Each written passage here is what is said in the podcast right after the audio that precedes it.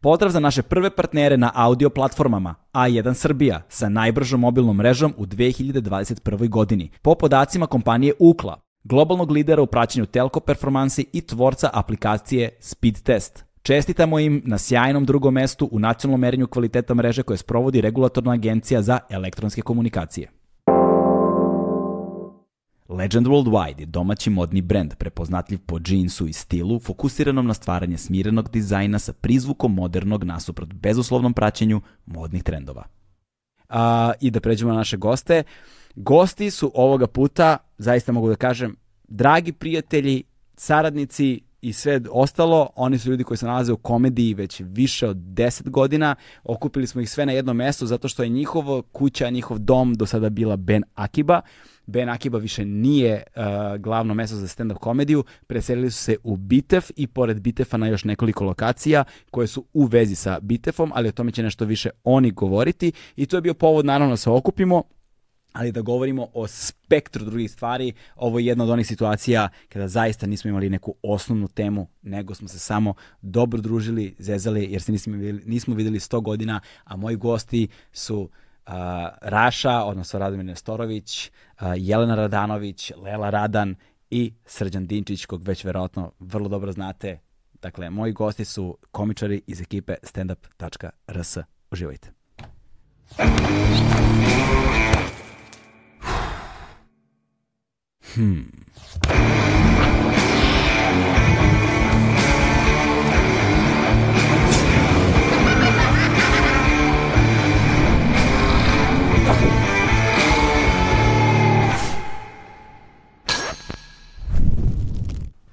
To mi reci. Dakle, hoćeš bolje? Ajde bolje. Ajde, Evo bolje. te, ajde. Ajde. Čemu i klapnu? Ajde, ajde. Moram da kupim. Ovo je bilo bolje mnogo. Mora da da mi kupimo lupimo tu umesto klapu tebe. kao, znaš, da bude Ja, fora. bukvalno kao Hollywood. Ne, ne, ne, ja. nemoj sad u toliki trošak baš da. nemoj baš toliko zahtevno. Posle svega što je produkcijski. kupljeno. Ne, ne, ne, nemoj još klapnu. Da. Pa znaš ako imaš tri različite kamere, imaš ove mikrofone, zvuk i slika se odvojeno snimaju, mora se sinhronizuje nekako. Tako je. I onda mora sa njegove dve ruke, zato što je- nije dao stolar u nekom domu. Da. A ima- Sljedeći put kad budemo dolazili u pogled, kad znamo šta Gale bude donese. ja mu ne donosi više nikad ništa, jer on samo uzme. Kad E, evo te, Ovog ćeš- jednog- hoćeš Ne, ne, ne, reći neću, nazad? neću, sa- samo da ti kažem. Ja sam se tamo izuo, ja sam se tamo izuo zato što je običaj, ne zato što sam ti poklonio cipele. Znači, znači, hoću nazad. Hoću moje cipele nazad. Šta ću raditi s tvojim brojem, čoveče, si normalan? Ne, stavi obe noge. Šta si radio sa onom igračkom što si mu uzeo? Evo je Evo tu je je. E, znaš, našao sam istu takvu na, na ovom i kupio sam je.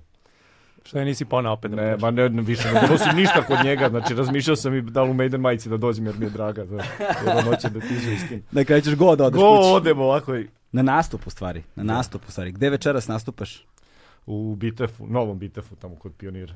E, da, to To, je... zove novi Bitef, ili ima tu još neko ime, sem novi Bitef? novi Pite fart kafe. Bite fart kafe. Bitef Art Cafe, dobro, to Ili nije jasno. teatar. Ali ovaj drugi je Soul Society, jel tako? To ima ime. Da, to već nemam pojma, zaista. Ja, sa- ja to znam samo kao bitev. Ti si nazvao da, meni, da vi, mi tebi to kažemo. Ne, Tako ti je, nama. tako je, tako je, tako je. ne ali- znamo baš te Ali informacije. čekaj, doćemo do toga. Nego, nego, nego, nego, Raša je počeo, ovaj, otvorio jednu lepu temu malo Jeste, pre. divnu temu iz 72. godine o klakeru.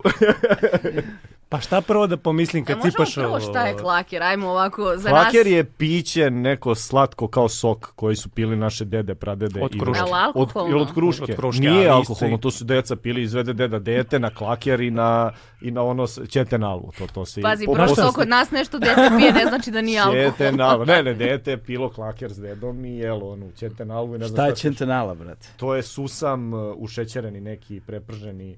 Kako ne znam šta je ćetenalvu? Ne to, znam, to je nisam. istočnjačka neka poslastica koju, koju su nama Turci ostavili pored su genetike. Mitrovici vama pored ostavili. genetike Pa su nije nam to ostavili. grčko. Dobro, ako sam počeo ponovo podcast s pogrešnim informacijama, Nema ja veze. više nikad neću A šta, doći počeo ovdje. si i prošli put s pogrešnom Ne, informacijom, ma ne? ne znam, ne, nešto smo lupe, ja, nas dvojica smo toliko prošli put lupetali da, da više ne možeš povata koja je tačna koja je tačna informacija.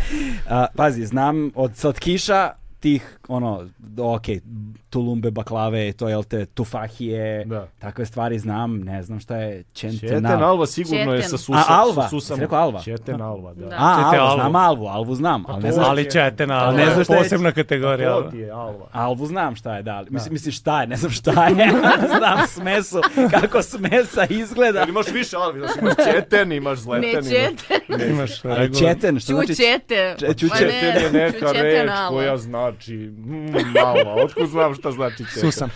Su, da, možda je četen na turskom. Stara srpska reč za E, susam. Ekstra. prestani da lažeš, narod, Znači, znači... Alva sa Susamom. Ja mislim da je susam ili tako neka. Ali ona se pravi od susamove paste, to jeste. Jel tako? Pa što čutiš ako znaš, jel? Nemaš pojma.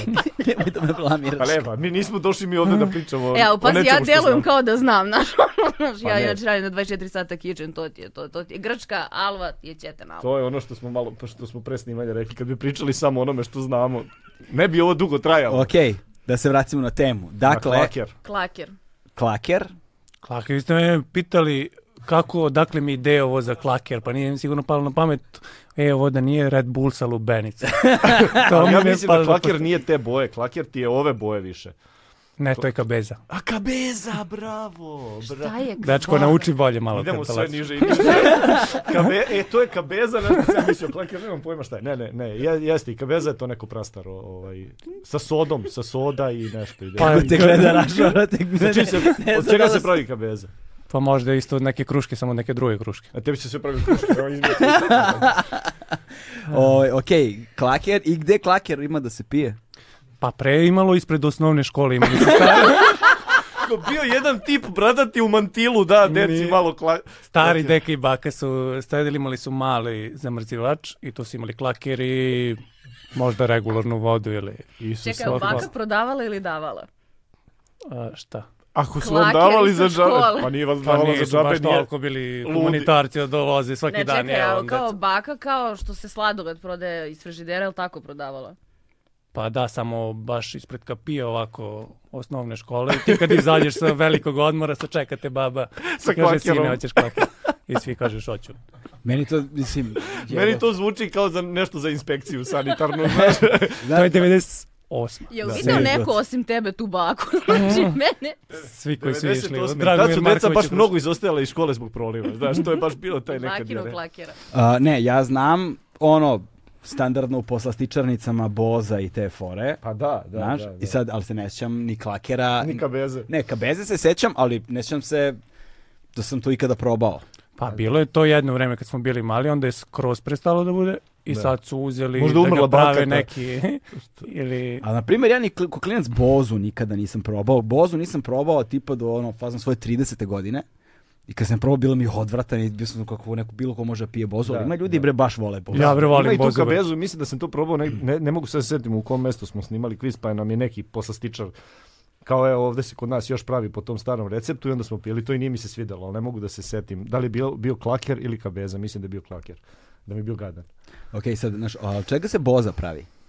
Brašno i kvasac. To je to. Kako da ti ne bude gadno. Ali u stvari jeste jako dobro. A tu, e, da, da, da. da Ako si Jel to ljubitelj ono brašna što i si ti kvasac u mislila? kombinaciji. Nemam Znači, pojma ne. više šta sam mislio, ko zna šta sam popio. Boza je mutna. Da, da, Da. da, Na to sam mislio kad sam rekao da je više ove boje nego ove. A I klaker, stalno mora da se meša. jer mora, pa Pa mora, radi zašto ona se slegne, mašina da, 24 zašto se sata. slegne, valjda. Pa nemam pojma, stvarno ne Imaš znam. Soc od brašna. ono. Znaš, mislim, potpuno... Tako da, i bozu sam probao tako, to nešto s 30 i ne, ne- nekom godinom, bio sam ono... To su najbolje godine da se proba boza, tako kaže narodno verovanje, da, da si Ta će da ti se ispod svidi. 30, premlad, a taman tu negdje. Da se ne navučeš, Da da se ne Ono, moraš da navučeš. budeš zreo za to. Kabezu i klaker nisam nikada probao. Ja ću da E, te vodim u Kruševac da probaš klaker. Ali u Kruševcu ima i dalje. Ima ta I ima u baba. tom jednom lokalu u Grizliju, našem. Kakav sad lokal Jedino. malo pre bila baba. To je bilo u osnovnoj školi, ovo je sada. Aha, sada To To smo u je iskureno 2022. odeljenje godine. slava je Sada radila. moraju da ispuštaju sanitarnu inspekciju. Jeste, baba otvorila lokal. Da. Košta možda 50 dinara, recimo, Stvarno, da mala li je baba plašica. otvorila lokal? Pa jok, ko još pravi klaker sem babe? Nije lokal, postoji već 30 godina i svi mi čudni ljudi smo išli tamo ceo život. Reperi, metalci, Znači- A, to je bilo meseri, kao... to je jedino klaker. mesto gde možeš u Kruševcu da Sa budeš čime normalan. se dobro tako ne kombinuje normalan. klaker kad pijete alkohol? Sa vinjakom. To je, to A je sa stan čim drugo? Ali Kruševački sa koktel. čim vinjak ne ide, da Pa ja da. tebe pitam. Prvo je- Ni sa čim ja da ti kažem. Ni sa čim, nekad ne ide ni solo. A ispred osnovne škole baba prodavala klakera deda vinjak. Znaš, si po deci i onda je to bila dobro. I onda se susretneš na raskrsnici i Ali to ovaj, samo- um, pomešaš. Za metalci i pankere. Pazi, Slovenci su pili onaj bambus se tako zove, to su Slovenci obožavali, pio Coca-Cola i vino. vino, da. Da, Coca-Cola. Da, da. Ne, Pa Coca-Cola, to nego oni s- su bili, oni su bili koktu i vino. I crveno vino. Tako je, E, da, ne, ali da. pazi, bambus je ono prvo čega se napiješ u srednjoj. Mislim, to je, pr- ne znam, osim ne znam vi metalci. Pa mi ono, metodi smo lakeru. rum. Ili rum, to je ono dno dna i onda prvi put se napiješ ko, ko đubre od ruma i više ga ne piješ nikad u životu, ne jedeš ni kolače ni ništa. Ja bar. ne jedeš ni kolače. Ništa više. Rum kad vidim. A, više rum Ni u kad rumu sato ne je to. idem, znaš. Miš na rumka sato. Pa da, da. da. Ja, znaš šta sam, ja, sam- znaš šta sam ja čuo? Ne, apsolutno nemam pojma da li je ova informacija tačna, odmah da se Vidi, ogradim. poznavajući ekipu ovde sigurno nije. A to je da se rumka sato pravi tako što uzimaju reslove svega što od svih proizvoda koje je ostalo i on samo zaliju rumom i A promešaju. kao i to- drnč u vojci. Šta? Kao drnč u vojci. Drnč. Da. Ja ne mogu. Dobro, nisi išlo u vojsku pa zato. A Nisam on ni je ja, išao. nisam ni ja, ali znam šta je. Da Mitrovica nema kasinu, ne bi prošao pored Mislim da se zove drnč. vojske. Jel ima bio neko, jesi bio u vojci? Teško da je vojac bio u vojsci. Pa- A jeste, ja mislim da se drnč to zove, ima i skraćenica neka. A šta je to sad? Pa sve ono što ostane tokom nedelje, oni na kraju taj pasulje, gra, graškove i sve ono sm- smutljaju u jedno, izmešaju i kao... Prokuvaju ono- ponovo, Vidi ko novo. I onda. sipaju malo kurkume. Malo četa, I ali... ide dobro uz, uz klaker to ide. Klizne samo. I sećam se da smo mi pili tad s tim Slovencima, oni su pili kao koktu i, i crveno vino, neko naravno najeftinije iz kartona, ono, fazon, a mi smo pili, pošto je bilo te kokte njihove, pili smo koktu i vinjak. O, polako. I ovaj, to je bila katastrofalna kombinacija. Ubitačno. Uš, mislim, vinjak u vinjak, tečni LSD, ali ovo je bilo, nismo se dobro proveli. Pazi, Pa postoje ljudi koji se skidaju sa alkohola i postoje ljudi koji se skidaju sa vinjaka. I Mhm. to stvarno imaš kada se prijavljuješ, kažeš na koje si piće navučena, koje je vinjak, onda ideš u posebno odeljenje. U samicu. Zjebaš? Pa Ne, ne, ne, stvarno. Ovo su neke interesantne saznanja. Čekaj, čekaj, čekaj, gde si to saznala? Uh, ja sam studirala sociologiju, tačnije još studiram 18 godina. I on- Malo Koja si prolesko. godina? Druga kao. Ne, ne, četvrta, ostao mi je samo još diplomski, ali imali smo em, socijalnu patologiju, onda deo toga je resocijalizacija, onda smo išli tipa Palmotićevu i išli smo i pričali sa nekim ljudima koji su u problemima neki psihičkim, a neki u psihičkim problemima zbog alkohola i najveći broj ljudi koji ima psihičke probleme od alkohola stvarno zvanično je od vinjaka. Tako da oni to zovu vinjak odeljenje, ali nije sad da ga baš Odemo- Rašel vidiš. Ovo je ja sam priča. spreman za vinjak. Od ekipa ovde za stolom ti imaš najviše iskustva sa vinjakom. Da, Ja nikad nisam Pa. volao nešto vinjaka. Iskren da budu. Pa ja sam ga pio možda pola godine svog života. ja. Aj, Već spreman za ustanovu. to je najgore. Ali s, posle sam prešao na blažu varijantu. Tu sa klakerom, narednih pola godine i od tad sam Čekaj, to čistio. vinjak sa Znači, klakerom. skidaš se s vinjaka, vinjak lakerom. Predloži vam o tvojim I onda ideš ustanovima. polako, smanjuješ procenat vinjaka, povećavaš klaker. E, ali jeste gadno. Ali ne Prvi Da rezimiramo, Pa da Prvi rezimiramo, put mi je jeste bilo gadno. interesantno, već treći put je Skidao stvarno se bilo sa gadno. vinjaka klakirom, ali nemam pojma šta je klakir. Ali, ali poenta je najbolja, a jeste gadno. Znaš, kod da ga tero neko da pije tova, jeste gadno, nego smo imali jednog u Kruševcu tuča ako ne piješ. I onda. Evo, Kaos. doneću, dobro, to sve pozivam u sledeću emisiju, ali sledeći put kad dođem doneću kladu. E, ali što pravimo spisak šta sve doneti. Znači, Da, da, šta Galebu done? Klapnu, klake. Znaš, kao, šta Galebu doneti da ne ukrade. Da, da, da, to je već teže malo spisak. Dobro, e pa, ovaj, drago mi je da ste, e, da smo se okupili, nismo se vas dvoje posebno, nisam ovaj, du- dugo video, pa me zanima šta ima novo kod vas. Mislim, ž- šta se desilo zapravo sa Akibom? Hoćeš da se ja sklonim?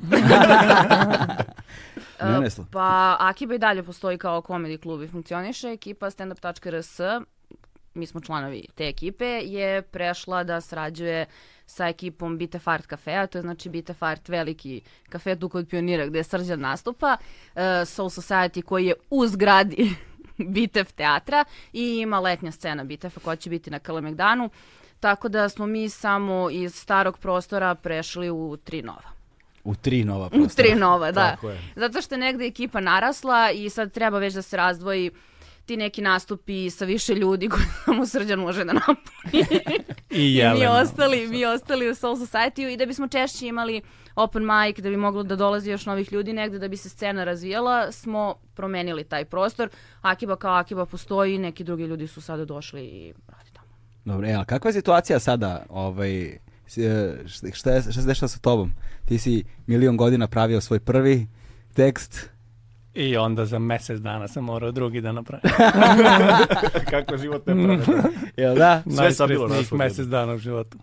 E, Ajde reci ti malo zapravo o sebi ovde, ovde pošto uh, s- eh, tebe najređe viđam. evo te. Pa i ni srđan nije da me viđa nešto češće nego ti. Ne, isto, hvala Bogu, isto. Pa ajde reci i Srđanu šta ima kod tebe. Evo pošto ja ću te isto, nije Rašo, vidio. reci nam nešto više o sebi, redko se viđamo. Galeb i ja te baš redko viđamo. Baš Pošto- retko. Ćeš i ti da me pitaš da kažem nešto Ne, o to sebi? ona Ja te sam te viđa. videla Ne, ti prošle si- nedelje, ja ti sve viđa. znam. O, dakle, hoćeš da krenem. Moje životne stvari ili ovako da pričam lep crn, Jel, jel, plave jel, oči. jel, i jel, to? jel politički korektno reći čarapan danas? S obzirom da su oni iz Kruševca, s- za, za njih sve Ne, može. ne znam kao, jel, kako, jeste, jel taj, tako jel taj- jeste, to je nadimak Ja- njihov zvanični. Mislim, jel ne znam, jel taj izraz pogrdan? Pa nije više pogredno kada kažeš jesi ti iz Kragujevca već. E, ili, Kruševca. ili iz Kralja. A što čarapani? Zato što smo Turci kad spavali noću, mi nismo mogli da idemo u obući, nego da nas ne bi čuli ovako se izujemo kod kod Galebu u podcastu i onda smo se šunjali i šamarali Turke dok su spavali. Opa. To Pa je Znači, jedna kada od šunješ po teorija. gajbi, Da. bos. I ti, Odnosno, si, I ti si čarapan isto. a, da, da, sad čekaj. Ma jeste, sad ću da ga uključim. Nego je isteklo dnevno svetlo ribicama. Znaš. Isteklo je dnevno svetlo ribica. Da, vidiš, ova, vidiš, ovo je aplikacija. Nisu platile parking, ne. Da, da, razumeš? Čekaj, jeftinu struju. I Pa s- da, i- ovo i mi je- šta sad, sad im uključuješ dnevno svetlo. Tako je, da. Ti si sun, he- Ja sam Bog njihov sunca. bog. Why the rain? Amon Ra. Vidiš. Uđem. Ovde se- Evo. Disko. vidiš, Galeb, bog akvarijuma. Evo ga, Ovde baš, se sad opa. ne vidi se od ovog rastinja, ali ribice imaju mali totem u obliku galeba u sredini i one se pre i posle se mole za još malo dnevnog svetla galebu. Da, ovaj, Aj, puževi imaš. pozdrav za ekipu iz Ak- a- Aquascapinga. Prošli put kada sam ih pozdravio, rekao sam Aquaspace i pogrešio sam, a zapravo Aquascaping. Tako se zove cela ova disciplina jedna koja deluje, e, koja je veoma lepa, ali je veoma zahtevna. Tako da za one koji Šta žele... je, koja disciplina? Pa Aquascaping. Dobro. Pa zapravo to je više od cijela ova džungla i sve ovo što se dešava unutra. Ovaj... Kao landscaping, pa kao... E, Kao počeli smo od landscaping Rašine sam. životne priče, smo u fazonu Raš odjebi, vidi Pa ribice. Ovaj, teško je, zapravo zahtevno je dosta, ispod ima ceo mehanizam ovaj, za održanje od onog filtera, ne znam, boca sa CO2 i tako da, dalje. I tu idu sa neke, ne- neka čuda sa tajmerima, kao što je svetlo, kao što je, ne znam, taj CO2 koji ide unutra i onda imaju ti indikatori i šta ti ja znam.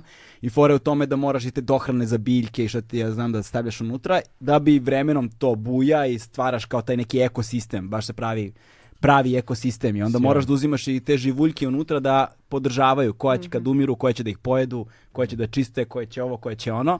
I ko to tebi održava? Ja sam jebote, razumeš, da. ribice. Moraš jednom nedeljno da menjaš vodu, na primer, moraš, ne znam, znaš, te dohrane da daješ i tako dalje. Sva Pali muka svetlo na u sred tebe spava, podcasta. čovječe. Pa da, palim svetlo u sve Sva podcasta. muka na tebe je. Da, ali ovaj super je, gotivno je, ali nije recimo z- ono za nekoga ko nikada nije imao akvarijum u životu i onda kao prva stvar da bude to. Jesi ti imao akvarijum u životu? Ne, nisam, tako da, tako da, tako da, tako da, tako da se mučim dosta, Samo u ali sledećem podcastu nema ribica.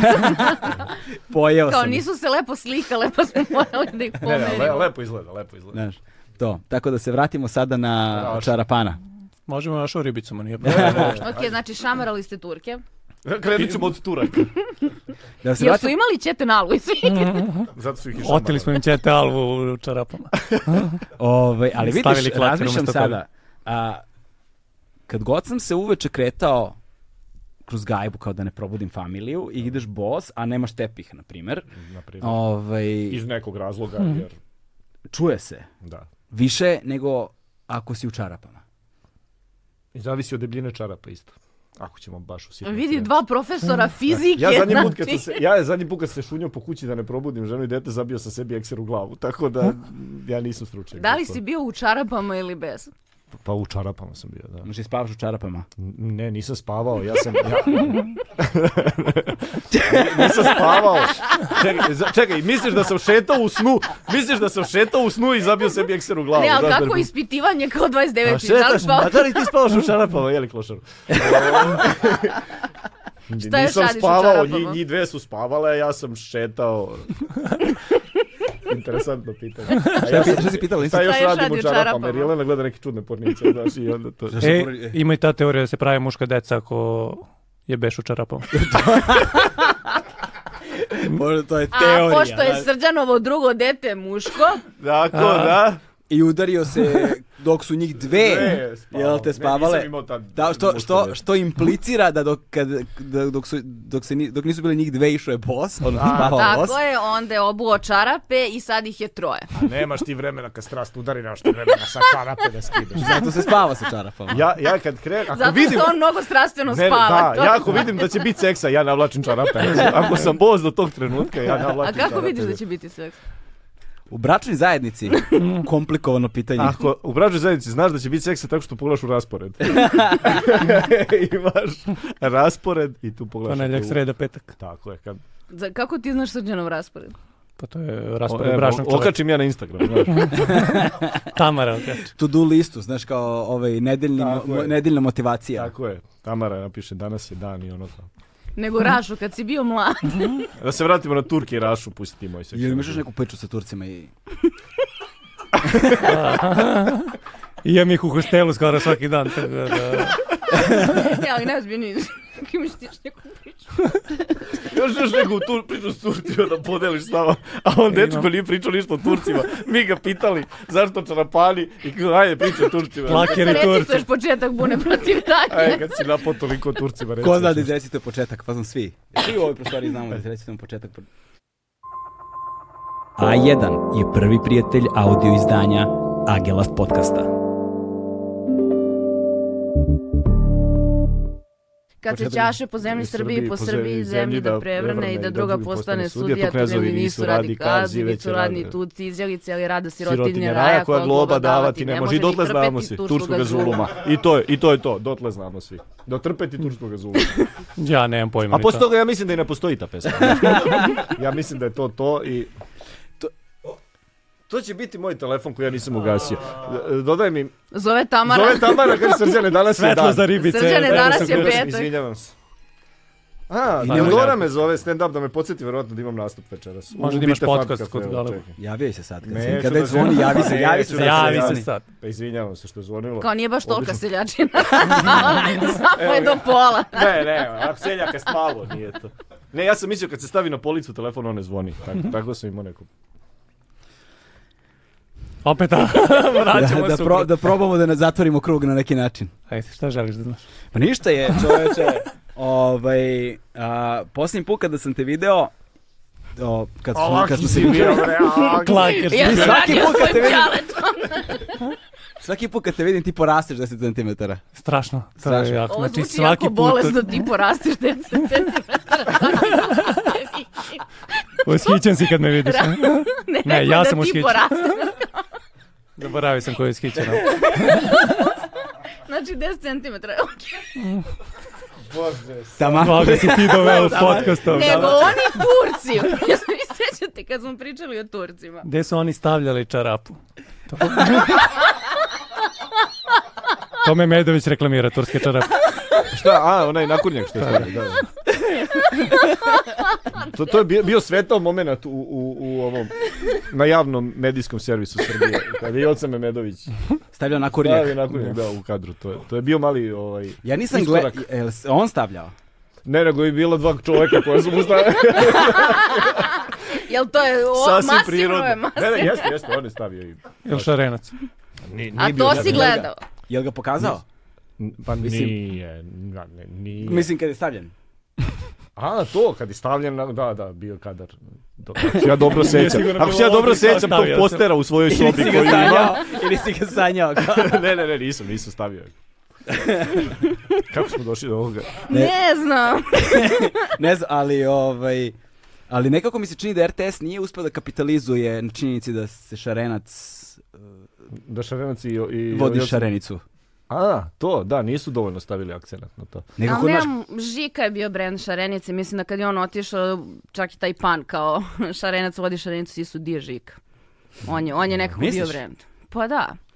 Ne znam, iz ja nisam nekog- stekao taj utisak. Ne znam, iz nekog razloga ljudi su Ne, ja njega baš mislim da, da, dotirali. da, ne, ja mislim da Š- Šarenica ništa nije izgubila odlaskom Žike. Ništa, Vidi, ništa. to je gledan termin na RTS-u, Osim pa je Žike, gledan. da.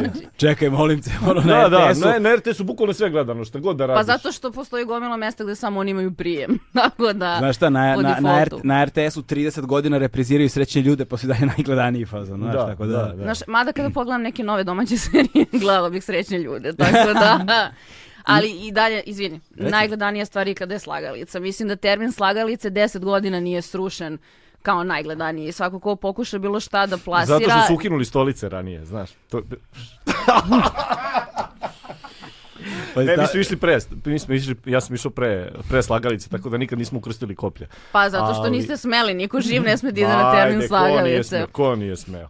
Ko nije smeo? Aj popi još malo, Ajde. sad će da ode ovde u RTS. Ajde, bre, ko ne sme, bre, na slagalicu. Ovaj, daj. sećam, se- sećam se dok sam radio, ne znam da koj, na kojoj to već televiziji, koliko sam i kao promenio, znaš. e, Da ne bude da se samo ja hvalim bez razloga. I gledam, i, znaš, ono, svake nedelje, svakog ponedjeljka, šta već stižu kao oni izveštaj gledanosti Da, da, u pro, da. toku prethodne nedelje. I sećam se uh, da smo jednom prilikom gledali nešto na RTS-u je puko program i 20 minuta je bilo crno u programu, znaš, ko nije, Da, da, nije da. bilo programa i 20 minuta crnog u programu je imalo veću gledanost od nas. znaš, kao, Da, da, ljudi pa to vole je- smetnje da gledaju Znači- RTS-u. Znači, znaš, gledanost RTS-a je tolika. Pa razumeš? da, znači jeste, da jeste, ono... Ne, ali ja da- sam u fazonu, ja sam platila i ću da gledam. Ću da gledam. Za Znaš- sve pare. E, Kad Ne. nema ništa, ostave da ide, jebi ga. To je razumeš, više kao- decenijska navika, znaš. Znaš, kao ljudima nema to. ništa u programu, pa se neka proći će. Da, da, da. Ne, ali da. sad Ne, to čekaj. E, će Da se mora desi. biti. Samo to. Ne, ali napeto je, znaš, da budeš u trenutku tu kad se vrati, da prvi saznaš šta je bilo. Tako je. Šta se desilo? Šta se Jesu desilo? rekli šta se desilo? Nemam pojma, nisam gledao, jevo da A samo da, sam... zato što samo si sam- ljubomoran. Aj sad izmisli šta su rekli, reci da si i tad Zato bio. što si tamo. ljubomoran. Što Da. su, da, da. Znaš, i onda gledaš kao onu, onu, onu, onu krivulju, razumeš, statističku, kao kako sad, znaš, kao odlaze ili dolaze ljudi, kao na RTS-u crno u programu, ništa, ne, ne ide ovako, nego Da, kao, Pa da, ne, ne odlaze. ne odlaze, kao Ne samo odlaze. proći će. Znaš, Ostajte na RTS-u, sunce tuđe. To je genijalno. Tako da ono, si- siguran sam da sad ima i serija ta, ova hiperprodukcija serija je takva da siguran sam da, znaš, ima Da. serija za koje bolje crno na RTS-u. Da, da, nećemo Sad ne, sad se- ne znam da su sve na RTS-u ili su u nekoj... Ne, ne Ima mislim ih ja u na nekim, ne znam, RTS-u. da. Na RTS-u čak bilo i par dobrih. Znači, ovo nije bio dis na RTS, nego i na druge. ne, ali stvarno jeste hiperprodukcija i onda u bodu neku. A dobro, da, ali Na druge primjer, televizije jutro će komercijalne ne promeniti moraju da sve- Mhm. paze. Izvini. Druge televizije komercijalne ne moraju toliko da paze šta Da. emituju, a RTS bi morao. Slažem se. Ali, na primjer, mislim, jutro će promeniti sve koje je meni stvarno Jeste, bila. jeste. Ali na RTS-u Jako, dva. jako kvalitet. Aj, pa sad. Sad nećemo Nemoj sad da ti brojati. predlažem. Ali bez, obzira, znaš, ali bez obzira, odličan korak napred. Znaš, to je naj, ne- najprogresivnija ono, stvar koju su prikazali na RTS-u posle Memedovićevog nakurnjaka. između ostalog, da. Da, jutro će promeniti sve jedno, jedno od serija, ma- bar meni se čini, e, gde, gde ljudi pričaju onako kako možeš da čuješ da ljudi pričaju. Dijalozi su možeš da čuješ t- taj razgovor. A ovo u, u nekim serijama, znaš, to, to ne postoji, čoveče. To što ti izgovaraš, tako ne priča niko. Osim Galeba možda. Osim Galeba. Ma Da, on je čovjek načitan. I, i, i, i, i čarapana našeg ovde. Da, mi Pa smo ne znam da li Vojvođani, ko priču u autonomaši. seriji Da. koja... i- O Čkalji možda nije pričao niko tako. Mogli bi nešto očkalji, da. Ne, ne- nešto sveže. Malo da isto već se dotakli klakera da popričamo o babinom unučetu serije. Znaš. Sećate toga? Ne. Ćemo Znači, Mhm. probamo ponovo. Da dođemo Ajde, sutra, daj, a? završi A ti nam sad prvu pusti čašu. umjesto ovog... Kako si, brate, reci mi kako ti je bilo da napraviš novi materijal za metar dana? baš Stvarno teško. mora napraviš novi materijal za Da. metar dana. Kada? Pošto Paza festival, znači 14. oktobra, m- zvala me, mislim, Jelena iz Zakibe, rekla da si ti na sastanku. I ja rekao me na posu i ona kaže, "Jel hoćeš da imaš premijeru za mjesec dana, rekao neću, nisam ništa pisao zadnje dve godine, imam nula minuta materijala. I on rekao, do... Ali si dobro, onaj okej." stari navežbo jebo si mu kevu. O, da. E, ali nisam, čak i njega sam pričao za vreme korone. Znači, taj sam izvodio ne toliko puta, jer možda dva meseca nakon što sam krenuo da izvodim je krenula korona. Aha. Tako da sam ga imao u pauzama i njega. Ali pr- zato onih prvih šest godina sam naveo. Ja sam onih prvih 15 minuta za prvih šest godina kino. Dobro, dobro. I? I ništa, ja došao do Ak- Akibi Milica kaže imaš novi one man show za mjesec dana. Izvini samo, mi smo bili na sastanku i pravili smo festival i odlučeno je da će pro- to je prošle godine, Fisel da bude svaki dan nova premijera. Jedan dan je bio Srđan, jedan dan ja, Nikola Radojlović koji je isto bio kod tebe i Milica kaže hajde da i Raša ima i sad Milica je na sastanku i vodi sastanak, kaže šta misliš, jel ima Raša novi materijal, jer ako ne znam, ona kaže zove ga ti, ja ne mogu. Tako da zato sam ga ja zvala, jer je Milica bila kao ne mogu, ja ne znam, ajde ti. Ja sam rekla on neće, onda se vrati, onda mu je Milica rekla hoćeš. Tako da, Pa Pa zna- su rekli tako, "M, pa ti možeš ako nećeš, ali bilo bi lepo da imaš. I Da. onda taj oči krivice, onako kako sam najgori čovjek na To svetu, je ako ta jedini ja pasivna ne mogu. agresija koja, koja je dosta dobro. I onda rekao, pa ajde, moram. Mislim, baš sam sebe onako do krajnjih granic. Skonto sam da ću da budem debil ako to ne odradim, kad već svi imaju, ali baš je bilo preko granica mojih mogućnosti za Mm. mesec Čekaj, koliko si dana. materijala mora da napraviš kao za one man? Pa sat vremena. Sat vremena. Ja znam, ona, inače ljudi kad prave van man, prvo izvode milion puta na open mic-ovima, pa to traje i traje. A znajući da sam prethodni pisao jedno godinu dana i ono pre je samo postojalo. Mislim da ne može, ali rekao, ajde, ipak ću da da vidim da li sam u mogućnosti za to i onda je bilo jako stresnih mjesec dana. Pio sam i neke modofinile, i kratome. E, To je e. dobra tema. Izvini, molim te. Pa Fan- Kla- Klakerima da finira. Fantazija. Čekaj, čekaj, stani, stani, stani sad. Stan, ovo me zanima, ovo me zanima. Mislim, zanima me i ta tema, ali ovaj, ovaj konkretan ekskurs me zanima ovaj, u vezi sa modofinilom. Dakle, E, možete nama da objasnite šta je to. to ti Kao isto ko čete, klaker, ali- deli baka ispred škole. modofinil. Da. A, pa modofinil ti je a, legalni speed, O. recimo tako, a? Uh, reći. Kao recimo legalni. Ne, pa, Kao mo- Pa ne, mo- neko iz Leskovca mi je poslao. Pa. A onda je legalno, da. ne. Je, le, iz Leskovca, ali zdravlje Ajde, ajde. Leskovac, da. O, ajde ovako, odmah da stavimo ograde, pošto jel te, nisam stručnjak u oblasti da bih mogao da govorim, ali modafinil, a, kada se pojavio prvobitno, je, bila, a, je bio lek koji je trebalo da poboljša fokus, koncentraciju, motivaciju i takve stvari, kao znaš. Ne baš motivaciju, ali fokus i koncentraciju je trebalo, bi trebalo da poboljša. I, ovaj, I bila je varijanta ono, jedna tableta zabodeš kao, ne znam, 12 sati te drži, 8, 12 sati, tako nešto, a? To tre, bi trebalo da bude Recimo. i da ima 16. taj i da ima taj efekat ono ne- znači ako radiš gluposti onda ćeš te gluposti jako dobro da radiš da, razumeš jasno, znači poboljšava ti Šta Šta Znači- god uradiš, u to tu ubaci. da u to te ubaci, znaš, kao na primjer ako gledaš YouTube, on te ubaci u gledanje YouTube. Jasno, jasno. Tako da moraš sebe da izdresiraš da budeš u okolnostima vrlo ono hoću da budem fokus da se fokusiram na ono učenje, čitanje, rad, koncent- posao, šta god.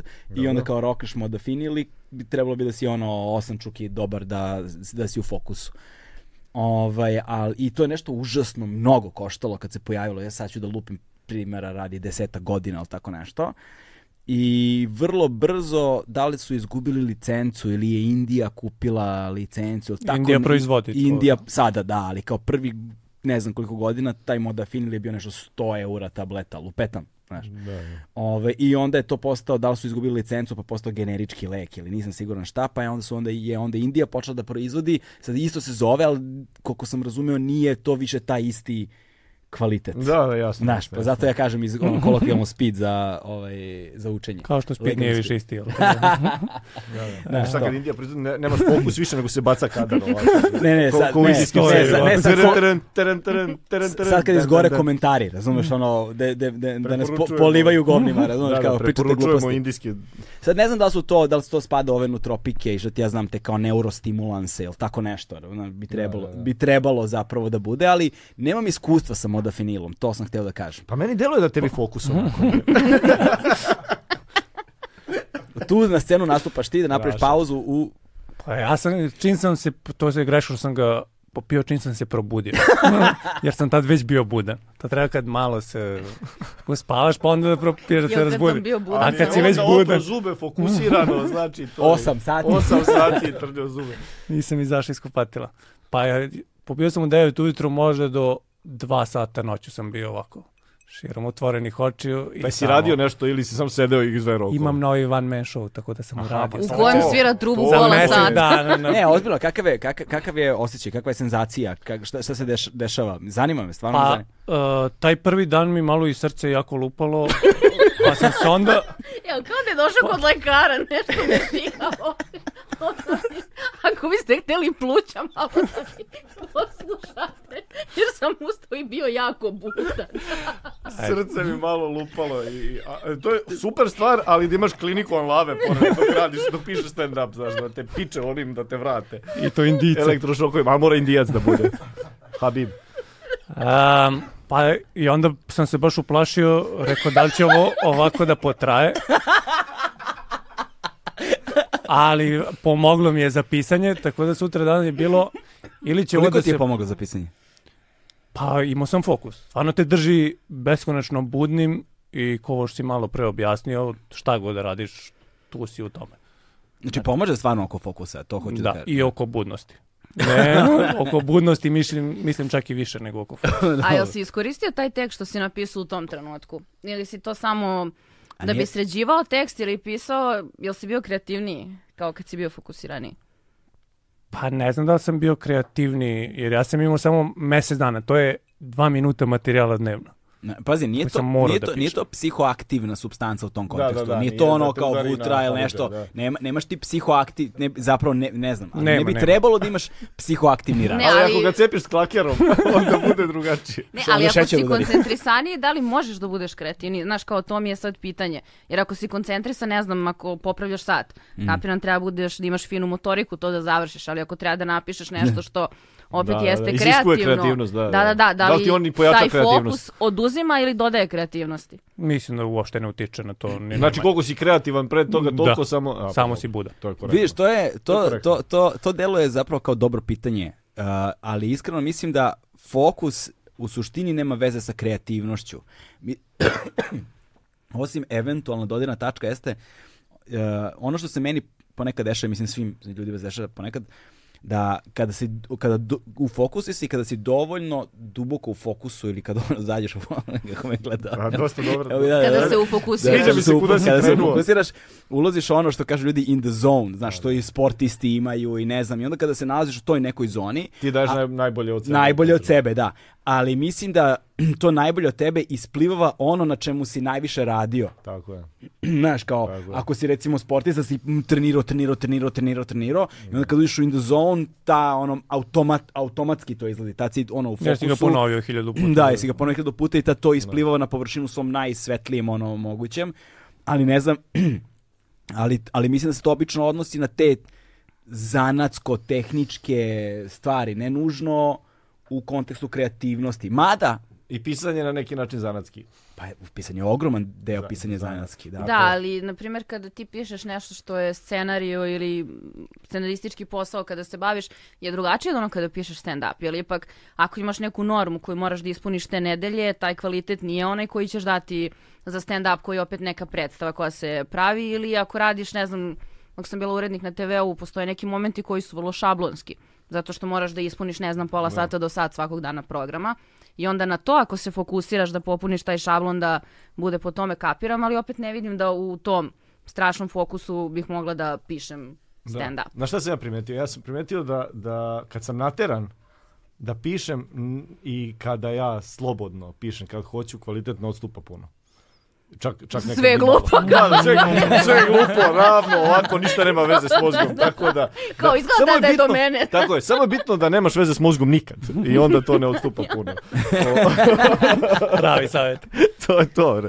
Ta- tako da, da je do- dobra stvar eh, terati se, pogotovo u, u, u pisanju i dobro je da imaš neko ograničenje, moraš sam sebi da, da, da daješ neke neke limite i da se teraš, inače ne, nema od tog ništa. Pa, meni Iako s- pustiš kreativnom k- kreativnom svom biću na volju da ono kao bude slobodno i da radi kad se njemu radi, neće raditi Nema nikad. toga ništa, Neće raditi da. nikad. To je istina velika. To posebno, posebno kada govorimo o kreativnim ljudima. Tako je. I zato su oni kreativni ljudi koji su plodni st- stvaraoci zapravo imaju spoj ono i discipline i radne etike zajedno Tako je, sa tako je. znaš možda imaš ti voljni moment reagovanja na ideju koliko puta mi se desilo e, najčešći primjer apsolutno u životu tako sam počeo da koristim tefterče Da. ovaj vrlo često kad legnem uveče u krevet, ono, znaš, i taj, ti, ti neki trenuci pre nego što zaspiš, kad, ono, nit, ni, nit na javi, nit na snu, u A je li snu, u jel te? čarapama?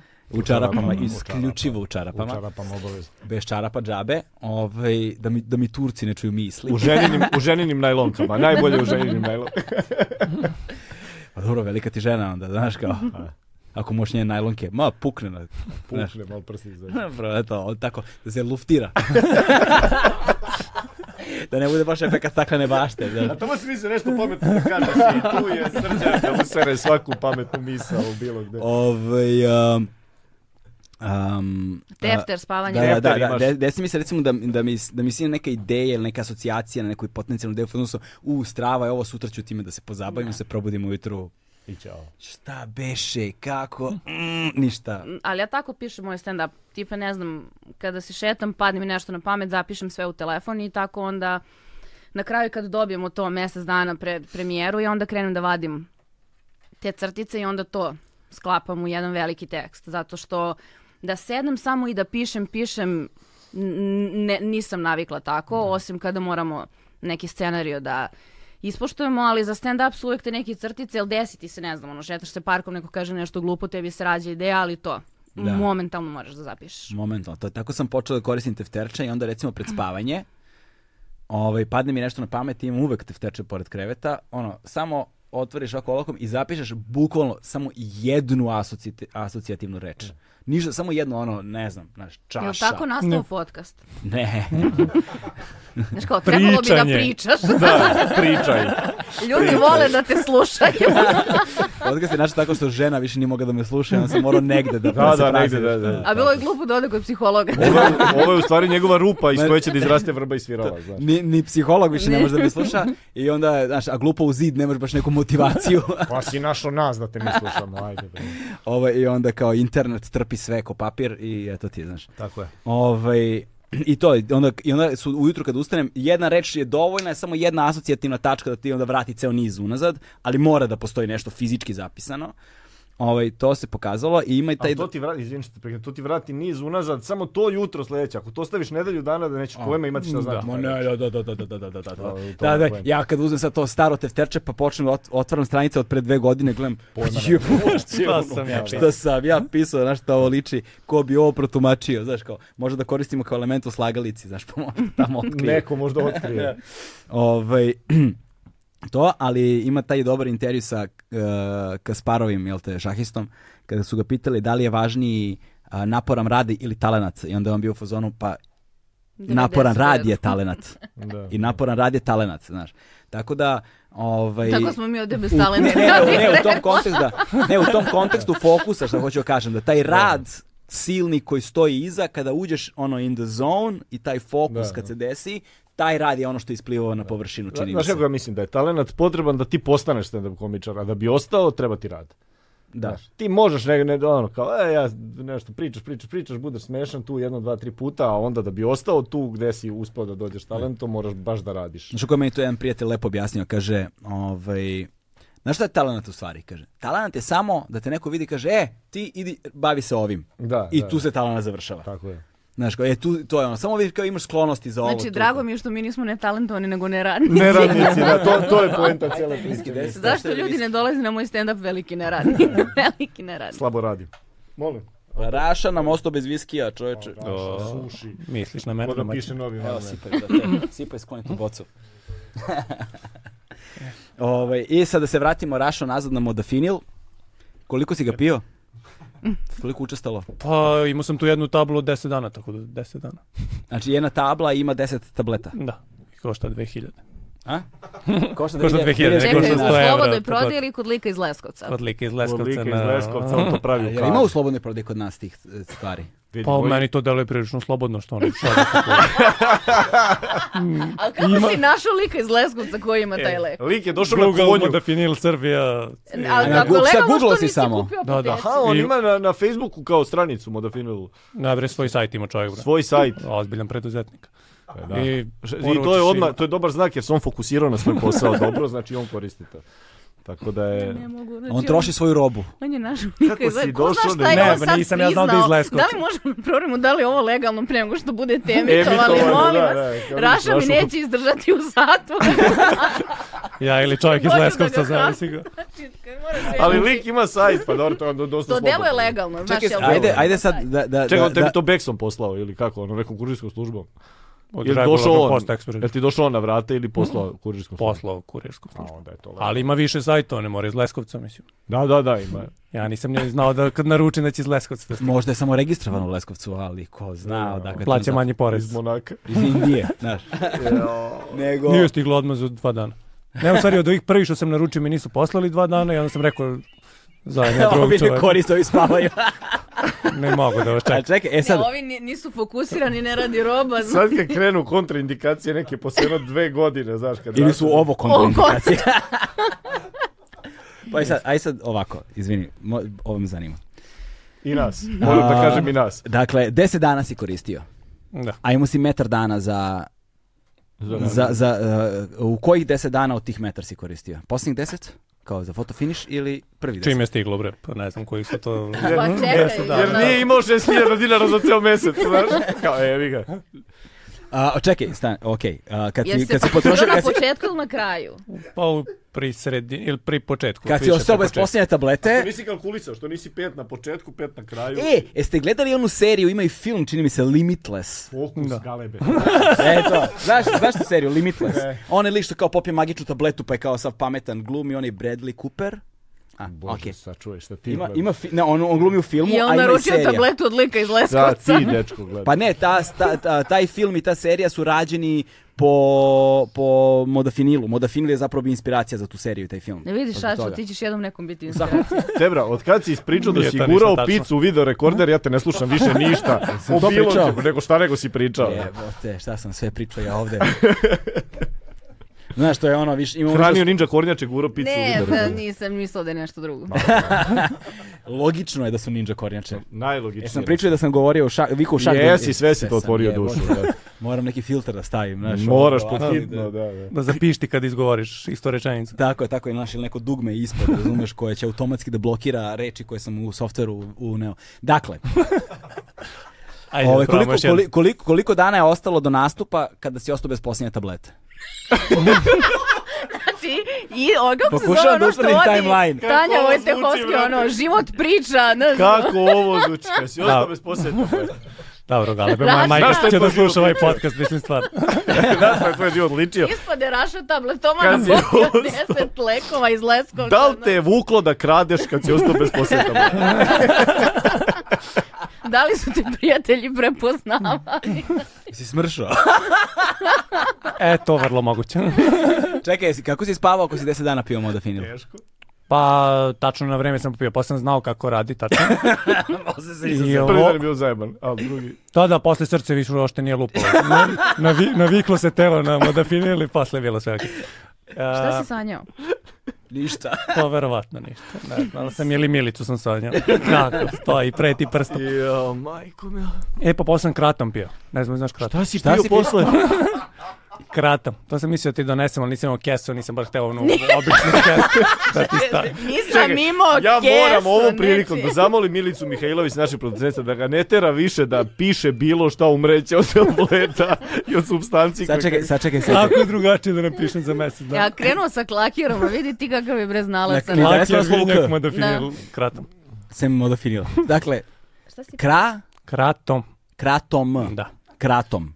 Šta je to? Šta je kratom? To je čaj koji raste u Indoneziji, Baliju i Tajlandu. Znači, Isto iz Samo Leskovca u tim LinkedIn-a. šumama. Nije to ono drugi iz Amerike, što radi u LinkedInu. Znači, Isuse Hriste. A, Bito da radi To- LinkedIn. to znači da Sad više pamet- ne radi. pametni ljudi to koriste. Ne, on je sjebo koleno na, na basketu i onda umesto lekova to se koristi za bolove pre svega. Mhm. I onda- E, mislim, Ne, nije duševne smešao, ali bole. se smeo zbog nje, izvini, brate, samo nastavi. Pa čekaj, Zabio čekaj, se čajem. Rašo, jesi ti povredio dok si pisao ovaj nastup? brate? jesi ti sjebo koleno? Imao sam duševne bolove. Ne, ali pazi, svi vežu kupus kad ih boli koleno raša tajlandski čaj što je donao lik iz LinkedIna je. Ono, ne, ti nije rekla papa da staviš kupus. što doneo E. tajlandski čaj. I, Čekaj, pozdrav, pozdrav, pozdrav, Neće da da pijem, pričam. pozdrav, pozdrav, E. pitam šta piješ za mamuru. kupus, kupus izvuče otok, a ovo te popravi. Kupus je samo za otok. I kad si Zna to se šta zre- popravlja, nemoj tako Čekaj, dinča. čekaj, jesi ti, izvini, molim te što preuzimam tvoju ulogu, samo što ovo da ga pisam i više ništa. Je- kad si- Jesi kombinovao ova dva? Taj A, pa jesam bre, pa prvih tih deset dana. Sam uzeo sve što mi daš. Možda pet je bilo čekaj, šta kombinovan. radiš sa tim čajem, šta te je bolelo? Bolelo me Ja moram duša dođem što da moram slušam pišem njegov van mene nastup, za mesec nisam dana. slušao. Čekaj bre, Jelena, polako da čovjek završi. Kratom, kratom, kratom, sam mi, kad što više ponavljam, kratom zvuči mi sve poznatije. Vidi, poznavajući i tebe, Nisam garant stari, znaš. ja. Garant Da, si mi ga čuo. probao, bre. Znaš, kratom, što više ponavljam, to mi sve poznatije zvuči. Pa kao mača, u tom je, znaš, mača. Aha, u zamačan, tom obliku da. je umleveno i samo razmutiš u vrućoj vodi. I? Malo razmutiš u vrućoj pa dodaš hladnu i onda malo limuna kapa da se poveže taj kratom s limunskom kiselinom jer tek onda radi Dobro. i onda popiješ i onda si lud. Lud, Pa blago lud. opiši mi. Radomire, to Kao- tebi nije trebalo uopšte. Ko je? E, trebalo mi ne bi napisao One Man bez toga 100%. Ozbiljno. Mislim, možda i bi, ali znajući sebe... Blago lud. E, teško. Ili tako makar pravdam Čekaj, si svoje... fokusiran ili si Pa, bre, opušten? sad sam ga pitao da opiše, da. Pa ko osmina eksera? Osmina! Osmina! Precizniji odgovor od ovog nećete dobiti. Znači, osmina. pazi, pazi, Hiruški pazi. precizno. Ja bi molio moje, moje roditelje da zaposle čoveku u apoteci da, da, da p- Ne, Ali sebi okej, su mi trojica. To pretpostavlja da znaš šta e, radi jednog eksera. Pa dobro, to mi je jasno, ali osmina. E ti jasno? Meni nije. Osmina eksera, okej. Pa da ti uh, Znači, imaš, čačnete. u stvari imaš uh, d- dve vrste kratuma, n- dnevni i noćni. Okay. Ko ulošci? E pa sad zavisi zašto ti treba u životu, kudi treba da se malo smiriš, onda piješ. Mm. Taj večernji, imaš zeleni, beli i crveni. Beli je valjda dnevni, a zeleni je noćni. A crveni? Tako nešto. Crveni je onaj popodnevni. Crveni za slučaj nužde. Nešto. Znaš, Između. kao otpakovati u slučaju nužde. Za posle nedeljnog ručka, posle supice i piletine, malo zvekneš kao. Ovako, ovako. Znači, svi su za antibolovi, ali jedni te samo opuštaju, drugi ti daju fokus. Kad smo I već kod blago toga, si probao kamagru, brate? Ne. A, Okej. Pa nije on manijak. Ne, Pa ne znam, je ga. ja samo st- poslovno i stručno uzimam Čekaj, stvari. šta, jel kamagra fokusira? Nemam pojma, samo vidim... Fokusira razuzda jedan deo određeni tela. 10 sati me to poraste. Ovo baš fokus udari. u Onih taj. 10 cm kojima sam govorio, centimetara fokusira fokusa. kamagra. Ona baš I fokus- svuda vidim po banerama kamagru, ali nikako da sretnem nekoga ko je probao kamagru. Pa zamisli još da je na sve ovo zveknuo kamagru. E, ali ispod svakog tog uh, prodajem uh, kamaguru i kupujem i laptopove. Ja ne znam da li je to isti čovjek. Šta? prodajem kamagru i kupujem laptopove polovne. Da li je to isti čovjek? Na banderi su dva oglasa. otkuplja laptopove, Aha. prodaje i ono- Ili možda samo isti čovjek Pa lepi. isti čovjek sigurno. Možda su platili jednog studenta koji to ide i Ili lepi. lepi i onda više ljudi plati istog studenta, podele se i onda on lepi, Lepi više različitih isto, stvari. da. Kao što inače ovi e, plakateri Tako je. lepe gomilu stvari. ne. Kako smo rešili ovaj problem? To ti je rešeno. Imate još neke Da se nedomice, vratimo- šaljite I šta naglaske. si onda pro- probao pred premijeru? Ništa, tad sam bio... To je to bilo. Normalno. Bio si zadovoljan sa tim. mislim, 3-4 dana sam bio Ok, dakle, koliko je dana ostalo od posljednje tablete do, do One Man Show? od tablete 15 dana. Znači, na polovini si negdje, na sredini si, da. na prvi- u prvoj polovini A si. čaj? Kad- A čaj? Pa Znači, onda pe- pet, Ja sam znači, čuo za- ono, da ovako, pre- sačekaj, Dinče, sad ulazimo ovako. Dakle, u prvih pet dana mu je stigo modafinil. Dakle, znači, peti dan si počeo da ga piješ, pio si ga 10 dana, to je 15, i još 15 dana, to je mentar dana, rešili smo problem. Rešili smo... Onda je bio čaj posle tableta. Znači Narednih 15 tablete, dana, oni pa poslije- 10 dana čaj, pa 5 dana slobodno, pa na. Ali rekao je da je pio čaj u isto vreme dok je jeo tablete. Dobro, baš se sećam kao narkoman, sad kad ste me napali. Meni je ovako, sad to traje- neprijatno, ja sam isto toliko pisao nastup, šetao sam sa psom jebote i vratio Ne, se znaš kući kao ovo sedam nije podcast, ovo je intervencija. to ima razlije što Srđan piše za Ivanovića 5-10 fora svakih dan zadnjih 10 godina. A ja zadnjih godinu dana pred taj van men sam ništa ležao depresivan jer nemam nastupe i osjećao sam se prilično beskorisno. I onda ništa nisam pisao skoro uopšte i onda za mjesec dana sam morao to nekako da porodim pa sam onda pokušavao i na te alternativne načine E da sad, uradim. ono što me zanima jeste kako si saznao za to? Ka- kako ti je palo na pamet da kao sad tražim modafinil baš? Si kao znao za modafinil ranije? A, da, kad sam spremao zadnji ispit. Da, ti si Ali- umeđu vremenu diplomirao je. Ja završio filozofiju, tamo čuješ za razne stvari, znaš. Da. posle 11 godina. Znam, Ali Znači, taj deo više u stand-upu ne može da bude. nije taj sam za prošli završio. Ali nije, nije, nisam tad za faks. Tad sam bio fino To si bio samo čist filozof. čovjek. Da, tad sam bio filozof. Tako sam se posle upropastio. Ali ne znamo dakle mu definilo. Ovo kratom su mi doneli, rekli pi. Da, da. Ja sam pio. Potra- Tražio si pomoć i do, ne- dobio si pomoć. a modafinil, ne znam, možda iz nekog razgovora i onda sam tražio kako budno šta već i to je prvo što je iskočilo. Ali misliš da, da, da je to sve doprinelo tome da izgleda tvoj nastup sad ovako kako izgleda? Pa ne znam. Ne znam, možda sam ja bio samo previše uplašen pa sam onda Da, pokušavao na sve načine, ajde neke da, da. stvari da pokušavam misleći da sam od sebe ne mogu možda za mjesec dana to da uradim. A moguće i da sam mogu, nego samo sam da. eto, iz tog straha svakako imaš da super neću priču da sad. stignem jer Da. pred širokim auditorijom da svi čuju. I kako je prošao taj prvi nastup? Pa imali tu stvari još neke stvari. Ja sam se i na druga... Nije, e, ovo je bio samo pritisak od drugara, bez unošenja substance. Jer ja sam rekao, požalio sam se drugaru, Milica me napinje da mora napišem novi van meni. On rekao, i treba te napinje, ti si len čovjek, treba da radiš. Evo, ja ću te napinjem svaki dan koji mi Majko ne Mila, pošalješ. stani tu gde si počeo.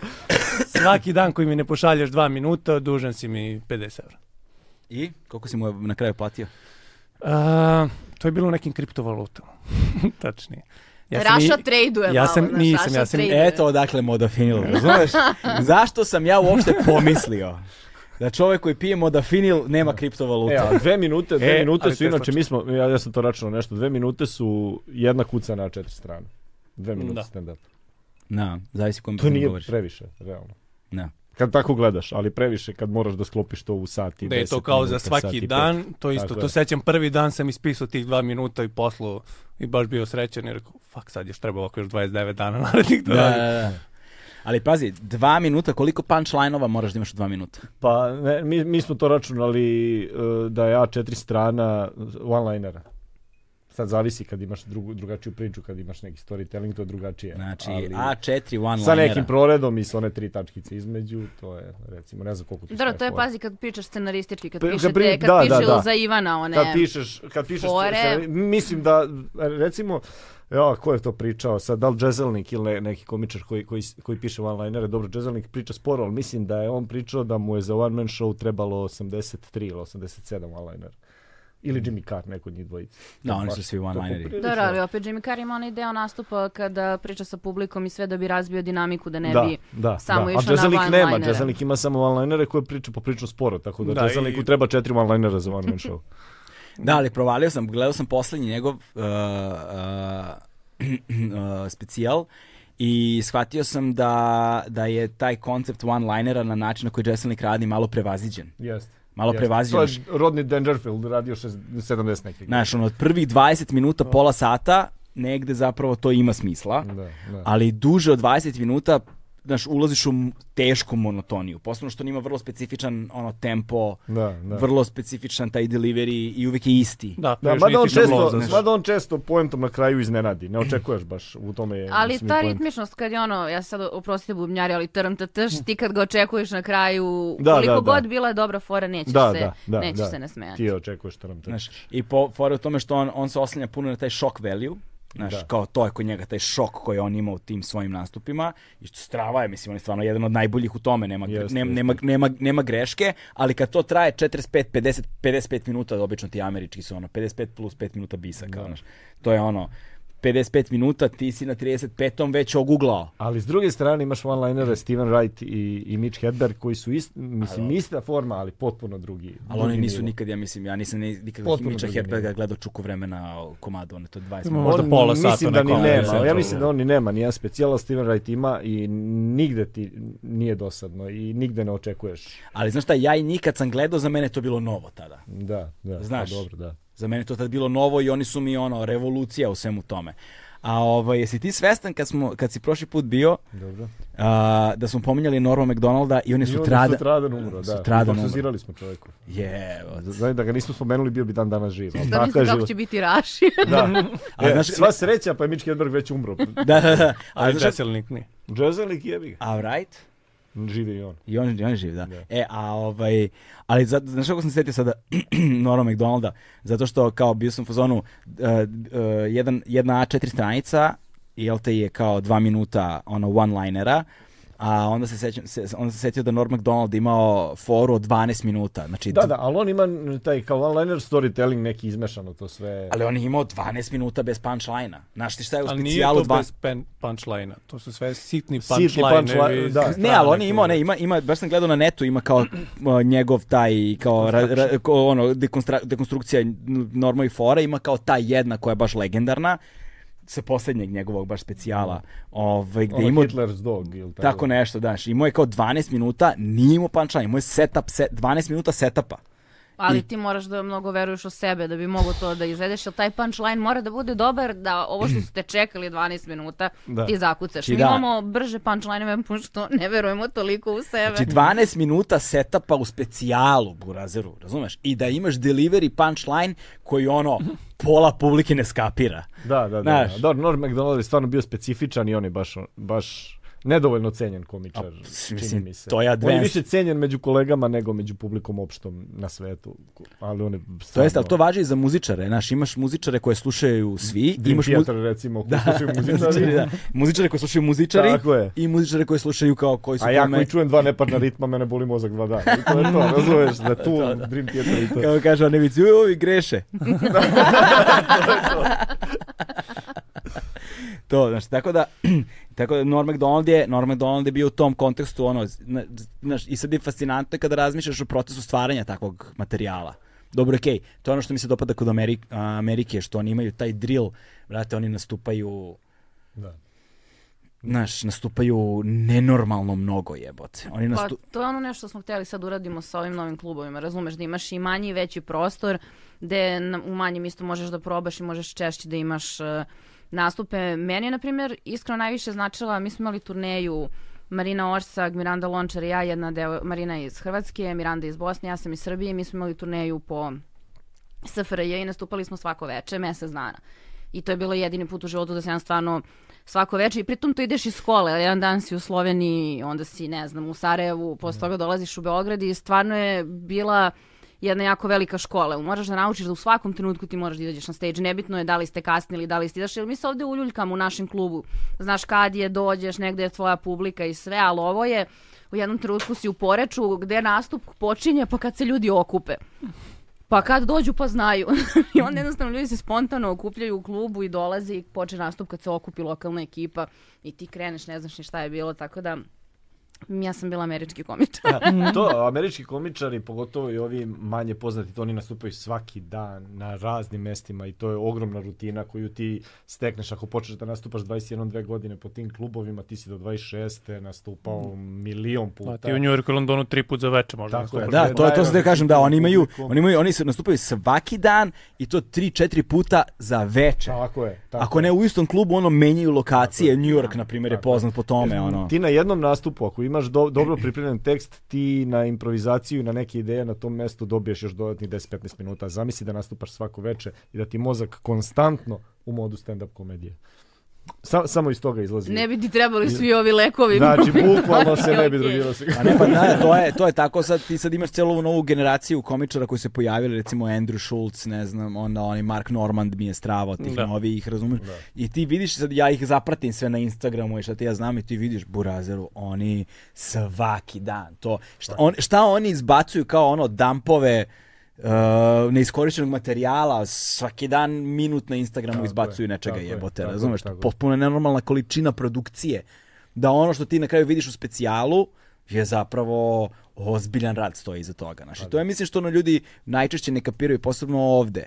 Znaš, ovde se i dalje u velikoj meri komedija kapira kao, znaš, ono imaš zabavnog teču na slavi, kao ma, znaš, ako Mogu moj- bi ja to. Mogu bi ja to, kao, znaš, znaš, ako moj drugar baca fore. Znaš, i još uvijek smo negde na tom nivou. Ali ja mislim da smo mi za sve na tom nivou. Mi se često žalimo kao komičari da ljudi stalno ni podoštavaju naš posao, ali mislim da je to za sve. Ljudi misle da su doktori, pekari, znači ono sve jednostavno, ljudi za sve misle da su bolji od tebe. Tako da humor radi još malo zato što Još smo dodatno, dodatno, jer Srbija- ali nešto primeti, jer mi smo se mnogo žalili oko toga i oko komentara, jer najduhovitiji ljudi su oni ispod naših videa da nam u komentarima objasne kako mi nismo duhoviti.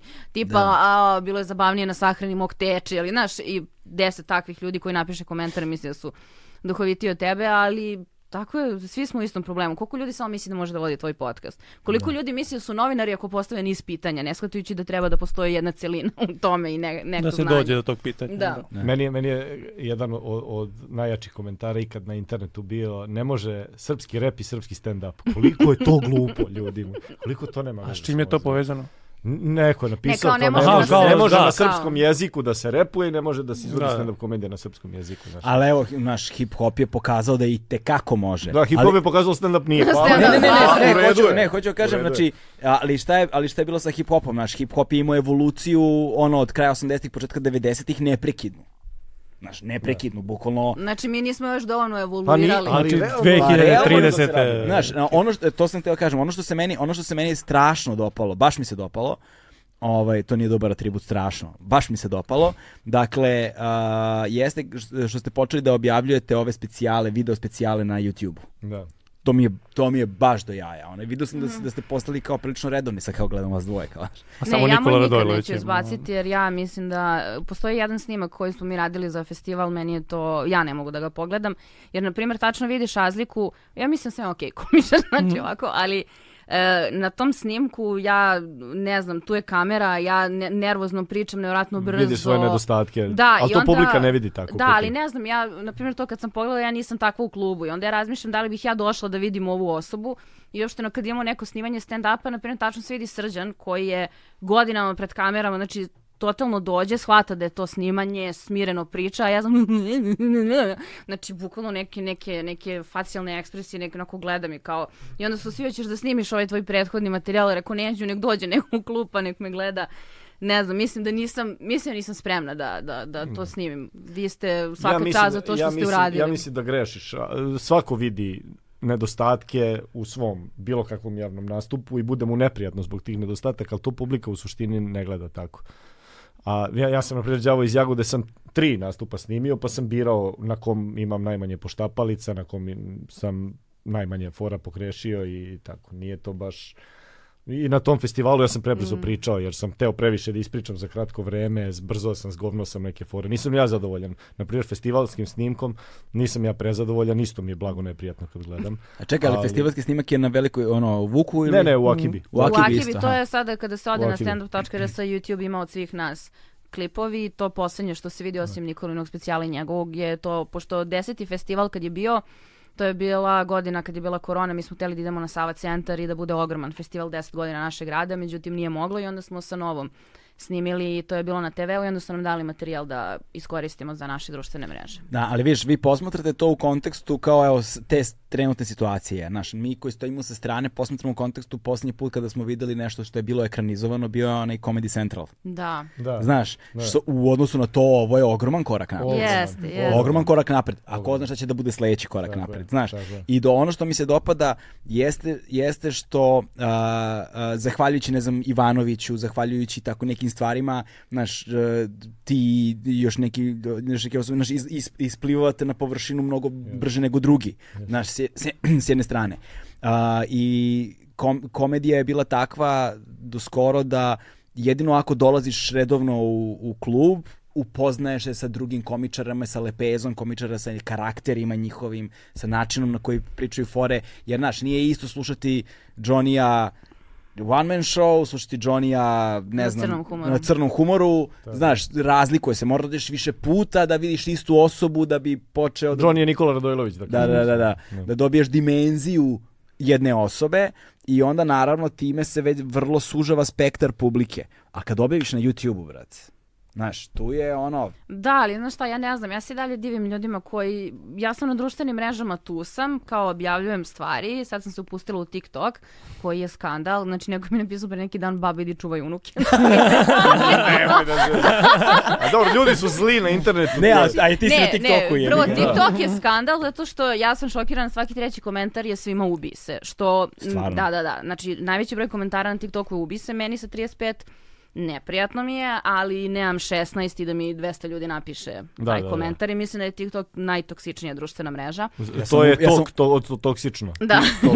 Ja sam bio ubeđen da je najtoksičnija društvena mreža Twitter. Nije. Ne, Nije. ne, zato što su tu stariji ljudi koji pričaju o politici, a Boga TikTok mi. je, TikTok je a, ono što ja Opasnije je zaključim. TikTok, to je- to je Opasnije poenta. TikTok zato što mlađi, mlađi su ljudi i baš e, onako ne znam, to dete koje je meni napisalo ima 16 godina, prvo je rekao imam 35, tehnički izvodljivo da budem mama, ali kao u redu je. Ne znam, ja, e, ja, meni se samo jednom desilo da sam imala problem sa botovima. To je bilo kada su bili oni protesti kad je bilo zatvaranje 2020. pre izbora, posle Mhm, kada da, smo da, išli da. sve da lomimo. Ja sam prvo napisala, jedan tweet bio je RTS, vaše pravo da Jackie Chan. Zato što su pustili Jackie Chana u isto Jackie vreme Chana dok umesto su bili ove izbori, e, dok su bili protesti, pardon, i kao to je prošlo s ovdje i onda sledeća je bila neka fora o predsjedniku. Tu noć i dan posle toga, ja ne znam, to je bio komentar za komentarom. Posle toga su krenule i neke privatne prozivke, znači pisali su neki ljudi koje ja ne poznajem, ali koji znaju mene i znaju gde mi mama radi i znaju tako neke stvari. Ja sam to obrisala i znam da sam zvala Srđana u tom trenutku i bila sam kao šta ti radiš? kada to tako krene, jer njima je to svaki dan. No, Ono na Svaki Twitteru ima, dan, na svaki... Svaki dan Mi smo je- utrnuli. Meni lik pošalje uh, ubiću te e uh, pištoljom, rekao, nadam se da pucaš ko što pišeš.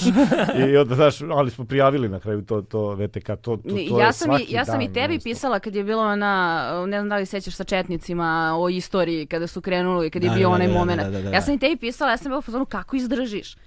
Ja iskreno ne znam, ok, meni je to e, prvi put kad su se dotakli m- lično mog života, ajde ovako, to amputirana ti harizma, znači, znam neke stvari, zabavno. umri debela, kao, znaš, kao sve je to ok, znaš.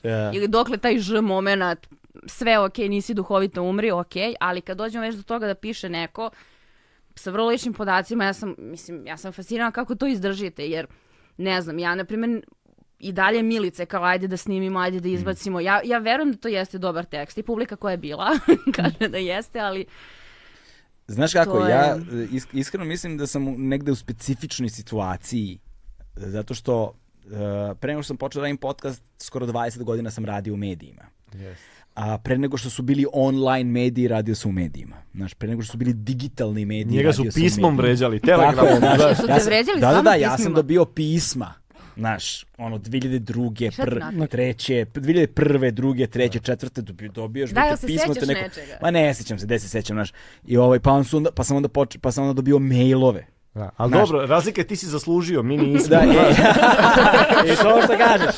Znaš, i, mi ovaj, smo dobri ljudi. I onda, i, onda, znaš, I onda kada su se pojavljivale društvene mreže, pa dok su društvene mreže dobile na ono, na, na, do, znaš, dobile, uzele maha, jel te, dok se sve to, pa dok su se pojavljivali, počeli se pojavljaju komentare na društvene mreže, pa dok su mediji skapirali društvene mreže, pa počeli mediji da objavljuju nešto o društvenim mrežama, pa su u to vreme i mediji na svojim sajtovima počeli da prave koje elemente za kom, ono delove za komentare na svoje tekste što ja znam i onda ti u tom trenutku sa 1 2 imaš postepeno imaš ono gradaciju zapravo uh, toga, znaš, znači od, od jednog pisma mesečno do ono milion komentara dnevno, znaš kao, imaš gradaciju. I onda ti kroz tu gradaciju prolaziš postepeno i navikavaš se svakom novom tehnologijom se negde navikavaš, a s obzirom da ono uh, sam poreklom samim ne, ne- nema podudaranja velikog, razumeš, ni konfesiono, ni etnički, ni rasno, ni na kojem jednom Da. nivou. Znaš, od malih nogu negde zapravo trpiš. I v- to googlaš, jebote, znaš, koliko puta treba da čuješ pre nego što ti postane sve jedno, znaš. I u jednom trenutku... Što se kaže, ubeleo dok nije. Da, u belom, u belom, to. I onda, s- i onda u jednom trenutku, a, kad, smo po, kad smo počeli raditi u online medijima, mahom su, mahom su mediji imali svoje komentare i samo su u jednom trenutku i ukinuli to komentare i bili u fazonu, "Ma, brate, ovo je sve, Da, da, da. ovo je sve Da. bullshit, razumeš? I ti tada, i uveliko tada shvatiš i navikneš i oguglaš i apsolutno te ne dodiruje, znači više ni ne obraćaš pažnju. I onda kada se desi recimo podcast, Znaš, ljudi misle kao foliraš se, lažeš, ali ne shvataju da sam ja imao 20 godina treninga da, Da. to ne Tako radim. je, tako je, Znaš, imao sam 20 godina treninga svaki dan, jer ja nisam radio nijedan drugi posao. Tako da ja stvarno, ne zanima me, brate, ono, ne, znači, uopšte me ne Ja Pa se ni- sećam jedne tvoje rečenice, radili smo zajedno, sad ne mogu da se sećam ko je, ko je radio tu kampanju protiv nasilja na internetu i ti si rekao jednu cool stvar koja je meni ostala ovaj, u, u pamćenju. Rekao si da ti na internetu možeš da biraš šta ćeš da budeš i ti odabereš da budeš kreten. to je toliko je carska rečenica. To je Ja bilo... sam jedino iz te kampanje upamtio da si ti rekao, znači bukvalno možda budeš bilo šta i ti odabereš da budeš debilčina. nemoj Pa bre. da, ali to je bilo vreme dok si još mogao budeš anoniman online. Ta kampanja je baš davno bilo. Sećam se, to je da li je nešto centar E E8, Centar, E8, ili tako tako je, nešto je tako bilo je, tako to je, tako kao je. za, za online hate i pravili smo pra, pravljena je kampanja, ali da, tad si još uvek mogao stvarno i na društvenim mrežama da bu- i na Facebooku da budeš anoniman. Da, da, da. Kao, Pa na izmislio Twitteru si- možeš i dalje, gomila tih anonimnih retardajna Pa da. i dalje vređa. A da, ali dobro, na Twitteru vidiš ono jaje ili neka kretenska fotka, ono broj da, Pa da, da. followersa, šta ili uđeš na timeline i vidiš šta piše i, I to kao, ti je jasno brate, na kojoj grupaciji pripadaš. Znači, koji, znaš to, e, ono što se dešava jeste da se ti sada imaš po tim grupama, Telegram imaš, a ti ja znam, a, te- ideološki, pošto sad imaš tu snažnu polarizaciju, ideološki su ljudi, znaš, i onda s- dovoljno je da na jednoj grupi od, ne znam, 30, 50, 60 hiljada, 100 hiljada članova šeruju nešto tvoje i kaže, ajmo, braćo. Meni se to desilo. Na Facebooku postoji grupa, ja sam sad zaboravila kako se zovu, 30.000 koji su, oni tripuju da su neka kao duhovita e, grupa i onda tako nađu profil neke osobe i onda svi krenu. Ja se osjećaju nevjerojatno jako zato što je njih 30.000. Mislim da je bilo 35 jedan dan. Ja sam podelila neku foru za muvanje, nešto je bilo dečko, jel si ti igrica pošto ću da te obranem, tako nešto, ali što je vidno bila kao glupa forica na Instagram, znači ne bih to stvarno Rekla, rekla i totalno Pa Osim nisam. svima. O, Ovo je Raša redko pričala, kad da. kaže. Raša je tu. ove, znaš, i onda su oni to izvadili iz konteksta i krenuli su da me prozivaju i tražili su neke moje druge objave koje stvarno, znaš, kad ih staviš u kontekst toga da se bavim stand-upom i da je kao bila fora ima smisla, ako izvučeš samo tu neku fotografiju, ja sam debil. I u jednom trenutku e, tolika gomila komentara i hejta i svega, ali mene je spreč- spasilo to što su neki ljudi iz grupe znaju da se bavim stand-upom i onda su objasnili ovima kao devojka se bavi stand-upom, ali sam onda pogledala koje druge profile oni targetiraju.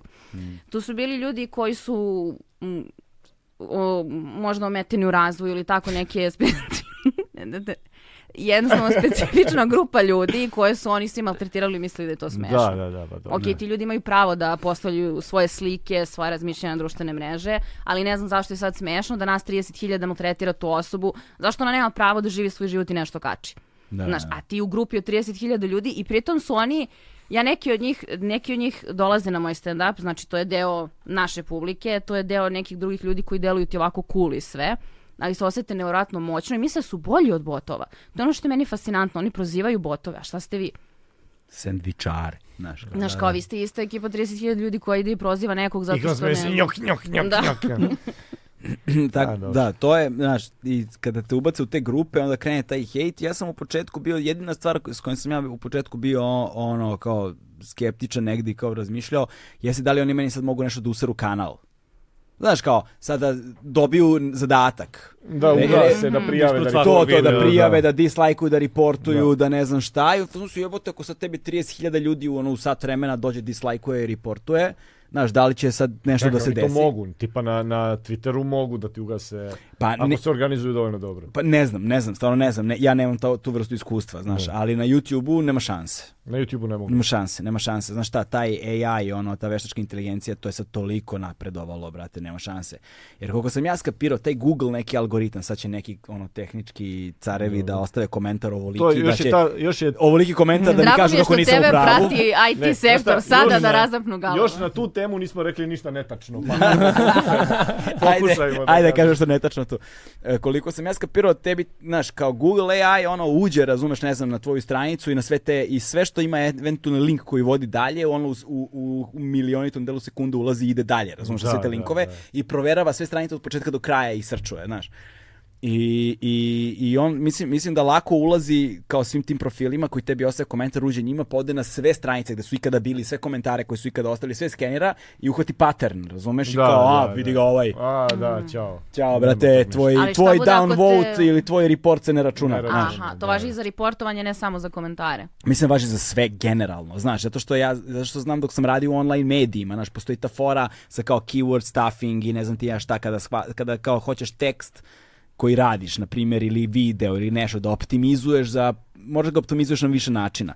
Moraš da optimizuješ na naslov kao šta je to što ljude zanima. Moraš da optimizuješ meta naslov kao koji idu kroz uh, Da. keywords, dakle ključne reči kroz Google pretrage, pa onda ka, glu- pa kao kada, ka- kako da napišeš naslov, kako da napišeš tekst, šta u tekstu mora da se desi, koje referentne stvari moraju stoje, pa kad ljudi traže nešto što je Da. tematski vezano, da tvoj tekst bude među prvima Među koji izlazi na prvima, da, da, površinu, da, da, znaš. da. Takozvana se optimizacija. E, SEO, da, je, Da. to, to, search engine optimization i tako dalje. Znaš, i onda se, prolazili smo svi te kurseve, znaš. I onda kad prolaziš te kurseve, pokupiš neke elemente da skapiraš kako neki algoritmi, kako neke stvari rade i, s- i vidiš na koji način oni zapravo u svim tim kursevima i svuda te, te uče da budeš ono umerena osoba u tom kontekstu Da. kao e, znaš, nemoj da sad krkaš mikrofon, mikrofon, mikrofon, mikrofon sto puta u tekstu da bi ti, je neće, jer znači onda provaliti si to se zove keyword stuffing, znači da si ga napunio i da si prečero i ne Eto ide. da budemo razumeš. malo u jednu. Moraš da Pa Kad je- šaraš, Evo, što se konačno kaže. nešto. Moraš Ćemo šaraš. Moraš kažemo, nešto ovaj pametno. lik iz Leskovca je dobro optimizovao svoj sajt. On je optimizovao vrhunski. da. Ali da, ali, a zato su super ti user reviewovi i te, te stvari na kraju dana, ovaj, kad posmetraš, ne znam, Mada evo, ovaj, kako se zove youtuber, eh, Mario Vrećo, on je dečko car napravio... To je plavi dečko, ne? Pa da, da, Albino, Albino, Albino, Albino, Albino, dobro. On je, on je recimo, njegova kampanja je popela kursadžije na IMDB A, listi. da, video sam to, pa su bili u drami ovi neki... Tako, ovi, šta šta po kursadžije, Da, ka- znaš- kakav je ovo narod, šta to je- Pa gledaju. To je recimo odličan primjer kako može da se zlostavlja jedan Jeste, sistem, razumeš, vrlo, vrlo lako, da je očigledno e, softver koji se bavi tim stvarima nešto nije uradio kako treba, da su ljudi mogli lagano, samo iz jednog vrlo malog područja targetirano da. dođu U r- kratko vreme. u kratko vreme upvoteuju nešto i kao, znaš, i to bude kao top 10, Ja, uđe na najbolji listu top film na 10 svetu. najsmešnijih s- Da, s- da. sitkoma kao svih vremena. Što je realno dobra fora. Istina. Dobro, ti nemaš puno negativnih komentara. Svraća ne ti bih neki sad znao, skoro s znaš. vremena na vreme što si davo Eleni Kitis nagradu, taj se javlja ispod svakog videa. To mi je, taj mi je jako zabavan Ko? čovjek. Raša je napravio malo istraživanje. Da, bi- malo, To je- malo, a? jeste, Da. Pa Ne, uopšte nemaš puno negativnih A komentara, kako ono je nagrada? bilo Haš jare, Idi, idi na, puši hašiš idi, idi, E, i idi na, ostalo. idi na uh, podcaste sledeće. Jasna Đuričić, Aha, dobro. znaš da, Znači, Kvo Vadi Sajda Srebrenica, jel A, te? ba Idi na, da. idi, na, idi na Dubrovku Stojanović, istoričarku. Znaš, Taj je i- moj omiljeni. Da, idi na, ne znam, Daška i Mlađu, znaš, i te stvari, pa ovaj, pogledaj tamo, razumeš? Da, sad će da, da, vidimo da. Tu ispod smo ovoga imali večeras. organizovane napade. Dobro, na Daška i Mlađu možda nismo imali, ali za Dubrovku i za, jasno, to su organ, organizovani napadi. Znaš, to je ono. Pa. Ovo imaš jednog čoveka koji u zadnjih pet epizoda ti ostavlja komentar kako se praviš da si fin. Taj pije, taj A, tvoj u- lek fokusiran, vidiš. Da. Da, da, Da, je da, baš je Eleni fokusiran. Kitis nagradu. A koju Ispod- si nagradu dao? Pa sad pokušam da se setim, brate, o čemu za se radi. styling ili za nešto. Skoro je bilo. Kliknuo sam na link, otvorio sam. Odradio sam svoje istraživanje. Ovo je voda, brate. Pa idi u WC. Recite ako ja odem u WC da me nema. ovaj. Vidjet će se, ali nema veze, možda Ali odeš. Stavi nešto, stavi ovu lampu da ja nisam čuo. Stavi ribicu jedan. Ajde, idem pa ću Evo se ti još vratiti. malo vode. Ali nemojte ništa zanimljivo da kažete bez mene. Meni Pošto nismo u Ne, prethodnih vratit sat ćemo vremena, veruj mi, nećemo ni sad. Jel daleko, galera? Jeste. Kao o- izađeš ovdje i majke Evrosime. Vidiš kolika je Levo pa gajba, brate. levo pa... Domaći brend garderobe Legend Worldwide je prijatelj Agelast podcasta na audio platformama. Ovaj, sad pokušam da se setim. Za, st- mislim da za styling, ne mogu se setim kako A se zašto? zvala Što nagrada. bih ja bio? Ti si u nekom studiju sam i ona nije mogla ni da preuzme nagradu, nego si je- samo se odjednom pojavio kadar na Virtualno nju kao, i ona da. kao sa tom nagradom. To je Neka onda čudna COVID bio, struktura. verovatno. Ne. Jao, znam šta je bilo, znam šta je bilo. Radio sam tezgu za patike. Odnosno, evo, sredio sam tezgu za patike, zvuči kao su dobio patike za, za posao. Prote za Kosovo. Ne, ne, ne, ne, ne, ne, e, to se zove, to se zove, to se zove, to se zove um, Snickerville. E, moguće. Snickerville, Snickerville, Snickerville se to zove i onda je bio, i on- zvali su me, Relja me zvao, ovaj, iz CVT-a, on ima A, neke ja, veze ja s sam time. iz Srenske Mitrovice, ne znam. On ima, on ima neke veze s time. Ovaj, i, I trebalo je da naprave, pošto kao nije mogao se desi uživo taj, to je, ne- taj, taj sneaker je, koliko sam ja skapirao, nešto strašno popularno među klincima. Jeste. Mi, kako kaže druga, Jelena je Siviti, Na fan TikToku najveći su na pričali o svetu. tome. kako kaže, Pazi, ja sam, ja sam medli in love u sobi, ja, znači ono, ja štekam pare, ja sam mislila da, pošto Ćeš da prošle upoznaš se godine... sa Došla je na podcast ne, da bi ne, je ne, Cobi nemam još primetio. pare, nemam još pare. Pazi, ja sam mislila prošle godine mi je bilo 10 godina ne moraš da imaš e, pare. bavljenja stand-upom i da ću da dam Cobiju pare da mi odradi intro za kad izlazim na scenu. Slušaj, Cobi ako te zgotivi, napravit će ti bit sa džabe, brate. Pa sam ga sada, me, molim, Kaže sad, pa i sad, pišem ka- pa i novu sad, predstavu. pa, i- pa i sad kako sam, kako sam lupio bez razloga, razumeš? Ne znam da li bi Ne, to ne, uradio, ne, nemam ne. pojma, znači ne znam, ne znam ni zašto sam to rekao. Ne znam Cobija koliko je. Znaš kao, ja sam teo se kući kako ga poznajem, nemam Da, pojma. da, brate. nema, o, Gale bi u fazonu znam čoveka, on je to ti Da, završi. da, da. Ne, ne, ono, ono što znam, je, znam, znam da radi mnogo, znači da, znaš, njegova radna etika, brate, možda kažeš od sobija šta hoćeš. Šta hoćeš. Prvo, neka ne možeš za Cobija da kažeš to. Ok, ti si fan, ti si fan, ti si fan i to je druga stvar. A, ja govorim objektivno. Dakle, za Cobija možda kažeš šta hoćeš, ali za njegovu radnu etiku, Burazeru, znaš, ja nisam sreo, znaš, upoznao sam mnogo s- muzičkih producenata, sam uz- upoznao, zaista, znaš, kao, ali i takva radna etika se redko sreće. Zato što mislim da je išto, išao kod istog lika iz Leskovca koji je ja. Jel jeste? Pa ne znam. Isto Možda samo Finil. pričam na pamet. Mislim da je Cobi počeo to da radi mnogo pre nego što je Modafinil postojao, znaš. Svaki dan, ceo dan, samo radi, radi, radi, od jutra do Ono mraka. bilo novo, brate. Radivizija, forum. Od, ra, od jutra do To, mraka, ovaj. brate, znaš. U svakom slučaju, ovaj, um, a, taj, taj Snickerville je nešto što je, kad se desilo, to mislim da je bilo Luka Beograd, ili Da, tako da. nešto, da, i to je bilo strašno popularno. Nešto, nešto mnogo klinaca je bilo, ne znam koliko, ali nešto je mnogo bilo u jednom danu. I, ovaj, i onda se desio COVID, pa nije moglo da se organizuje i onda su htjeli naprave virtuelno i bio mi potreban neko ko će kao da vodi te segmente i onda me Relja zvao i napravili smo... A na- se Pa ti razumeš u patike? Pa ne baš iskreno. Ne baš. Mislim kao... Vidim nije- koga neće zvati sledeće godine. Znaš kao, nije, nije, nije da se ne razumem, ali nije ni da se razumem. Kao, Kao što se tiče i podcasta i svega što smo pričali, kao u klake, razumeš se u patike kao Mhm. ne, u ne, klake. razumem se više nego u klaker. Razumeš? Samo pitan, jel ima taj tvoj iz Leskovca nešto za prostatu? Će ga pitam. Šta si Ima ti moj radio kum, u ima moj WC? kum, momčilo, a za prostatu šta ti treba? Ma šalim se. Ajde, nastavite samo. Momčilo je najveći car ikada na svetu. Znaš ti koliko sam ja puta njemu pristala kada se istripujem da treba da krenem da živim zdravo.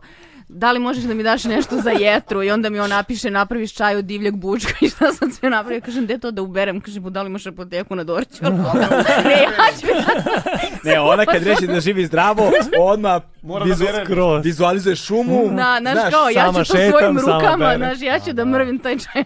Pocahontas. Ona će bosa, da penje rtanj, znaš da... Ne mogu, kažem ti, čuvam keš za Cobija. Ja sam mislila da ću da zaradim sad za specijal koji je bio za 10 godina. Međutim, korona pa nije, ali ja sad štekam pare. Ne znam koliko mi čovek uzeo, znači Cobi može popust, ali... Ali zna ga ga. A šta za Cobija? Šta, šta? Da mi radi intro. Onda ti radi internet. Da. Cool. ali, ali, ali njegov svaki Ne. intro je isti kao, znaš. Da, da, A da. intro za stand-up. Intro za stand-up. Ja da bude ono uvek imam... cobe, jesi ti radio traku. Ne, pa Jesi ti to- Radi intro. Cobi- radio to je vrućina, brate. To je Ne, ja uvijek imam neki onako duži oko minut, uvijek bude onako vrlo konceptualno. I onda, pošto se sad ova nova predstava zove humor kao koncept, ja sam bila cobi lego na dom, međutim korona nismo imali za struju, ne za cobi. Jedina stvarno gotina stvar koju mogu da kažem u ovom trenutku tipa za, za, za recimo za Joe Roganov stand-up je, je što je kada se desila cijela ova frka sa Spotifyem i sa Neil Youngom jeste što je kad se to sa Neil Youngom desilo on je završio nastup neki to sam vidio na internetu završio je nastup sa Keep on rocking the free world. Rockin' in the Free World sa Neil Youngom da to je ono, to je bio to je bio E, ali- dobar potez Realno ti si naš Joe Rogan. Ja sam baš očekivao Da, da, da, će čuveni, uskoro da bude ono... čuveni teoretičar zavere Gale Nikačević. Da.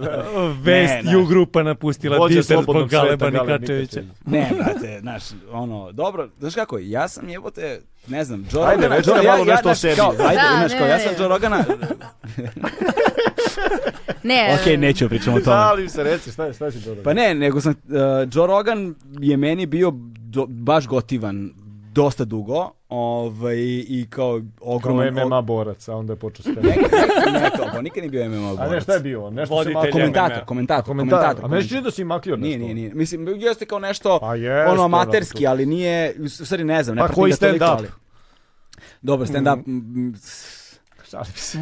njegov Šalim se. stand up onako, znaš. Ali ovaj ali ali njegov podcast mi je bio do jaja, baš mi je bio strava. Mislim naravno selektivno sam ga slušao jer kad ono dovede neke sad tu pseudo arheologe što ti ja znam, znaš, stvarno mene zanima, Pošto ali ti je dovodiš ovakav kvalitet. da, da, Ja sad se sam- ali je uvek, razumeš. ali je uvek, ali, ali kod njega je Stručnjak je. uvek je imao taj pelcer, Da, ono, da, da, pseudonauke neke. Da, da, da, uvek je imao taj Jeste. konspiratorski pelcer je uvek Jeste, imao. jeste, znači uvek jeste, ga jeste. imao i kako se covid brate desio, lik je Čuo Mm. je, o- ćao. u crveno je otišao brate, u crveno je otišao odmah i meni je samo postalo u jednom trenutku ono, nemam pojma, znaš, kao slušam šta god, ali sa svakim gostom posle 20 minuta ulete u priču o covidu i to se pretvori u Čekaj, priču o nisi još izolaciji. pitao Rašu da li je zemlja ravna ploča. Da, da, to, to, to, to, Ipak se znaš. prezivam Nestorovića. A, Radomir Nestorović. E, Doktor Nestorović. to sam video na YouTube-u kad kucaš Radomir. Dobro. I izađe prvo Radomir Mihajlović Točak, pa onda izađe Doktor Radomir Počuča, Ko je? Aha, ovaj voditelj e, Mm, da. Pinka i vojnik. što je nešto išao tamo. po Išao u Ukrajini. vojsku. da, Jao, išao jebote, upravo. na Ukrajini bio I u tamo, Ukrajini, brate. Da, da, da. U stvari, Pa su ga nešto deportovali, vratili. on je bio sa ruskom stranom. Nemam Mislim, pojma, da, da. da, verovatno da, s da. Ruskom. On da. je proruska, sigurno, brate. Da. Pa onda ide neki Radomir Tomić ko nemam pojma ko je kliknuo A, sam. Raša Tomić. Pa ne znam. E, ali tog počaču sam viđao, brate, na onim deložacijama jebot. To Ovi, samo ti bre, znaš. to, su, to su ovi za krov nad glavom i što ti ja znam razne organizacije koje se bore protiv izbacivanja ljudi na ulicu, oduzimanja kuća, ono, izvršitelji što im uzimaju... Ko, ko se time bavi? Radomir Popoč. Popoč. Ne, ne, nego, nego sam ga On vidio- oduzima kuće. Ne, nego sam ga vidio na, sa, sa, na snimcima uh, Aha. tih ekipa koja ne dozvoljavaju delo- deložacije. A pa dobro, to je. Šta god. nastavljamo Kako dalje. da? Samo ono, random informacija. Reci nam više o Radomiru Tomiću. Ništa. e, pa pisalo je e, Radomir Tomić talentovani teniser osvojio trofej. Aha, to- to je sve teniser. od njega. Čekaj, a koji si ti Trofej. radom Trofej. Ja po sam, redu? ja sam četvrti već i onda ide iza mene Radomir Belačević, moj miljeni Ti si- čovjek na svetu. Ti Nisam si- očekivao Čekaj, od njega brate, da ti si stojim. ispred Radomira Belačevića. I Radomir Antića čak. Ma Znači da, on ali čovjek to nećemo osvojio se trofeje zajebamo, s ali nisi Realem ni ispred Barcelonom. Pa to ima Radomir veze sa njegovom Google prethodom, Nema, zato što otvorio Google traži sam- ono što si ti tražio čitava tvoju istoriju. Netačno, otvorio sam onaj Hayden mod. E, Pa sigurno Hajde, nije hajde. kucao Hajde. Radomir Tomić.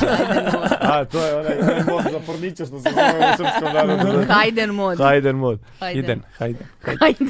To je Johnnyeva moja... Hajden na selu, ima Kvalitetno Hajden kod da baki i filmira. deke, Hajden u biblioteci, to su te knjige. mislim. Pa to što pričam je engleski ko ruski. Kako sam u Americi živo, imao sam name tag Rusija. E, Ozbiljno, ko, ko Šerbeđija. jo, Johnnyeva moja miljena reč je rđ. A? Rđ. Rđ. Šta je to? Kao urge, kao. Da, potrč. Ali ja izgovaram i kruševački engleski, ne mogu stvarno kažem rđ. Rđ, kako? Rđ. Ne, ne, ja sam se izgubila kod klakera. Uglavnom znači, sam zaboravio šta je ja, reč ponovo. klakera sam već ono... Urge, tako, urge. Rđ. Ali da si ti ispred Radomira Belačevića, to je jedna velika nepravda koju treba. Ali jako sam srećan što smo jedno pored drugog. A, sa to toliko je, to je zadnjima. lepo. Jel znaš ti onaj ples sa, sa nogom? Da, baš Ali kad specifično. pogledaš ko se sve rožen Radomila Belačevića, možda i nije To je baš... Znači, to, to je to. Znači, Tu. Znaš, da, da. znaš. Ali poenta toga je da kad kucaš Nestorović izlazi, Nestorović brani, Nestorović b- Balkan Info, Nestorović b- zabranjen intervju, Nestorović Samo najnovije Branimir. izjave Samo Branimir. Nestorović. Ovo on je Znači, izdominirao. Da, Znači, prezime mi pozna- je za, poznatiji si kao zatvoreno za Radomir sva nego vremena. Nestorović. Da, kao Radomir sam četvrti po popularnosti kao, A kao Nestorović Nestorović. ne postoji. Ne postoji niko osim Nestorović Branimira. Tvoj sledeći one man show treba se zove Nestorović. Ne, nego Radomir. E, sad ti je. Nestorović, brate. Pa ne može, dolazit će ljudi da slušaju doktora Nestorovića kako priča da se vratio onda avion je- posle 20 godina I već je iz ruke. smešno. Da, da, da, dobro, to jest. To jest. Znaš, E, mislim ako imam putopisnu emisiju ikad, a planiram da odemo još na Ameriku, da se, zo- da se zove, ekvivalent putopisne emisije. Da, da. da se zove Radomir Putnik.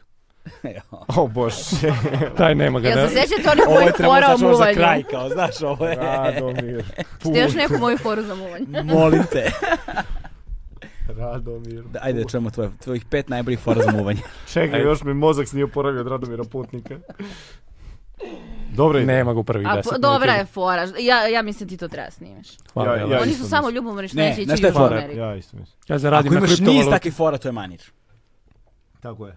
Da. I to je to onda. To Ali to je znači dobro, ali da način vidiš realno e, Radomir Putnik u Južnoj Americi kliknuo bi. Da ih. Kako ne bi, da. Pošto googlam Radomir Putnika, eto. Ne, ne, ne, da ti To je- iskoči, iskoči Da, ti kao da. reklama, kao Radomir Putnik u Južnoj Kao Americi. recommended na YouTube. Da, jel, jel bi kliknuo? Kliknuo bi. Ne bih, ne znam. Da. I možeš... E. Ne, neću kažem. Propao. Ali- Reci. Reci mi, pa Neću. sad, aj, sad, šta smo Ne. sve rekli, brate? Ne, ovo je baš... Baš je Ne, E, ajde. politički nekorektno. Ajde, e, ajde, ovo... Uuu. Neću, neću. Aj, ako ćemo da izbacimo. E, ali što- vi što je okrenuo leđa kameri, kao možda će reći ali da ga ne Sakrio snime, se. znaš, kao ovako malo. Sakrio si za da. mikrofon. ovako. Kao, ko je to rekao, nije Điđa, znaš. E sad, polako, da se vratimo mi na Da, tvoj, da, na, da se mi vratimo na tvoje pisanje prvog teksta. Bre, kad je to bilo? Ne prvog teksta, nego ovog teksta posljednjeg. Dakle, uh, Ovog lekovitog što ovog, bi se... leko- ovog lekovitog teksta, da. Ovako. Um, dakle, ti si izašao na festival Da li si bio Va- iz drogi? One Man To Show. smo stanovali da nisam. Da Posle sam bio koliko čist zadnja tableta? tri dana. Posljednja tri dana šta, pred nastup? Pa Pa da, nije bilo ni kratamo, ni me dofinilo. Šta je bilo? Samo vinjak. Samo moja glava. Ali si Samo- osjećao neke posljedice, ono kao da si se skidao sa toga? Da, E, e, pa nisam bio baš- umoran više od nespavanja tog i smišljanja. Ma ne, super, s ovaj kratom i sad pijem svaki dan. Ali modafinil, ništa. okej. Ovo je izdrogiran, ono... ozbiljno me shvatite. se izvuko iz karti. Ne, on, brate, ovdje je izdrogiran i zezana, znaš? Ok, ovako. Ajde, vratimo se na One Man. Kako je prošao taj One Man? To je, bilo- dakle, ti si sa tim materijalom prvi put pred publikom bio Svih sat vremena su bili nikad ispričani do tada. Wow, brate, kako je, e, kako je to prošlo? Pa ja sam bio poluzadovoljan jer Mm. ipak mi gledamo drugačije sami sebe na bini nego što nas gleda publika. Publika sam dobio par ocena 8 od 10, ja sam bio 6 od 10 sebi. Jer ipak e, nikad ga nisam izvodio i znam da meni treba beskonačno koncentrati. Deluje mi li malo da sam jurio raspored u glavi A, šta treba sljedeće da kaže. Jer ja sam bukvalno pisao do zad, predzadnjeg dana i onda sklapao redosled. Što ne može da se radi. Da bi redu se sklopio moraš da posjetiš Nemoj ti, publiku. brate, znam ja još nekoga koji je prvi put nastupao sa I novim sad sam- materijalom. I sad sam isto. E, ali svi smo to uradili za premijeru. To je, to je Svi bilo smo. jako lepo zato što smo svi iskreno rekli da zovemo premijera, ali da u suštini je to open mic od sat vremena, jel svi idemo sa svim novim. Ali ono što je meni najlepše, postoje ljudi koji jedva čekaju to da je premijera i da znaju, oni vole to koliko se mi uspaničimo što je prvi, prvi nastup sa novim tekstom sat vremena. I evo, meni je sad bila premijera i ujedno 16. oktobra, tačno 10 godina od mog prvog open majka. Mm. Meni su bili ljudi u publici koji su sa mnom od open majka i koji svaki put dođu na premijeru ili žele da vide to ti pričaš, ali se malo i lomiš. Ja sam u jednom trenutku bila, ok, gde smo sada, je malo s publikom, kako ste vi. Ja sam i kad sam napila pauzu od tri godine, izašla sa premijerom od sat vremena. Znači, to je bilo tri godine nemate na sceni i onda odjedno imaš taj neki suludi adrenalin, ali ja idem sad sa novih sat vremena, ono E, a kao to sam to htio je. da te pitam, to sam, to sam baš planirao da te pitam, zato što a, ti si u tom kontekstu specifična, me, posebno među komičarima ovde, ali kao nije nešto što se generalno sreće često među ljudima koji su odabrali svoju vokaciju da bude komedija, u tom kontekstu. Mm, e, Jer kao, ti si se povukla sa stand-upa i bila si u fazonu, ja sam sa stand-upom završila. Da, to je I- bilo neke tri godine. Da, i sećam se, sretali smo se, radili Da, smo da, da. zajedno. I kao, Da, da, da. svaki dan smo u mini vje- kombiju onom bili i išli Da. na posao, vraćali se s posla i pričali smo o tome. Posledno što sam se ja tad kao ložio nešto, Da, pa da, smo da. imali često razgovore.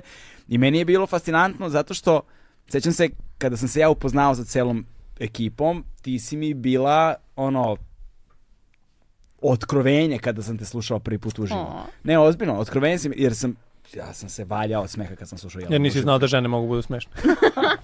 I sad ga ja izvadim na sto. Evo ga ovaj, brate, evo ga ovaj, brate. ali ja, ne, ali ja nisam kratom, žena. brate, razumeš, vidi ga ovaj kratom. Strašan čovjek. Malo smanji dozu, znaš, malo. E, Ja sam, ako može viski još jedan. bilo. može, evo, brate. Pa nisam ja šugar. E, ali Ti, kad... vo, ti voziš, imaš nastup i rekao si da nećeš. Da. E, Pa to si u pravu, da. Ali malo sam.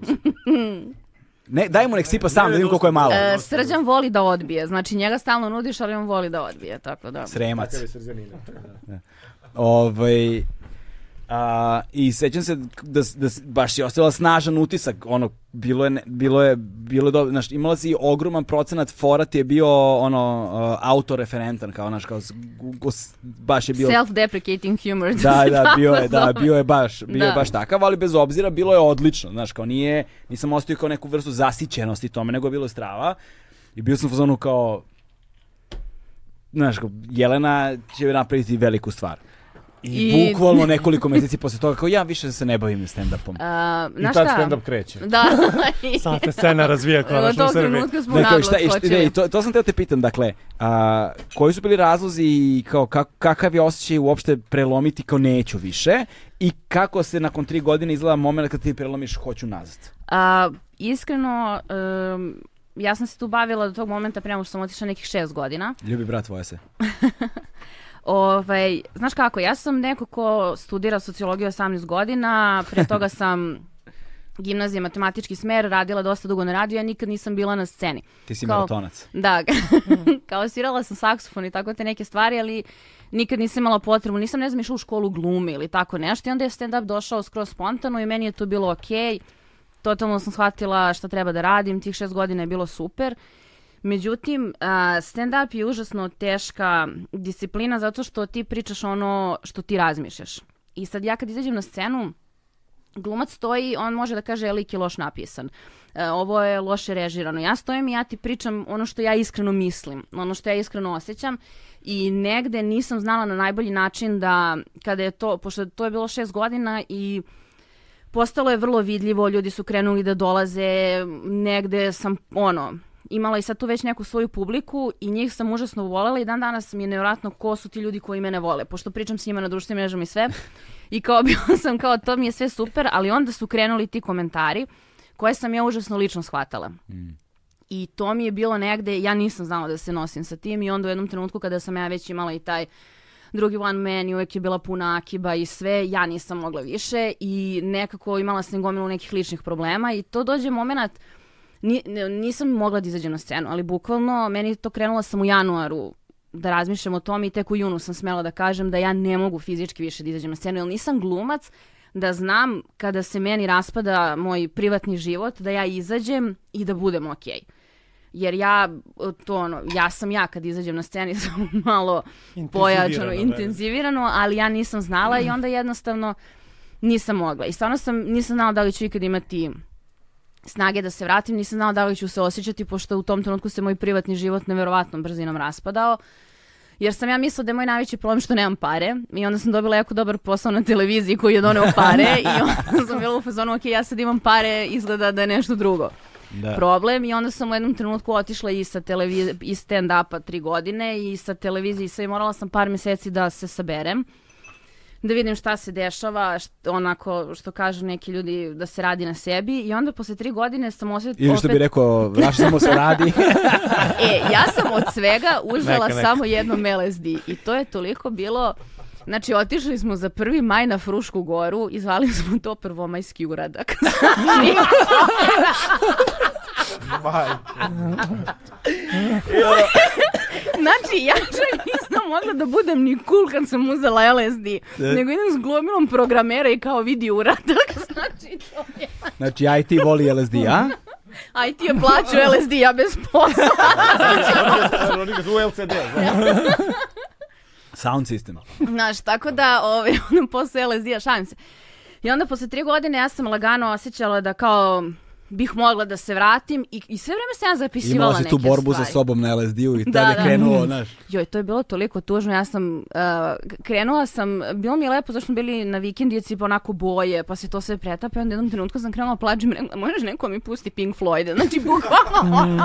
A šta znači, drugo? znači, kako mali perica Realno. zamišlja LSD na uratku, e, tako je bilo. Znaš šta, odmah ću ti reći, Pink Floyd je odličan izbor. E, i onda, i onda sve, Svi ćemo ti reći. sve vreme, sve vreme plačem i pitam ljude Znači, Shine oko on you mene. crazy diamond.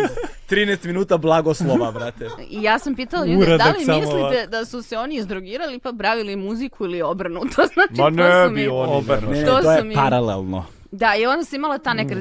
I onda e, ja sam htjela da se vratim negde Nije više Radanović najveći 2020. narkoman, možda ono, i da. onda se Ja se ne mogu sjetiti 2019. Jeste, to je bilo 2019. kad sam se vratila. Um, desilo se nešto u organizaciji standup.rs što je mene malo... Um, shvatila sam da treba da se vratim u tom trenutku, da imam premijeru, ja uvijek imam uglavnom premijeru za svoj rođen 1. novembra i onda sam nešto pričala sa Milicom i bukvalno ona mi je pričala, e, mi sad radimo ovo, ovo je ovako, ovo se dešava, ja sam rekla, ja se vraćam. Ona kao, molim, rekao, ja se vraćam, za kažem, ono, možemo 1. novembra moju premijeru. Ona kao, nisi radila, ja se izvinjam, Čekaj, čekaj, čekaj, kada si to rekla? u oktobru. I ona je bila kao, dobre, rekao, hoću 1. novembra za moj rođendan. I ona je kao, pa da li si svesna da tri godine nisi bila na sceni i sad hoćeš da uradiš One Woman. I n- ja sam bila, ne znam, jednostavno u tom, i mislim da je to jedino u tog svom životu kad sam imala to neko ludačko samoupuznanje. Rekao, ja idem.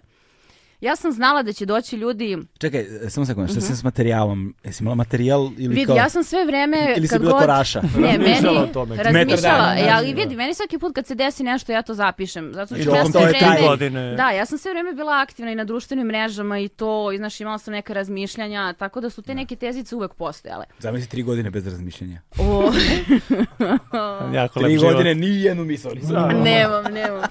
I ovaj... Ideš Tri godine... tu, tu, tu, tu, tu. I onda, I onda sam rekla, rekao ja ću da se vratim i ono je bilo u fazonu hajde i to je mislim bilo najluđe veče u mom životu, zaista su Uh, došli su svi ljudi koji znala sam da će doći ljudi, ja nisam nikog pozvala m, objavila sam, rasprodali smo karte i ljudi su došli to koji su me gledali na prvom open majku došla je moja ekipa s posla, došli su moji prijatelji, ja sam znala da šta god da, da ja ispričam u tih sat vremena šta god da se desi, ti ljudi ono su okej sa tim. I njima je drago što sam ja tu i mi ćemo napravimo u jednom trenutku, to zaboravila sam tekst, rekla mu jednu drugu kako si ti, on kaže ja bolje nego ti, znaš kao. I Dobra, napraviš, dobra, dobra, dobra fora, bre. no, znaš, i onda kao napraviš to, i onda sam imala jednu foru kako ne znam, moj šef iče na mene, javlja se muž od mog šefa, kao to sam ja, znaš, jednostavno, nekako uvijek na tim premijerama bude ta lepa atmosfera i samo jednostavno nemam pojma. Shvatila sam da opet to mogu, ali, na primjer, sada znam kako da... Ja sad e, rješila sam da uvijek imam stabilan posao. Jer ja mogu da se bavim stand-upom ako ja znam da ja imam day job. I koji ne mora nužno da bude mnogo kreativan. Naprimjer, ja sad radim kao kreativni project manager u IT-u. Ali nije mnogo kretan Pa posao. Da. ne, znaš, nikad ne bih sad više radila da budem tipa urednik na TV-u i da radim stand-up. Naprimjer, ja, se, ja svaki, i to često pitam Srđana, kako on izdržava? Znaš ti koliko on stvari ti mora urednik? da uradi? Nije on, u, pazi, on je kod Ivana skoro pa urednik, eh, on mora da piše, ja se izvinjaš, kao sve sam, jesam. To od sve- klakera, Radi da, Red to od Bull. klakera, da. Ne, vidi, da kao Red Bull idemo, brate. Do on tequila. radi...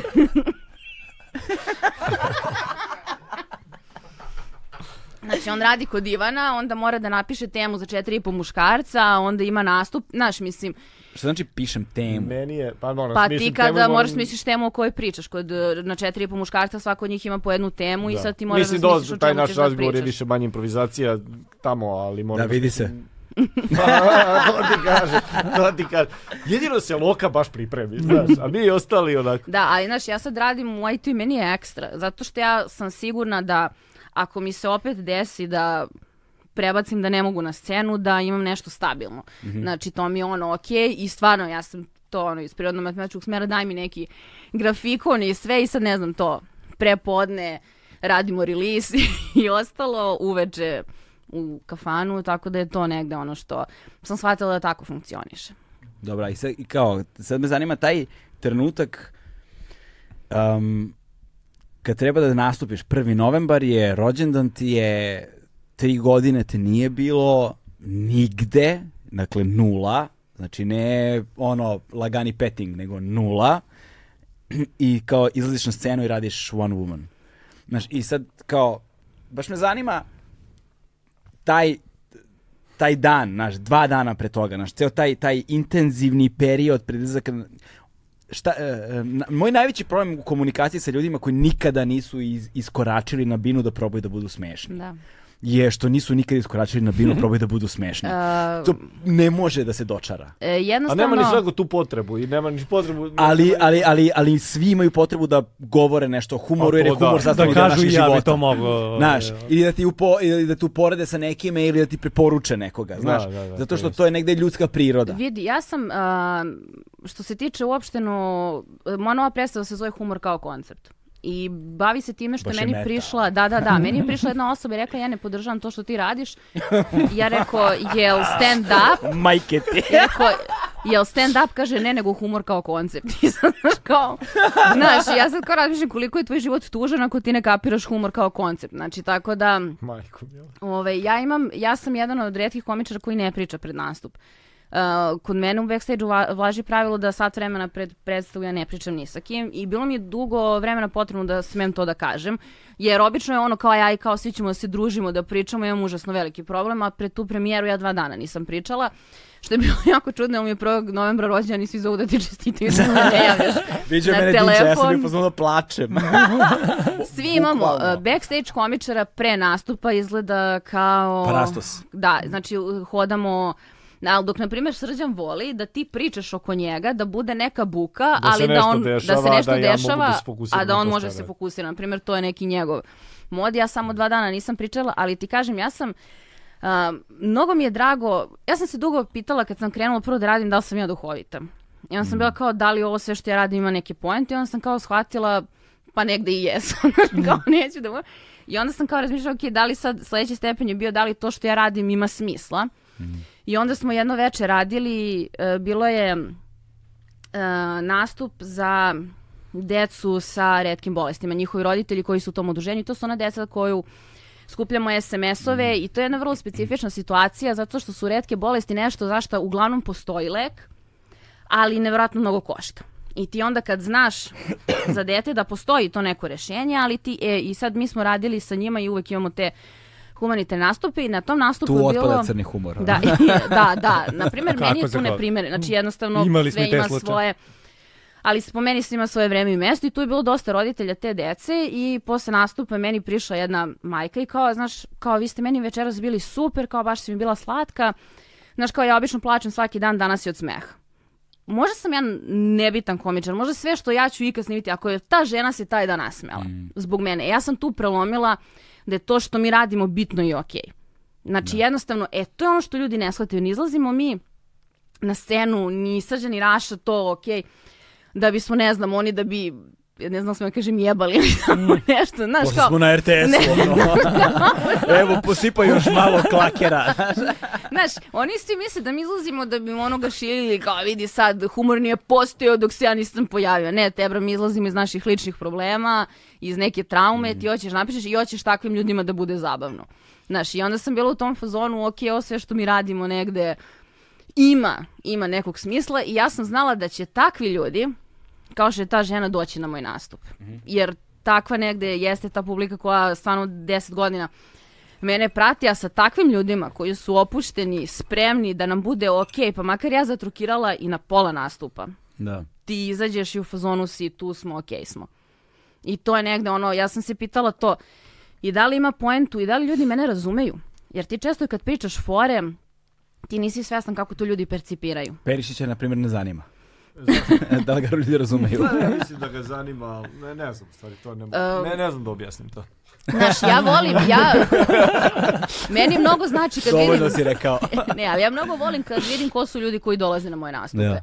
Znaš, jel, kad vidim ono, kada tako nekad i popričamo i sve, kad vidim neke njihove vrednosti, znači ja se kapiram. Ja sam se dugo plašila da neke stvari o kojima pričam, možda ja zvučim kao budala, razumiješ, možda ja u Ja sam svojoj sama glavi... na svetu. Da, kao- ono, kao možda sam ja u svojoj glavi to od svoje kraljice, ti ga kidaš, razumeš, ovo mu ljudi vidi debila, znaš, ali onda nekako tu smo se našli i kažem, za te premijere, nevjerovatno, ti ljudi koji dolaze su me osjećali, da se nevjerovatno sigurno osjećam kao to će biti okej i svi smo tu i ne znam, neko ludilo je bilo. Mm. Ali ovaj, stvarno, evo i sad za premijeru isto ono, znaš, kao posle 10 godina kao izlaziš i sad meni je bio trip, pošto moj prethodni ta imam plan koji sam izvela za svoj rođendan, stvarno mi je bio super tekst. I sad onda ti treba da izađeš za 10 godina sa novim i sad sam u fazonu šta ako ovo nije bolje? Šta ako idem unazad? Šta ako, znaš, kao šta ako nema više ništa da kažem? Ono, znaš, srđan sva srednja svake godine izbaci po jedno dete, pa ima i šta da ispriča. Dakle, ne, tu pazi, ti ja, crpiš. ja sam sad usvojila Ali psa. izbaci po jedno dete, jer ja kad treba da imam novi nastup, ja se samo napnem i... Tamara, Severne. oplodi me. Ne, ne, Tamara, tu nema ništa s tim, ja izbacujem, ja izbacujem to uglavnom. On se pita za, za, za raspored, napravio je on Tamara- sebi Excel. Tako je, Navuče Tamara, čarape i- utorak pravimo novo dete, a... Njeno za je da nekoliko rodi. dana Planiram Ne, novi ali, rođendan. znaš- Da. da rodi kad je on planirao.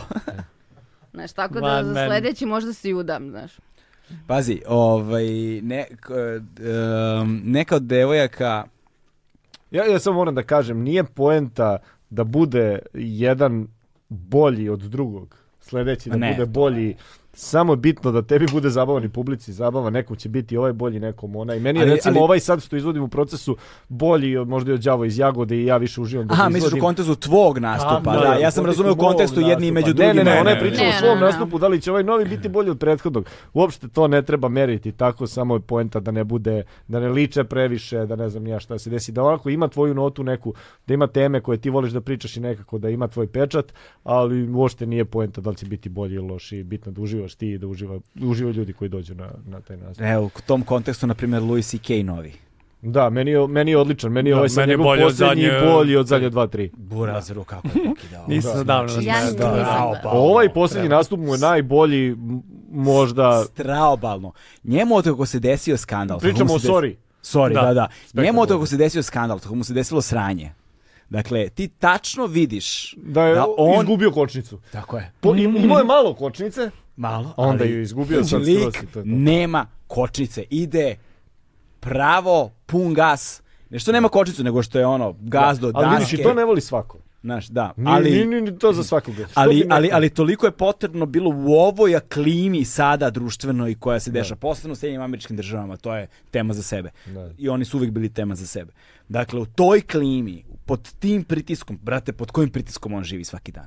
Pa da. da. Svaki dan i svaku noć sa čime on leže, sa čime njegova glava leže na jastuk i ustaje svako jutro. Razumeš? Bez obzira šta I god da njemu se je ruka, desilo. to je bitno kod njega. Da, Da, da. to, I da li Louis C.K. spava u čarapama? Ja vas da li on spava u Da li čarapama, Louis a? C.K. spava u Znači, i, čarapama? znaš, u tom kontekstu ti ono otvaraš, da li ga je otvorio sa pedofilima ili... S pedofilima i onda je u jednom trenutku rekao da treba da se naprave lutke koje izgledaju kao mala deca za pedofile. I kao ljudi, "Ah, kao okej, onda nek jebu decu. Ja znam, Ako vam je ovo previše Znaš, kao, strašno. i kad godi u fazonu kao... E, ali vidi, ti to možeš Sorry. da... Ali ti to možeš da ispričaš kad imaš karijeru Louis C.K. Tako Zamisli, je, bilo da, ko od tako nas je, sada tako je. izađe sa tim. Ne, bilo bi Da, kretenčino. bilo bi kao jedna, ne, ne. neprijatno, No, on razumeš? se raša. Ne, ne, ali E, iza ali toga, ima ali jednu iza foru toga što sam ne im moraš isto ko- Znaš šta, ne moraš samo da imaš karijeru Luis Ikea, moraš da imaš kompletnu tu industriju iza sebe. Da, da, da. da. Moraš da imaš i šapela koji priča to i moraš da imaš još milion stvari. A da koje- bi sve to imao, moraš da imaš publiku koja ima razvijenu kulturu Tako je. stand-upa. Ono, to, Tako je, je. to je sad ono gde se Ali vraćamo ljudi na nas. se, ljudi se otvaraju ka stand-upu. Ne, Mislim da je najveći problem kod nas bio što su ljudi,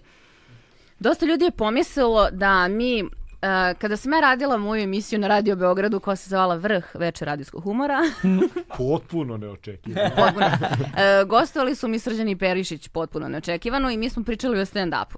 E, Zaista? Pet minuta, š- pazi, šokantno nećete Wow, verovati, to se pazi guca. sad, foto video. Pet minuta je trajala emisija, mi smo dobili ovoliki mail od nekog skriboma, znači slušanih je se pet minuta, koji je napisao zašto stand-up komičari misle da su oni doveli humor u Srbiju, bla, bla, bla. Mi to nikad nismo rekli. Mislim da je na najveći otpor uh, stand-up komedija naletao zašto ljudi misle da mi mislimo da humor pre nas nije postojao. Ne, postoji tradicija humora, mi samo radimo nešto drugo, kao hip-hop.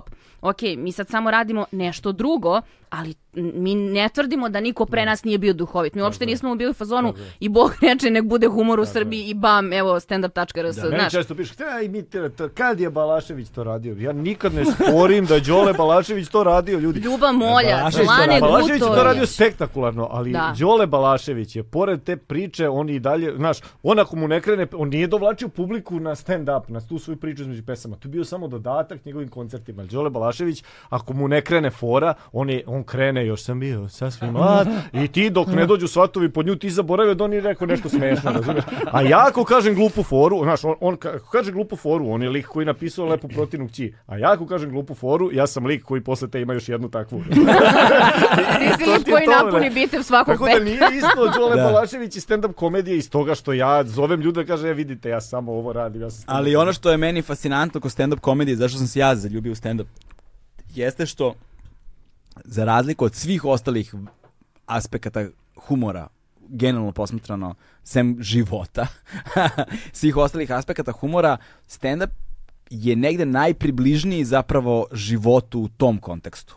Znaš, nema specijalnih efekata, nema muzike, nema rekvizita. Mislim, bit će muzika ako mi Cobi napiše Da, intro. ali Znači, ima nešto što nema u regularnom životu, a u stand-up komediji možda ima, nema, nema ograničenja. Da, e, da, zato što je to je kao hram, znaš, kao ti, s- ti sa kaputom koji ostavljaš na ulazu, ostavljaš i svoja ograničenja. Tako. Razumeš? Trebalo I onda bi, trebalo trebalo, bi, i onda ulaziš unutra i tu pristajemo jer to je kao ta zadnja linija odbrane. Ono sve ono zbog čega se danas najviše smejemo, ono zbog čega smo juče najviše brinuli. To ti je Znaš, kao seksualno odlazak na Tajland. E, Znaš, kao, recimo. Kako Peter- Peter tačno? Ašin. a nemam pojma, nisam bio nikad. Ne, Raša je išao samo po čaj.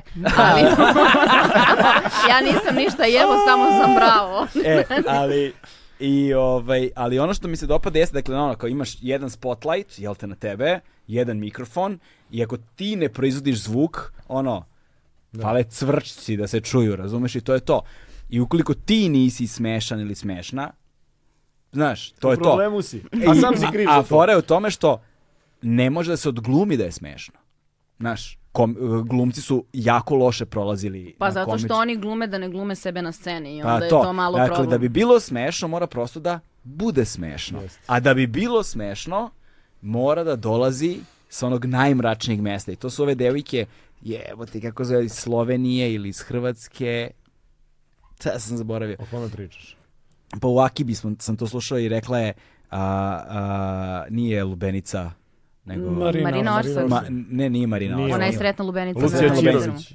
Nije, ona nije, iz nije, Slovenije. nije, Ne znam da li misliš na Sa- Martinu. ima, imala, imala je Martina, Martina Martina, Martina, Ivšić. Slovenija. Martina, da, iz Slovenije. Martina je rekla, i to mi se jako dopalo, rekla je u jednom trenutku, stand-up je, um, e, kaže, kaže, kao bizaran odlazak od psihijatra, ili tako nešto, Da. tako, tako nešto je rekla. Da, kao, da, da. znači, kao ja sad treba vama da kažem pred sobom punom potpunih stranaca stvari koje ne bih rekla sopstvenom psihijatru. I vi treba da se smejete za uzvrat. Znaš, kao, To je ono što je moj psihijatar rekao, zašto ja se prestanem da se bavim stand-upom. Zato što u jednom trenutku on je bio šta tvoji prijatelji znaju o tebi, što ne znaju ljudi koji su došli na stand-up. Kao, Da. zašto? Ok, to ali znači da opet tvoj terapeut ne razume stand-up ili terapeutkinja. terapeutkinja. Pa znaš šta, ona je bilo, ne, ona je meni objašnjavala zašto imam problem u svom privatnom životu, jer ne puštam ljude dalje od stand-upa, što je nelogično da držim ljude na toj distanci. Ovaj. Reci nam više o tome. I onda sam uzela neke lekove od lika iz Leskovca. Rašao Ovaj, ali nije, ne, ne, ne, pazi, e, Prvi stand-up... put si došao i o- ovako se Ljudi, prošao. ljudi ne shvataju koliko Poznat ljude je moda- lakše modafinilo rasplakati sadnost. nego nasmejati. Da. I, a mi volimo tu adrenalinsku vožnju, to da si napet i onda kao krene nastup i svima mi je super, ali pad koji ti imaš posle toga. Mi smo često pričali o to je tome. na rupa ogromna. E, e, ja sam imala s tim problem. Šta bude kada svi odu? Jer dok se mi vozimo na sceni, dok je taj adrenalin, neki ljudi u, uspiju da uhvate tu energiju i da ostanu na tom talasu. Dok, na primjer, gomila nas strašno padne posle nastupa i ti si onda imaš taj jedan užasan pik, zato što to si ti uradio. To veče, ta energija, ja strašno volim kada se svi osjećamo kao da smo u tom trenutku tih sat vremena bili najbolji prijatelji. Ja sam nešto ispričala, ali vi ste reagovali tako da se razumemo. Jer ti Podelili to, smo to. Da, podelili smo. Ti vidiš po ljudima, čega, ja, ja volim i heklere koji su kreativni. Znači, jednostavno imaš neke ljude koji mm, dopune tvoju priču. Ne mora to uvek da bude ono kao... Dobri hekleri su zapravo strava stvar. Zlata vrednost. Posledno Da. što, te- što, što sami prave setup. Da. Za tvoj punchline. I onda ti još imaš Ali ja erupciju. najviše volim ono što misle da mogu da te pobede u toj priči, da ti imaš mikrofon i zvučnike i celu publiku koja je platila tebe da gleda, a on misli da će on tu izaći. Dobro, ti si došao na nivo, platila tebe da gleda, razumeš? Kod nas dođu slučaj. Jebi ga, pa dođi ljudi da Samim te tim gledaju. imam jedan nastup, zapratite me na Instagramu Lela Radan. Na TikToku? E, isto sve Lela Radan. To sam promenila umetničko da bi mogla ljudima da ulazim u DM. Znaš, A, ranije mi je nik bio Halo Budalo.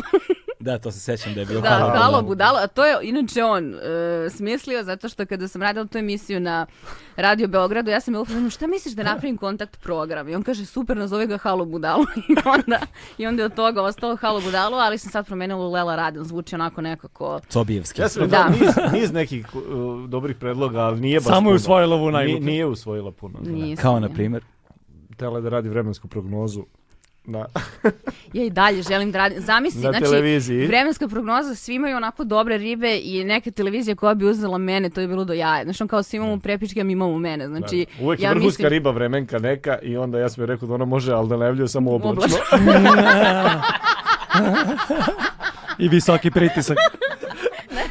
Ova vrhunska riba ti najavljaka, 25 stepeni sunčega, a sada Jelena Dalić rodi. Znači, Čim te vidim da ide oblak. O, Ko Oblač, medni dvojica. duroš kad najavlja da li je zima, ali dobro.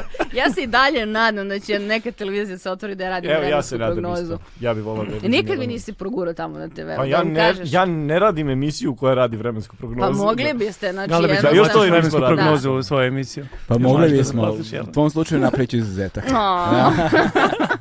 Ali moramo da napravimo neki dobar chroma key. E, ali znaš šta, meni je jedini gost od tvojih koji me interesuje već bio, tako da, znaš, Miloš A- Milaković, a- znaš, A on, ne, ja sam toliko puta htjela da uletim njemu u DM, znaš, ono, kao, tipa, kao, da nazvoj ako si s mom, mi bismo bili Jay-Z i Beyoncé srpske humorističke scene, znaš, ono, majko mila, ali nije on dečko kriv što meni nije dobro. majko mila, majko Isusova. Pozdrav za brata Milakovića. Znam da... A i on je iz Mitraje, znaš, Je, to je znam, nas, to sve nas, znam. nju to vuče. Ona je pobegla iz Mitraje, ali je vuče ta Mitrovica. vratim to korenima. je. On je strašan lik, brate, baš Gde je je Ne, strašan lik? on Car je, je brate. car, Ma, bre, car je, car je. Nemojte me car, car, car. Ne, on je toliki car da ne smijem ni da ga smaram, znaš, ono. Moje noge, moje noge. tvoje Kako noge. se- Ok, Moje zašto noge. se Šta- vas dvojica i neki pitate? običaj Tamo, Ovo noge. dvojice se pipaju, kao pričaju o Milaku, o Milaku i pipaju se ispod. ono. ovo. Ma- Naraslo Mazimo se ni lagano. 10 centimetara. Mm, Milače, Milače. Taman, ono, Ne, on učestvuju je- u onoj reklami toliko dobro da moramo se pipamo. Znaš, kao, to je novi Ne znam za reklamu, ali znam da je... Jay-Z i Da je, Beyoncé, da reci. je lik je totalni car Jeste, i svaka mu jeste, čast jeste, na svemu šalim. što radi. I ra- radi puno, brate. To mi se dopada Ali, isto. ali jeste, reci da li bismo bili Jay-Z i Beyoncé srpski humoristički. Neću ništa da scene. kažem. On, A brate, Ja ti moram Za- da za, počet- za, počet- za početak oboje niste tamno putirali. ja, ja moram da kažem, ja ne pratim nešto sad pretjerano YouTube scenu, ali... A ni na- Jay-Z, ni Ali Beyoncé. Jay-Z i Beyoncé specijalno ne scenu. pratim. Ali to koliko on, recimo on i, i brat Pelin, kako se zove, Stefan Papić, koliko Da, oni ulažu da. Ja ne znam ko je truda to. i On- rada, Sa- sasvim obična emisija. Koliko njih Radio one dvojica... fotomontaže. Fotomontaže. Sa kad poterom, surfa u sa poteri. poterom. Pogledaj, možda vidio. pogledaj. Potara šta? Napravio Zostalo. Ostalo. sebe, je umontirao u poteru i... A ne znam, nisam video. ja. Može, Kada mi isprati, Medić kaže, isprati, "Zastava koje zastava." zemlje? Radio je, paro, parodije radi, ono, fazon Leslie Nielsen i to. Ba, Stvarno, stvarno, stvarno, on i dvojica Parodije, Mil- Lesen, okej, okej, A ne- Lesen ne, okej, nisam okej, rekao okej. kako Znam, je bilo ne, ne, Lesen. ne, ne, nis- ne, ne znam, ne znam, Ima okej, fotomontaže okej. i ima tako neke skečeve de, de, de na, na tragu parodija. Aha, na- znači na liko i fazonu kao Leslie radi, Nielsena. radi humor, tako što Plus radi parodije. kao Da. edi- Parodije. edituje stvari Da. i Edituje to, okej, stvari, okej. ali ima i igrane delove, skečeve. on glumi, s- glumi, u on tim, ima ekipu da, koja da, da, glumi, da. između ostalog se Čekaj, Miloš čekaj, pojavljuje. čekaj, čekaj, čekaj, čekaj, čekaj, čekaj, Radio čekaj, čekaj, Crvenka čekaj, po čekaj, našem. ne, ne, Možda sve, ću čekaj, u čekaj, facu- čekaj, čekaj, čekaj, čekaj, čekaj, A, jesam li... Čekamo, Staj, staj, ne staj, možemo staj, nigde staj. poraziti Evo, da nema jel WC-a, on- ajde. Jel on, jel on Ajde, možda fo- fokus, radio... Fokus. Modafil, daj tabletu. Ode, ode, jebote, Radio ode. Crvenka čak. pu, radio Ne, ne, sad staj, juž- jel on radio um, sa Memedovićem Poteru? Da, brate. To vičemo već pet Zastava, to minuta, ti pričamo, zastava, zastava. Tako je. da, ne znam šta je rekao, E, ali vidi. mislim da sam tako nešto video. Jeste, jeste. E, Dosta. I moja, poenta moje priče je da on i Milak, na primjer, ulože nenormalno mnogo truda za, za tipa 5 sekundi, minut Da. video, Kao na, kao ono na video TikTok. materijala. Bukvalno za minut video materijala oni se iscimaju, nađu lokaciju, napišu scenarijo, urade da. to valja i to je neki odnos fenomenalan prema YouTube publici, prema i to ja vidim da publika i ceni do- dosta i da, da su Pa da, ali su znaš, dosta- ljudi vrlo često s- uzimaju stra- stvari zdravo za gotovo. Posebno recimo među starim generacijama, to sam provalio, ljudi koji ne cene TikTok. To se baš vidi. Znači tu baš imaš onako jednu kao sekirom podeljeno ono TikTok je kraj civilizacije kao takve i kao ekipa koja je TikTok, samo TikTok, znaš. A, Ehm, Ali taj mikro content u suštini koji zahteva Prvo, znaš, kao- sada je Instagram je objavio pre, ne znam, dva meseca da postaje video platforma. Ti sada i kada stavljaš video na Instagramu, oni s, em, imaju veći rič nego fotografija, zato što je Instagram shvatio da mora da ide za TikTokom, imaš Reels i sve. Što sad kao hoćemo Reels i hoćemo video na Instagram, ali nećemo TikTok. Ali opet postoje ljudi, Gde si Rašo, treba imamo da finili jedan jebote. ovdje ne, ti- ali na primjer, e, mi što pričamo ono. Čekaj, o TikToku, čekaj, se, on ima Bob Dylan majicu, ovo ima Iron Maiden majicu. Uš, dobar Ona je, ima brate. cobi majicu. ne, ja imam Irvas. A ja imam samo Edija, brate. I ima sedija, da, to je dovoljno. To je dovoljno. TikTok To je ovaj lik, eh, algoritam ima mnogo dobar i zato je on postao omiljena društvena mreža zato što brzo možeš da nabaviš followere. Ali Instagram je strašno pao zato što jednostavno imaš tih par influencera, oni nešto rastu, zarađuju od toga, nije bilo više zanimljivo, jer su ljudi odustajali od toga zato što su fotografije tih influencera postajale mnogo dobre. Ljudi su osjećali kao da oni ne mogu da proizvode takav kontent i onda na TikToku mnogo ti je lakše, brže, prvo su otišli zato, a posle zbog algoritma koji jako... Čuo sam. Popiješ malo klakera. Gotovo. Znači ono, ovo mi sipo nešto koči. U lubenicu, kao evo ti ovo od lubenice. Algoritam je mnogo dobar, ali na primjer postoje neki ljudi koji tvrde da ne znam, sad to su ste- evo, evo teorije zavere. Ajde, da da čujemo. tipa u Kini i u nekim drugim zemljama oni tebi izbacuju i nagrađuju edukativne sadržaje. Ali ti, na primjer, na TikToku imaš kod nas užasno poznate profile koji se bave Dobro, to nije fizikom, konspirativno. astronomijom i sad kao kod njih to nagrađuju, a u Americi idu na plesove kao konspirativno je da bi to da bi zaglupili tineđere kao Da, da, da. ajde njima to da boostujemo, ali Meni opet TikTok izgleda kao ono što ti mama govorila, kad, da- kad bi svi pojeli govno, da li bi i ti. Tako mi izgleda TikTok. Znaš šta, ja, Meni kao ovo. Ne, pazi, ono što sam provalio jeste da Kina, na primjer u Kini to imaju, to nije konspirativno. Dakle, oni imaju taj kao a, a, kulturnu politiku koja se sprovodi kroz državu, jel Da, te, kroz i kao državni društvene. aparat, jel te, i kao koji industriji TikTok tu se ne odvaja jer ti nema šanse da u privatan biznis u tom kontekstu u Kini da imaš van nadzora države. I da zaista oni imaju to, kao algoritamski guraju, jer oni žele Šta za... guraju, edukativne sadržaje. Tako Da. je, da. Jer oni žele za 15 godina da imaju Zdrave vodeći omladine. svemirski Normalno. program, a da blizu Tako su već vodeći, ne znam. Nisu blizu, mi smo tu negde. da, da, da, da, mi smo tu. Mi sad Znaš, imamo voz pola koji ide ljudi, brzo ovako, sad samo treba da ga uspravimo. da, pola ljudi, pola ljudi koji je gledalo uh, Houston We Have a Problem misli da je dokumentarac. Znaš, Da, kao- da, da, da, da, bukvalno to. E, a, tako da taj deo nije konspirativan. Kinezi to stvarno imaju. I imaju, znam da imaju onu foru kao um, e, vreme pristupa Internet za klince. za klince, da, kao da imaju to, kao ti se uđeš na telefon i uđeš i kao ne radi TikTok, ono, Ali od ono- 10 do ne znam koliko jutro. Da, da, da. ali ja na TikToku najviše volim da gledam profile za čišćenje. Znači, to je Šta sad su profili za čišćenje? Uh, profili koji ti kažu kako da očistiš kuću i to je užasno, to? užasno su popularni, imaš taj clean talk, gde Clean bukvalno... talk. Clean talk.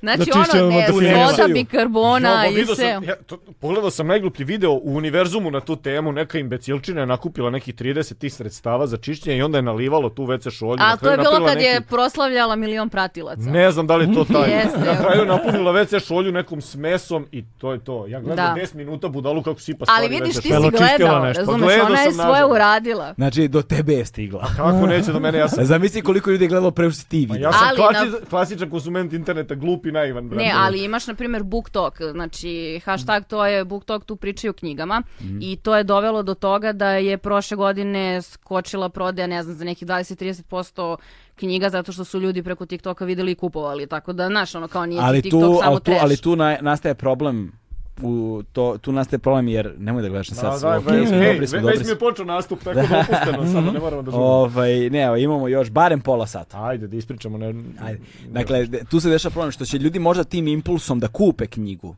ali je neće nužno pročitati. Pa znaš šta, ja sam ih pročitala, ja sad radim recenziju erotskih romana na TikToku. Priča nam malo o tome. Koji je najbolji erotski roman? Ko- Ajmo, ajmo ovako, ajmo ovako, ajmo ovako. Od ajmo, bitnih čekaj, stvari stani, da stani, stani, Ajmo, ajmo ovako. čekaj, Ajmo odokativnom metodom. Dakle, Vreme smrti, da. Koliko si otprilike erotskih romana pročitala? E, pročitala sam nekih dvadesetak, ali ja čitam samo one užasno treš, kao što je 300, e, 50 njansi sive i tako to, ali mene to užasno zabavlja. Meni je 50 njansi... to užasno uzbuđuje. Ne, ne, ne, 50 Samo, samo, njansi samo. sive je najbolja komedija koju sam ja u Izvini, životu sekund, gledala. sekund, sekund, sekund. Dakle, rekla si nešto, kaže, čitaš samo trash erotske romane. Postoje erotski romani koji nisu trash. E, ja sam to sad krenula da istražujem, Mhm. zato što, Va, pazi, na, tebi se neka dela od Bukovskog vode kao, Treš erotski. kao roman. erotski romani, na primjer njegove žene po kategoriji, ljudi to umeju da Izvini, se- Poezija ovo Radomira eksperimentiš sa- Belačevića. Sa lekovima, ova sa erotskim romanima, od mene ne očekuj previše.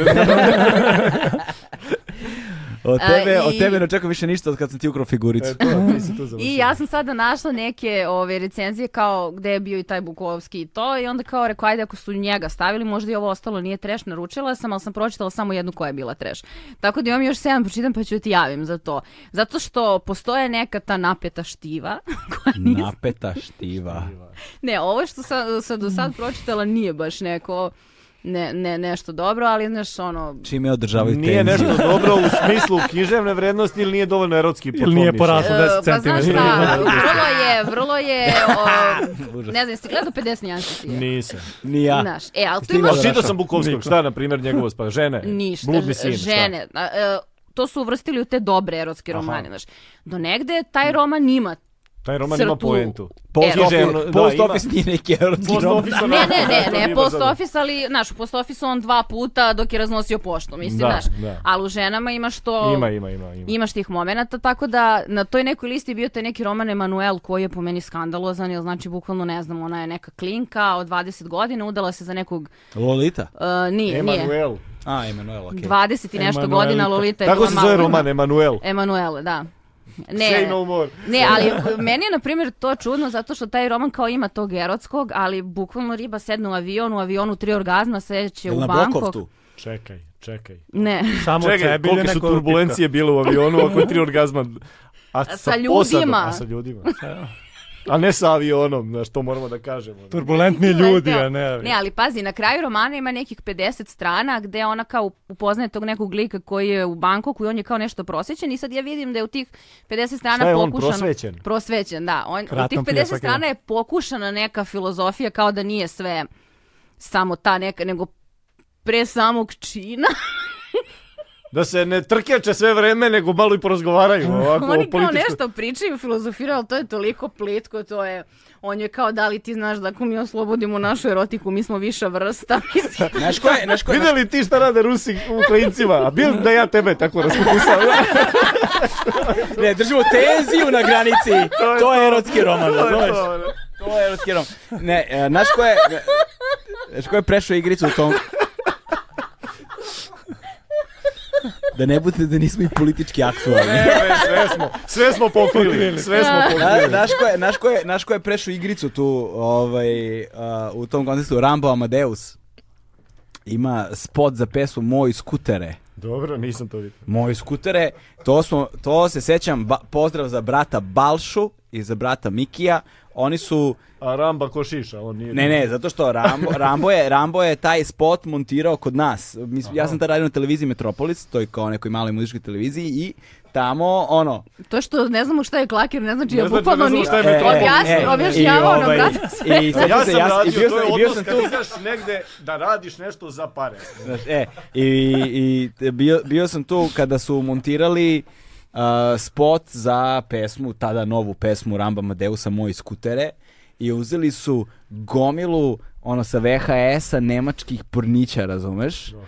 Uzeli su gomilu nemačkih pornića i onda su samo uzimali intro scene pred karanje, razumeš? I montirali su ono toga. Znači one mučenike što otvaraju vrata. samo. To, znaš, i samo ono otvori Pizza. vrata. Ili, na primjer, kao naš li, lik, lik jebe kako se spušta i podiže, tako sam više glava, glava, glava. znaš, kao, popuno, ono, pre, ne, to, je stvarno taj, genijalno. taj spot je toliko genijalan. Da, nisam vidio taj spot nikad. Moj Kakve skuter, veze to ima sa skuterom? e, sad to je Pa Mislim, pozdrav. sad će mi puštati. Pozdrav jet ski. Neću sad ti puštati, ćemo pravimo YouTube žurku ovde, razumiješ, samo da, Ajde, da- samo da vidim da se ništa zove nisi. moj skutere, to hoću da To kažem. si garant pogrešio. Svaki put, kad, i prošli put, kad god si mi nešto pričao, sve si pogrešio. Lagao te. Lagao me non stop. Jedino, jedino je... Jeste moj skutere, se Jel zove. jeste? Moj skutere. Rambo Amadeus, moj skutere. A to je lepa priča. Evo više kako izgleda. To je lepa priča. To je sve... Je li to iz Neka Kornića? mi Ne Da, moram da, ništa da, da, Mm. da- da, da, da. Za, za ljude koji, koji samo slušaju, Galeb je pustio spot i ide neki brod po nekom moru. Ne, sad će posle, ne, vidjet ćete posle. A, o, neću da On ostavim link. nama Ne, pre! ne, bio sam, Ne, posle. ne, bio sam, bio sam, bio sam u fazonu kao, ostavit ćemo link posle podcasta da ljudi mogu, ba, brate, mogu googlaju, ono. Da, da, da, Tražite googlajte Rambo. moj Rambo, skutere. moji skutere i kao, recite da Ali ste, ostavit ćemo... i recite da ste kod nas Galeba videli. čuli. razumete, Da ste kod Ali nas čuli ostavit za ćemo to. gomilu linkova za sve te porniće koji imaju. Da, da, potražimo. E, to bi bilo dobro zapravo. Da. Kao da ostavi- ostavim... da- E, Ne znam da- zašto gledaš u mene, kao da li bi ti prepoznala ove kadrove? Znači, Da, ali toga nema, to su oni VHS pornići, to verovatno nema ni na jednom sad, ono... Digitalnom servisu, Pa da, da, neko to nije ima digit- iza ćale Imaš na Pornhubu celu ovaj, kategoriju Vintage ono kao, vintage, a da, dobro, gde je da. gomila tih sa VHS-a Ništa, prebačena. morat ću da kažem Ivanoviću da me nema mjesec dana u emisiji i ne, nemam nastupe, proveravam nešto. Jem stalno. istraživački rad. Šta misliš, jel postoji zapravo ekipa koja digitalizuje Da, trash da. erotske, ne porno, erotske. Da, Da. ima Zoki jedan u Maloj Bosni kod nas. On je treba, otko znam da li ima, brate, ima sigurno. A kao, i sad, kao, znaš, sad misliš kao to niko ne radi, odjednom shvatiš da postoji cela subkultura. ono. Pa naravno da ima. Prvo verovatno, zato što sigurno. ako imaš kategoriju vintage i retro na Pornhubu, a imaš i te kao ženske porniće koji su, nisu više ni soft, nego su kao Kao samo razgovor. Pasivno agresivni Kao razgovor. podcaste slušaju. Razero, ima stand up na srpskom, imaju i vintage pornici, evo. Još vintage pornice, nemoj da misliš da ne. Ne, ne, ne, erotske filmove. E. A, erotske ne, ne, ne, filmove, Galeb ne. je nežan čovek, znaš, on Da, da, on ne priča, voli on- da se vidi, to je mu Da. gadno. ne. On, on voli one japanske što su zamućeni. Ja ne, sam mnogi tri- ljudi veruju da je bilo koji napredak tehnologije nastao zbog pornića, znači ono kao napredak u kameri je A šta nastao nije? da bi A šta se... nije kao? Mnogi ljudi Moram veruju. da se piješ, mada mogu bi i ja kao. Naravno Ne, ali pa- da. pazi, Ali dosta ti imaš ljudi nastup. piše o tome da je napredak kamere i nastao zbog boljih uglova za snimanje u porno industriji, da je to ono što motiviše ljude. I brijač da je bi- zbog toga izmišljen, zbog... Ne bi. Kao sam u fazonu, razmišljam da li, koliko to do- dobro prolazi kao fora, kao, znaš. Ne, ne prolazi, kao što vidiš ne prolazi, to je dosta tužno. E, ne znam, ali bih mogao da pretpostavim da ima smisla. Pa ima smisla A- sve što ja govorim, samo ljudi. Ne mislim, ne govorimo o tebi, govorimo o njoj. Aha. S- Ljudi, Onda nema. veruj mi, ne bi verovao šta sve ljudi seksualizuju. Pa Em, verovao bih. Pa verovao bih. Ali ona kaže, ne bi verovao šta se ljudi seksualizuju. Ja kažem da si ti gurao picu u video rekorder, ona kaže, a, ninja kornjače i... Pa da, ona odmah pogodila o čemu se radi. Ko zna šta je mislila. Zato što ima smisla. Pa da. Ja A sam naravno, a mislila to je da misli normalno. da je rerna. Ja mislim zato da je što... normalno u ljudskoj prirodi da seksualizuju sve, mislim, to je. Šta ti misliš o tom mikrofonu? Da mi neprijatno udarano u lice, da. Bararen. Da, da. da je crn i da mi je neprijatno uperen u lice i da ga sve ovako, sve ovako sklanjam. Da. da me podsjeća kad smo nastupali Gale Bija širom Srbije. Gleda ti kao da raste E, 10 cm svaki put. e, tad sam ja ostio taj moment, iziš na binu i ne žele tebe da vide. Tad je zavoleo stand-up. da, da, baš sam ga zavoleo. Tako da, e, a, u tom kontekstu se vratimo na Rašin. Rašo, reci nam Na par crncu. stvari. o- A, Rašio ga, evo ga bacaš. Lep je. Jel sa punjažma Ne, da, čora? da, da, ne, neka si, Stojane, stojane. ne. Rašo, kad si bio na tim lekovima, to uticalo na E, rernu. znaš da sam mrzao crnce u srednjoj školi? Ovo, nis, ovo nisam očekivao, moram da ga... Ovo nisam očekivao. Dobro. Molim te, nastavi. Ne, Vraćamo se na modafinile. Da, reci, Ne. što vi kako ti E, ali tako nam je bilo prijatno kod Galeba. Ali mrzeo crnce u srednjoj školi, onda kad završiš... Znači- Ali mislim ništa crnce posebno, sve sam mrzao, samo su crnce bio deo tog mindseta. Samo ti nastavi da pričaš, To je deo slušam te. odrastanja. Mm, To je deo odrastanja. Ti u srednjoj školi, u osnovnoj mrziš kineze, onda je u srednjoj crnce. Tako. Ne, Kako ne, ti sve te- sam u srednjoj, ceo komplet sam. Kako ti taj mrzeo. mikrofon prija onda? A, pa sad je lepo, sad, sam- sad sam zavolao crnce, kad sam zavolao i hip hop i sve. Jao, Sad, majko okej, sad volim da ga Isusa. pipkam. E, se sjećate kad sam ja muvala Miloša?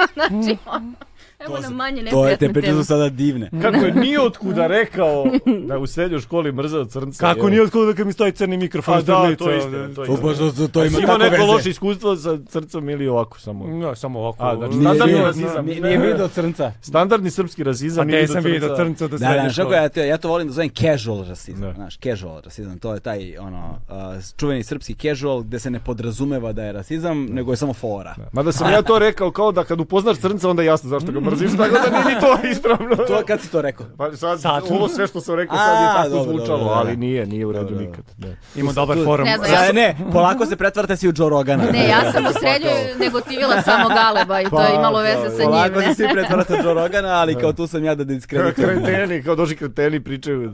Ću, samo Rašo ćuti. Ne, ne, ne, ja, ja, ja, ja, ja sam fina, ali u srednju tebe nisam gotivila, ali to je... A što sad- nisi? Ti si Ivana Šarića više. ovo. Ne, ja sam bila užasno ljubomorna na njega, jer sam ja tad radila na radiju Delfin i onda smo išli na exit i dobili smo neke karte i mm, moj pres je bio samo do određene granice i svaki put mogu da snimim to i to i onda na toj granici samo vidiš Galeba koji prolazi, radi prilog i kao ide ja sam ono kao bila ljubomorna, kao zašto on može tamo da uđe, mi ne možemo. A ja sam mrzeo, a ja sam, a ja sam mrzeo ove Engleze, Amerikance i ostale, jer onda ja tako idem i dođem do jedne granice i onda od te granice prolaze samo Da. samo samo zapravo važni Ali ljudi. mislim da je meni, e, ali na primjer ja jesam imala predrasude o tebi, e, sjećam se... Jebate šta radimo. Veče hejta, gale. radimo? meni Ne, veče. ne, ne, ne. Slušam ja, slušam ja. Ne, ali pri, e, kada si došao na naš prvi stand-up i dolaziš i ja sam mislila da ćeš biti od onih likova koji će da kaže a ja bio u Njujorku vi govna, znači Na, znaš, kao, ne znam, jer smo navikli od te neke urbanije ekipe da uglavnom te komentare dobijamo. I onda si došao, bili smo u Domu omladine. I bio si kao, ne, kao, ovi što radite je super. I tu negde sam shvatila ono što smo pričali od samog početka. Ljudi koji rade nešto znaju da cene ono što ti radiš. Jer mi u tom trenutku, to je bilo na nekom našem početku, nije to sve baš bilo ni sada, ono, nije najbolje, ali ljudi koji znaju da prepoznaju da će Znate, to možda biti nešto i da. koji rade, a i posle kada smo trebali da srađujemo na jednom projektu kad smo pričali, ti si meni tek tada objasnio i koja je tvoja priča. Da. Da s- koliko si se ti borio sa svim tim što mi mislimo E, Da je, o, o, da. je ono kao neka, ne- neka tvoja istina i Ali prepisujemo tako je uvek, ti. tako da. je uvek, tako, je- uvek, tako je uvek, tako je uvek. I to je ono što je meni recimo fascinantno kod likova kao što je Srđan pre svega, na primjer. Potpuno odsustvo, bilo Ne, ne, kakvog ne, nije, nije, nije, misli. nije, od- ne odsustvo, nego što je on te mehanizme razvio do tog nivoa da on više ni ne može da vodi ozbiljan razgovor. Da, da, Da. to je super, da. Znaš, on više ne može da vodi ozbiljan razgovor. Znači, Kako on ne više, mogu? Pitam, on, je, evo, on, je, pitam. on je sam sebi ugasio dostupnost. Ugasio sebi raciju bilo kakav. Znaš, Ja, mislim da je on ugasio pet viskija Ali to je, ovde. ne, ne, ne, ali to je nažalost istina. znaš, kao, ja ne mogu- znam, znaš, on je moja žena kad se alkoholičar, naljuti brate. na, moja žena kad se naljuti na mene, to je ozbiljan razgovor. Mhm. Ako ne želiš ozbiljan razgovor, za- ugasio si. Ja ne znam kako on vodi ozbiljan Da, razgovor sa nikako, suprugom. Ne, nikako nikako. to spre- ne, nikako. Ali nije to samo kod njega, to je svima nama problem. Da, da. Zato što je to negde... Meni to nije problem, ja moram da kažem. Ali jeste ti problem, e, n- tebi nije, ali osobi koja razgovara sa tobom jeste, da, zato što to ti... se slažem, ali, ali- ali meni Ali nije. znaš šta je problem? Što ti, Jo, A jo. ne, najbolje ćemo marimo za druge osobe, nemoj se zajebavamo. da, ali ti kad pričaš i kada se šališ ta osoba nikad ne zna da li si ti ozbiljan ili nisi, ali opet humor je odličan odbrambeni mehanizam jer ti daje odstupnicu. Ti si se sad našalio, Na primjer, da li sad ja stvarno muvam nekog ili ne muva, a razumeš, a ja kao hi hi hi ha ha, a ja ono bolesnik. Znaš, tako da... uvek Dobar imaš- punchline ra- za razbija svaku situaciju. Da, i možeš samo da što je pobediš. samo je fora u tome što je ozbiljna situacija, to mora bolji punchline i delivery da bude, razumeš? Ali Ali, Da, na ali primjer, moraš sve gomila da to kažeš. novih komičara koji želi da se bavi ovim m, neće da shvati kao kritiku, jer žele da už- budu užasno kontraverzni, nisi spreman. Ne. Postoje neke fore koje sam ja zapisala 2011. kad sam krenula se bavim ovim stvari u kojima bih voljela da pričam. Nisam još, n- nemam još dovoljno dobar razvijen Mm. mehanizam da mogu to da kažem na sceni, a da me razumeš na pravi način. A gomila ljudi vidi to.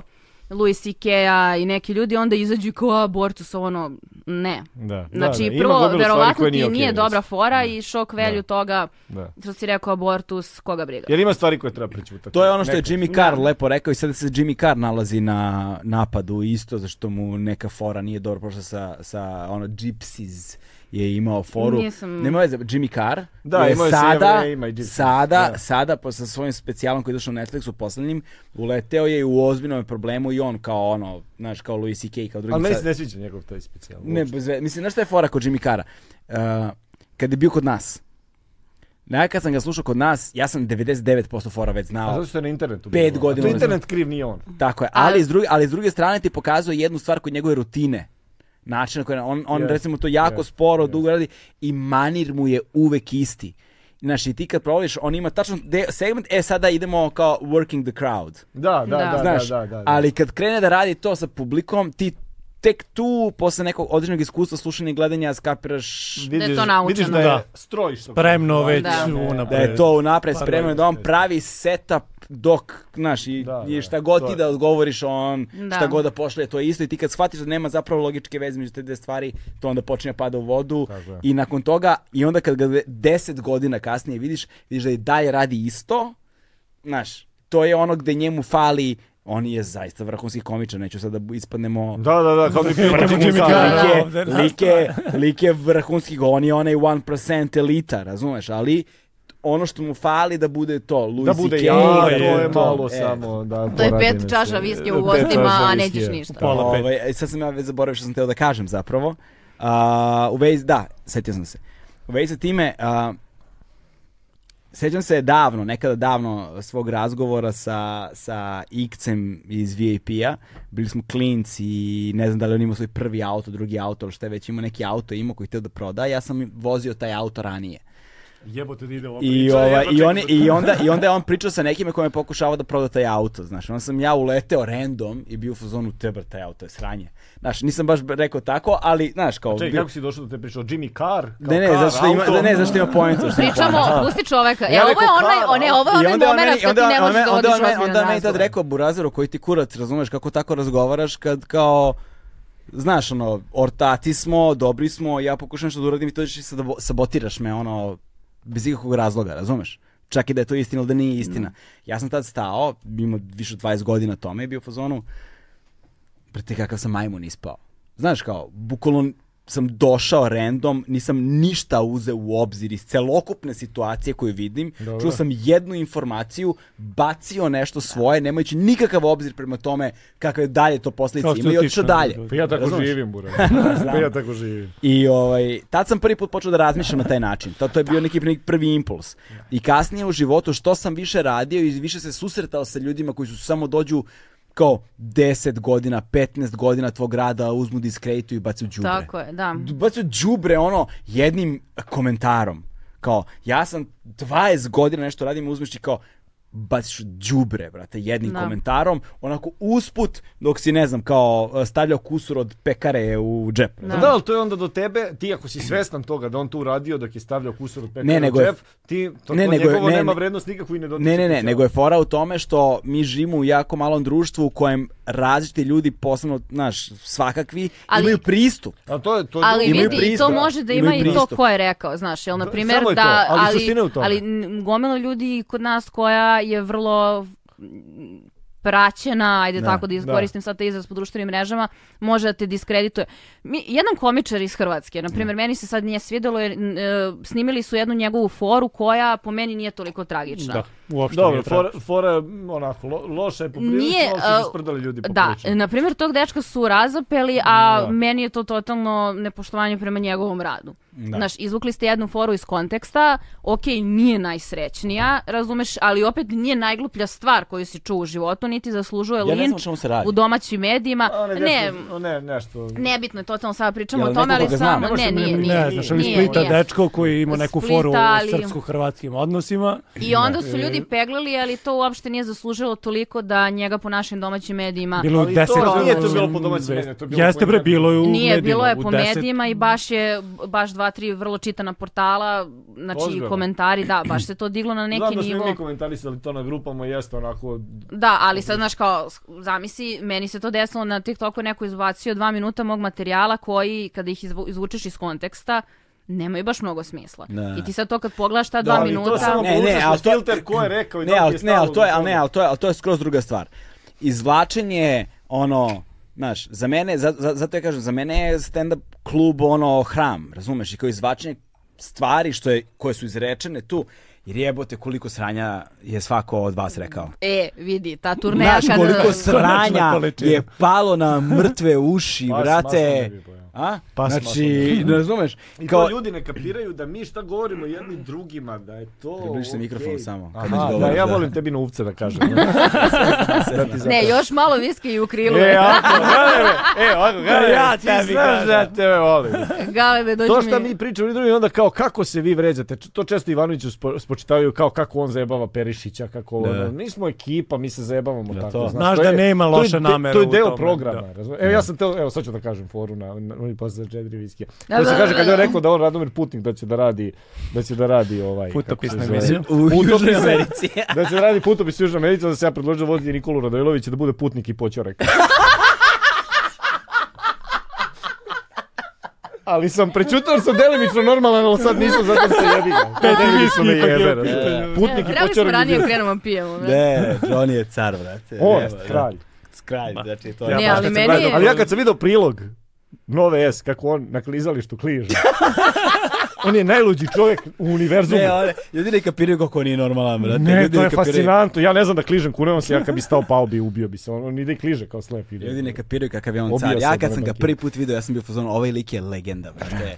I ljudi i dalje ne kapiraju koja je on legenda, ali skapiraju. Ljudi, će. E, ljudi meni- moraju sad da on se bavi stand-upom. Kliže, on svira u bendu, Završi istoriju sa 9, završio istoriju. prosekom. Da. brzo A ga- da li ti veruješ da dođu ljudi na stand-up koji ne shvataju da je on slep? Mi smo Znaš, imali... On se toliko dobro, dobro drži na bini. Da, ali na, meni je, Daredevil. ja mislim da je najgluplja stvar koju sam uradila, baš kad smo pričali nešto, John i ja, ja njemu kažem, pa znaš kao, uh, komentarisali smo od toga da ljudi stvarno dođu na nastup i misle da on folira da je slep. Zato što je... Kao stage persona, slep sam. Da. ali on, on ima neverovatno dobru me, m- motoriku. Loži se na Marvel, Ali ono. opet, znaš šta je problem? Ja sam onda... E, Šta, Daredevil? Da. Da, naravno. Ja sam onda bila kao, pa dobro, Johnny, ti na društvenim mrežama kao ne deluješ kao da si slep. I onda, sad ja razmišljam zašto sam ja to rekla, otkud ja znam kako se ponaša slep. Sad ja njemu nabacujem stereotipe kako Tako bi je. na društvenim mrežama trebalo se ponaša On bude slep. još sleplji. Da, da. Znaš kako možeš da budeš slepljen? Ovi ostali što su slepi na društvenim mrežama bukvalno poslepi. Da, Ono je znaš. katastrofa. I onda, onda shvatam da u suštini mi, umjesto da pustimo njega da nam ispriča njegovu priču i da to pratimo, ja sam kao u fazonu možda u marketiške srce malo, znaš, kao... Da, da, malo ti pipa i malo se penji na stage duže. On, i mi idemo u Valjevo, ja vozim, Malo, pokaži. Jevo. ja vozim, on sedi pored mene i kaže on, gde smo sad, rekao, blizu železnika, a tu je raskrsnica, ovdje je levo zgrada, ovo, ono, ja ga gledam i počeo mašem rukom ispred njega, rekao, ovaj vidi, lik, znaš, nenormalno Ne- snalaženje u nenormalno. prostoru. Ja. Bukvalno Znači, nenormalno. i, znaš, ali na- ja sam isto njemu rekla, ja sam prva bila osoba koja je pitala kako ti ideš u WC, mene naj, najiskreniji interesuje. Ima, znaš, ima, ono ima, kao- ima, ima ovaj... Uh, Eho, lokaciju. ne, ne, ne, kako se, kako se... I neko žišniš, znaš, ne, ne, ne. obijanje Ne, zvukova, nego znaš, op, Jimmy, op, op, Jimmy, meca zvolje. Jimmy, Jimmy, kako se zove, australijanac? Jim Jeffries. Jim Jeffries. Jim Jeffries ima kada ima u alkoholokaustu. Da, Kada ome, lik ometen u razvoju svršava. Ne, nego, nego, nego kada... Nije kada umetno briše razvoj- dupe, Kada vas. slepa Vuh, zbriše vuh. da, da, to, to, to, to, alkoholokaustu. Ne, da. ali znaš kao te neke stvari ono, i onda on kad tu ispriča i ljudi i na sve to što oni ispričaju ti iz svoj experience kao je ovo kao prop, znaš. Ali to je zato što mi nismo navikli da viđamo slepe ljudi i ne shvatamo uopšte, Tako je, znaš, tako mi je, bravo, njih da. tumačimo iz filmova. Da, da, gde da. oni to glume, ali meni je najbolje kad je Jim Jeffries radio svoju seriju, imao je sitcom Legit. i, Jeste, da, jeste. legit, To je i tačno. pojavljuje se, ja mislim, dečko koji ima cerebralnu paralizu. I on je hteo da njega glumi lik koji je inspirisao njegov stand-up, ali njega nisu uzeli da to glumi jer on fizički nije mogao da izvede sve scene. A onda je Jim Jeffries bio u fazonu, čekaj šta mi onda snimamo ako lik koji ima tu bolest ne može to da uradi. Da, da, da, Znaš da, kao o da, čemu slušam. pričamo. Tako da, Johnny ja volim zato što on razbija sve stereotipe. Čak i svi mi koji mislimo da smo kao ne znam nešto shvatili, jesmo, ono, Onu stvar, tako da. jesmo crni mikrofon da ne kažem, ali Ne, Johnny ima to nešto, znaš, što ne znam kako se razvija u ljudskom, ljudskoj prirodi, ali, znaš, ljudi ne uzimaju u obzir, ono, da, znaš, nekako, mislim da olako shvataju to i mislim da je naše društvo tako koncipirano da je njemu mnogo teži put da se probije do zapravo to je te mainstream publike, bez obzira čak i da ima njoj dostup. Da ima njoj Ali pristup. on je sada sa njima U u emisiji. emisiji. Jeste, da, jeste. da, da. Jeste i snalazi se spektakularno. car, brate. Spektakularno, car. zato što je on jedan odgovoran, inteligentan tip. Ma ne, on je pre Znači, svega, njemu- bre, car bre jedan. Da. znaš, car, I on ima car onu je bre jedan. posvećenost da sedi i da piše. Da, Da, e, nevjerovatno. on ima Vredniji radnu od svih etiku. nas. Radno je što, E, da. Ja kad sam shvatio da on, znaš, Jer on ne gubi vreme na Netflix, razumeš? I onda on Da, da. sebe i, i ne, ispiči to u razredu, razumeš? A ja ko debil. Da će Znači, neko morati ovo da seče i montira. Ne, ne, Znaš, da, ovaj ne, brzi ne. srce, Pa ovaj ja, se- ja, ja drndam slepe ljude. znaš. ne Zeo. seče niko ništa, brate, ne seče niko ništa. To je Ne, to. ne, Johnny je car. Znaš, tako da u, u tom u tom kontekstu i to je ono što se i to je ono što se meni dopalo kada sam prvi put video zapravo se dešava stand up ovde. Kada je bio blow a bar i šta znam, znaš, ja sam E, ja tu je sam. sad teretana. Ja. Ide, bro, Bilo je kurac. teško tad, bilo je i sad. je teško, znaš. Znaš, e, ovaj, jer kao tu sam, znaš, od samog početka i pratim, jer ja sam go- godinama sam pratio stand-up pre nego što je stand-up ovde počeo se deša, kao i svi mi, verovatno, znaš. Ali ja sam baš bio ono, zagriženi. Hoćeš da kažeš da si više od nas pratio? Pa ne, ali ja sam bio jedan, od onih- ja sam bio taj, ono, skupljao sam, znaš, pratio sam. Bio sam s ekipom koja je baš pratila, recimo, Ivan Šarić iz Hrvatske, Da. šta god ljudi mislili o njemu sada, nas dvojica smo pre, ne znam, 2005 6 7 pre nego što je on i ikad radio svoj prvi stand-up ili bilo šta probao, znam da smo nas dvojica bili hrčki, ono, tako, to, je nam, to nam je bila tačka kontakta. Kako je? Hrčci. Ono, Hrčci. Znaš, To je, bila, znaš, to, je bila, to je bila naša tačka kontakta, jedna Ali dobro, kao... svi smo šerovali one diskove sa Izardom, Dilanom Da, Moranom, mislim da je to... Da, to i ono, sećam Ne, se Little prvi- Tortilla Boy. To, to Brate, je najšarovaniji stand-up ikad, verovatno. To je, to je, ja mislim, Ma, deve- ja- 90% ljudi koji su ozbiljno u stand-upu verovatno bio prvi kontakt sa stand-upom je bio tortilja i Kako se get zove down, on? get down again. ono. Ne, Kako se zove on? Uh, Pablo Francisco. Pablo Francisco. Da, Pablo E, a Francisco. on je bio sad nedavno ovde i posle 30 godina i dalje... e, Radi to je- isto. da, One man, u- u- A ono one nešto je Anđeo. bilo na bazenima, ili tako nešto? Ne, Nije u nije. tomu bio. sindikatu. Dom- Kao on je bio na bazenima nastupao Ne, čovjek. ne, nešto je bilo na Plivao. 25 majna bazenima, nešto su bili Ne neki, znam, neka ne pred znam. 30 godina Mislim da je poznati. bio u kombang dvorani, ili tako? negdje. Jeste, Ali e, pre to nisam- nastupa je išao na bazenu. A to nisam ni Plivao. želao da idem da vidim, ono. Ja isto, mene nije interesovalo. Nije nisam mi znao. interesantno, ali recimo Dylan Moran mi je pokidao doma sindikata. On je car. I Isto. zuo. Ali što je Sari van nastupa. Da, On je jedini da. od tih koji su dolazili I da se Edi je družio sa car, nama. isto. E, Edi Jedi, se družio čar. sa nama, nisi Jedi, bio jedi, tu. jedi, jedi, Ja je sam spektakularno. Ali ja Došao, mislim, ne izvinjavam znam, se. nama je najviše A značilo Dilana Znači, ono što su smo smarali u KC...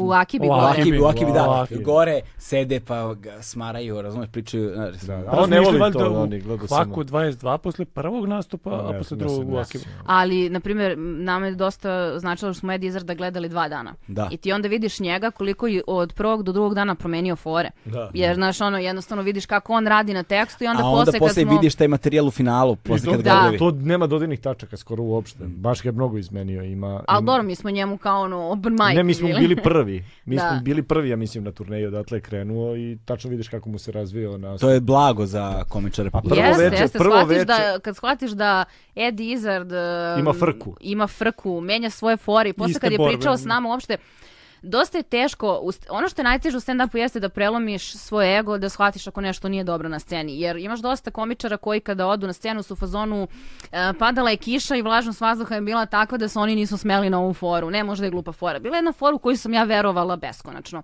Mm, pet puta nije prošla i ja sam onda pričala s ljudima i shvatila sam da umesto ja treba da kažem ti ili tako nešto je bilo glupo, jednostavno ljudi nisu razumeli šta sam ja htjela da kažem. E sad ti tebi, sebi treba priznaš kao to nije prošlo Tako je moja pet žena. puta. Isto tako, da, da. Kako, znaš, ono, jednostavno neke stvari, onda kad čuješ od Edi Izarda da i on Mm. tako radi, a opet taj nivo da smeš sebi da priznaš da nešto što si pisao, možda čak u neku foru i baš, baš ono veruješ da će biti dobra, ja ne možeš da znaš drugačije osim dok ne izađeš pred publiku. Da. I onda, znaš, kao imaš gomilu ljudi koji kao nisu se smeli, a sam su više intelektualan.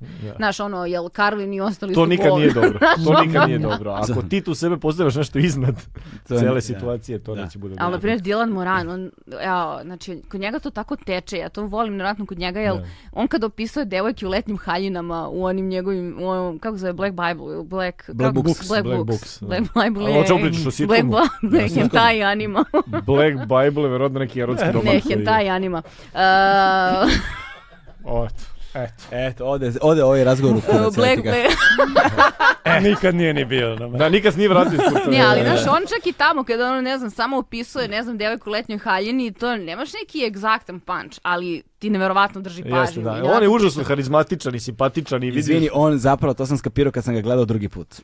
On ima egzaktne pančeve, samo što je njegov manir takav da on ne stavlja nikakav akcenat na njih. Da, da, on... Ti pančevi samo prolaze da, da. suptilno, pa ti ako si ih ukačio. Da, tako je. I on tako izgleda neobaveza, razbarušen. Tako, Tako, on raš, samo tako ono, priča, nešto pa ti, priča. je- i on samo tako priča, ti ako si uka, ukačila panč dok je on pričao, Pa da. ukačila si ga. Da, Ako da. nisi, Da. jebi ga nisi. Jeste, E, Meni je Znaš, najbolje kad je i on to mi stupa se u domu strašno sviđa. omladine i on, on čovjek stvarno za nastup popije flašu vina uvek. Da, i posle. ima na rajderu tačno koju i kad je nastupa u domu omladine neko iz publike kao da li hoćeš da probaš rakiju.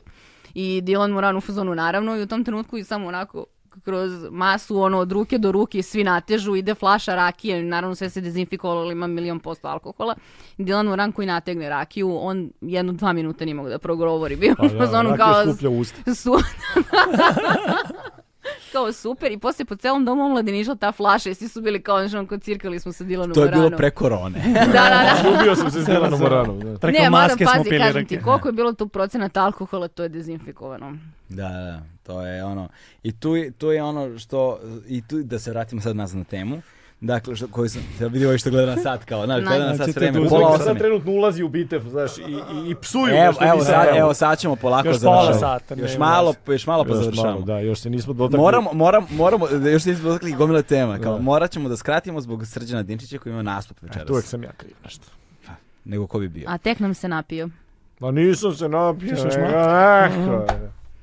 Ovaj, I tu je ono, uh, kada, kada sam, znači, kao pratimo svi, jel te, i on se dešava stand-up kod nas i prva, prvi kontakt sa time nije mi bio na nastupu, nisam ja čuo pa otišao na prva, de- prve, kontakt, prve nastupe i tako Da, dalje, nego, bolo sam, ti kurac, nego, mi, da. nego od ljudi koji su bili, kao dolaze mi inf- inputi i ljudi kreću sa tim standardima, kao jo, brate, sranje, jo, brate, Ti su znaš. bili na mom nastupu, ili? I na Viklerovom, na primjer, znaš to. A Dor, to je bilo sranje, realno. Nemojmo se lagati, on je izašao, ja. Znaš, ali ima muda veća nego bilo ko u tom trenutku, Pa znaš. nije, pa vidi, prvo on ima više, više iskustva Alkohola na u sceni. sebi je, da. ima. A onda je iskoristio to iskustvo na sceni u...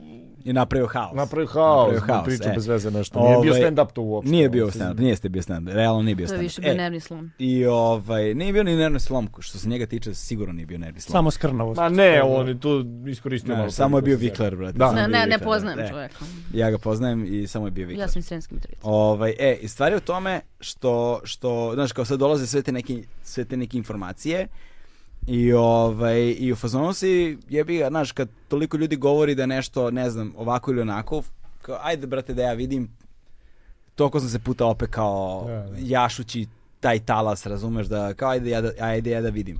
I onda ja vidim i kao naravno vidiš ti su sad tonu nekih mana. Ali ono što vidiš u celom moru svega toga, posebno kad staviš paralelno sa slikom onoga što kao iz Amerike prevashodno, jel te, dolazi, ti vidiš nešto što je u začetku.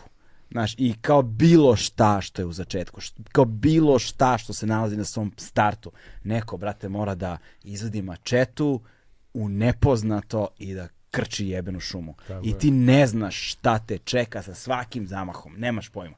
Mm. Nemaš pojma. Negde, meni je to, mene često pitaju kao koja je razlika između toga biti žena i ženski ili muški stand-up komičar kao da sam bila oba, ali uh, meni je bilo, Srđan je samo digo obru, Srđan je samo digo obru. Dovoljno reći. Ja mislim da, ja nisam u početku kada je bilo negde nas petora koji smo to radili, S- Srđan Šone, Perišić Ilić, ja, mi smo bili ta milicina negde prva petorka, mislim da su nas sve toliko hejtali da čak nije bilo bitno ni što sam žena. Znači to je bio jedini trenutak gde sam ja bila ravnopravna. Znači brzili su nas kao srpski stand-up. Reci Posle smo Rašo, se- reci Rašo nešto nam bude da si posljedna stvar koju si rekao da budeš crnice. To je to, s tim sam se odjavljam iz emisije.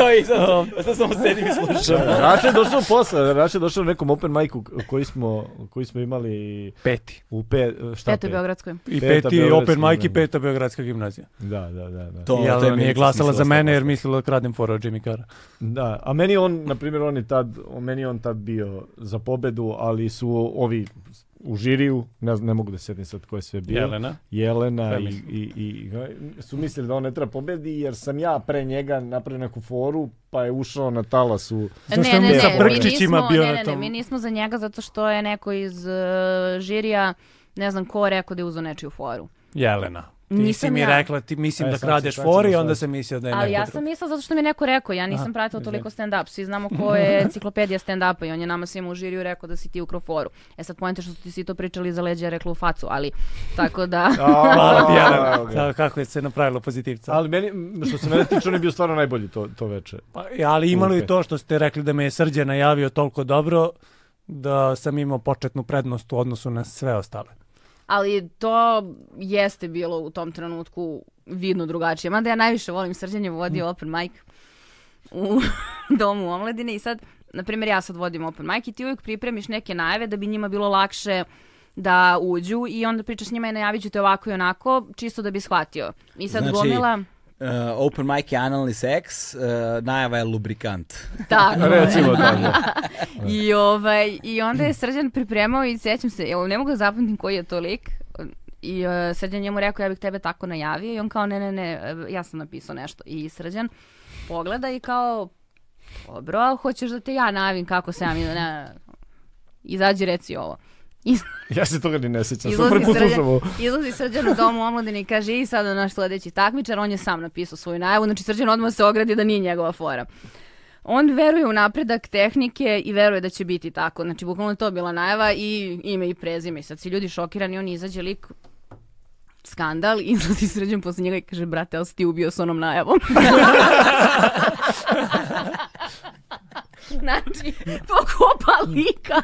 Znači, ne da ga više niko nije video na open micu, nije ga video nigde. Znači, ali izlazi srđak. A ja sam si E, ti izašao ubio sa sa mnom, brkčićima i havajskom košuljom i Srđan je rekao Ovaj sledeći komentar izgleda kao plod cilovanja Nika Slotera i Gidre Bojanića.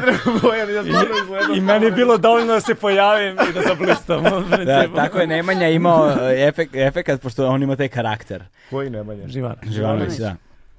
Dolazim, do, dola, kad sam ga njega prvi put video, on izlazi na binu, jedno minut stoji ovako ispred mikrofona i gleda publiku.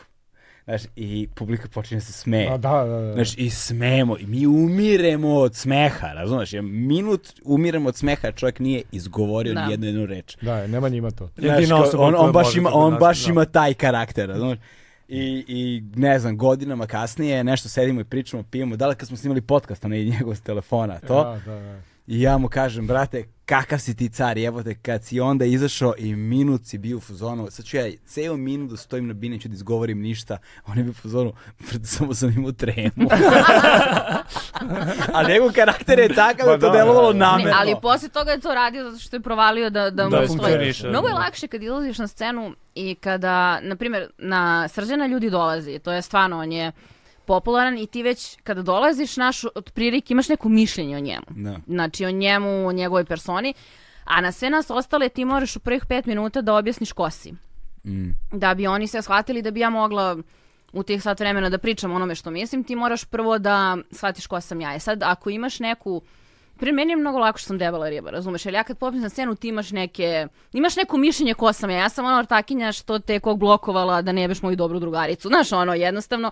I onda... Evo ga, Bojan. Ne, ali on se Bojan- smeje. Bojan se smeje iz Pa iskustva. Ne, on je u fazonu, sećam te se, On je bio taj lik. sećam te se, pali druže, ono, plaćao sam vam obema piće. da, da. Ajde, Aj što kog blokoš, što piješ moju kuću. A Pa veruj mi, Bojas možda popije. ne, ne, i onda je, i onda je, znaš, kao, i onda je ono, Šti, e, pa nemaš, pa ne vidimo od ovog bokala, Evo. E, Ja Ajde, sam da se nadao ne da će spadnem onda baš, me vozi da. na nastup. pa neće niko te vozi, brate, Ja, u vozi će se sam. razredu, da, vozi. ali, znaš, onda je jednostavno to, i zato je to za Rašu bilo, znaš, kad mu daš neki lik i kad mu nešto mnogo Ne, mu ne, ne, ne, pomogneš. ni slučajno. Ne, Jer stvarno ljudi koji nekako izgledaju ti kao lik iz mase, on ima najveći problem na sceni, jer ti ne znaš u šta da ga učitaš. A ti ako ne znaš neke osobine, ne znaš ni kako da protumačiš njegova mišljenja. Da, Jel, na primjer, ti... Uh, jedna cobijeva pesma. molim vas. ne, ovde su sahrane sa trubačima, svadbe sa okidačima. To da smo stavili da je rekao Bećković, ljudi bi to tetovirali. Da. Znaš, ali ovako ga stavljaš kao to je brati iz objave pesme. Bitno je ko kaže. Znači, jednostavno, znaš, ti mu ne daješ tu vrednost izreke zato što je od objave pesme, ali da smo potpisali Matiju ono, kao sećamo se i tetoviramo. Izvini, samo upamti da si stala, upamti da si stala. A, bila je to, to je ku moj, momčilo. On je inače radio kao asistent na FPN. Je radio kao asistent i onda mi je pričao da su imali te vežbe da je recimo stave ovako samo na projektoru dva stiha. Aha, da prepoznaš koji je popularan. Jedan je Šekspir, drugi je Viki Miljković, ali ne stoji ko je autor. Da. Jednog i drugog. Pa ba to prepoznaj. Pa je bilo pitanje kako da prepoznaš umetničku vrednost u stihu. Vratimo se nazad na tvoju Vratimo priču. se nazad da ti moraš da stvoriš svoju vrednost u roku od 5 minuta koliko si na sceni. To je otprilike neka procena. Prvo moraš da imaš mnogo dobre fore, kratki za ulaz. Brzi smo, uhvatili smo te, idemo i onda ja moram odmah ti objasnim ko sam. Ja kao debela riba imam nekih, mo- ono, imam već neku tvoju predrasudu, je sad da li ću ja da idem i igram na nju, jer ja kad to pričam fore za muvanje, ljudi se smeju. Ja da sam dobra riba, to ne bi bilo toliko smešno. Ovako ti je neprijatno jer debela baca fore za muvanje, znaš, i kao svima nam Mm. je, i svima nam je nevjerojatno smešno, ali mi, na primjer, sad imamo koleginicu koja je mlada i užasno zgodna i stvarno totalni car, ona to da ispriča, tebi ne bi bilo toliko smešno, bi ti bio, pa ona mene možda i malo muva, normalno vidi je bezobraznica, znaš, imaš, imaš, imaš Koga te je neke- pogledala u publici. Da, prestani da čita erotske romane. I da priča bez obraznice.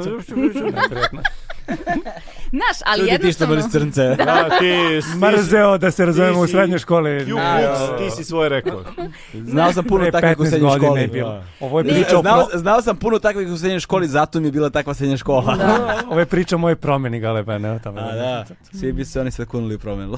Ali, znaš, i onda to, to negde gledaš, znaš, i ona sad mora da izađe i sa, takvom, sa, sa takvim svojim izgledom da ti objasni ko je ona, jel ti sebi učitavaš je ona je arogantna, ona je ovakva, ona je nakva, zato što je slatka devojka koja misli da je duhovita. Na, tako da, okej, sad me svi...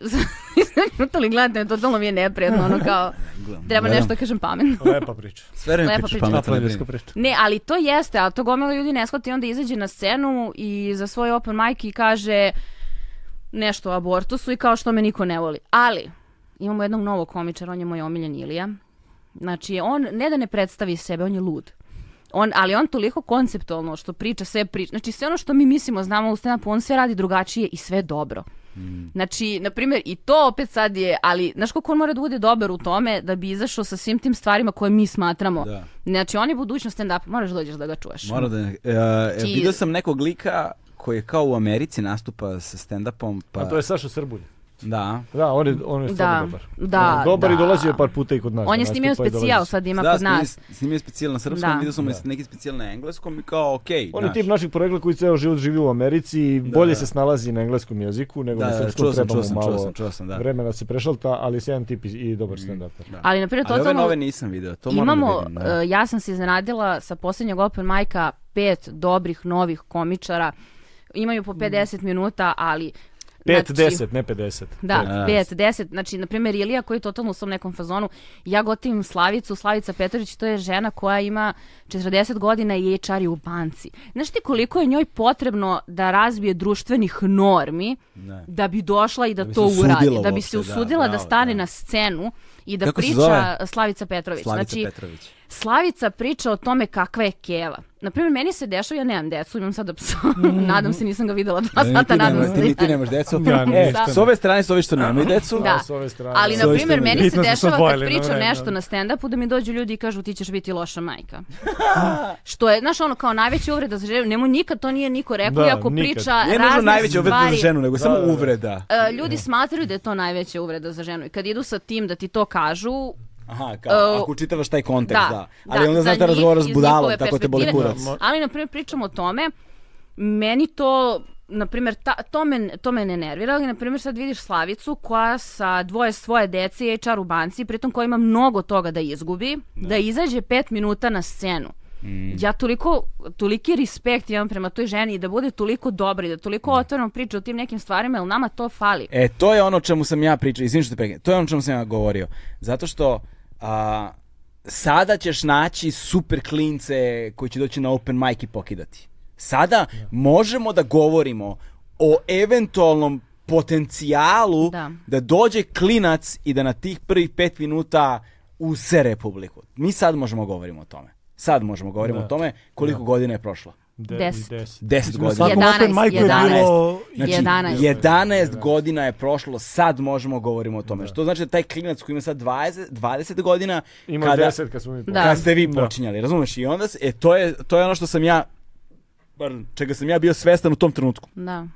Dolazim i u fazonu sam Burazeru, svaka osoba koju vidiš ovde ima muda.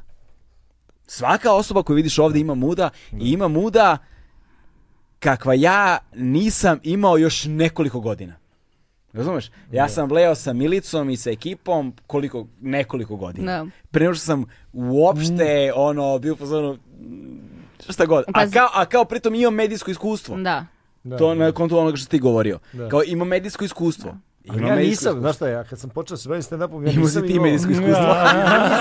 Ali Imao pa si bio ja- si survivor. Ali ja sam u Brate. Survivoru, to se Pa stvarno da. ne računa, ne znam Bio si koliko. goj gladan pred Ne, ne, publikom. Mene je 24 samo... sata. Ogolio se to. Mene je. je samo osokolilo to što sam ja u tom trenutku uh, radio Tito veliki Đuro show. Jakšića. Ne, ne, radio kao scenarista za najveći show i Tito Đuru Jakšića, tako je, i Tito Đuru Jakšića. Ovaj kamen zemlje Srbije. Ej, kuća moja. I, ovaj, i, I onda sam ja, znaš, kao evo tako, ja mogu da pišem za najveći show u Srbiji, pa valjda ja mogu napišem nešto smešno. Da. I onda su me Bulić i Tamara, ono, presovali. Ali kod tebe se baš vidi promjena posle...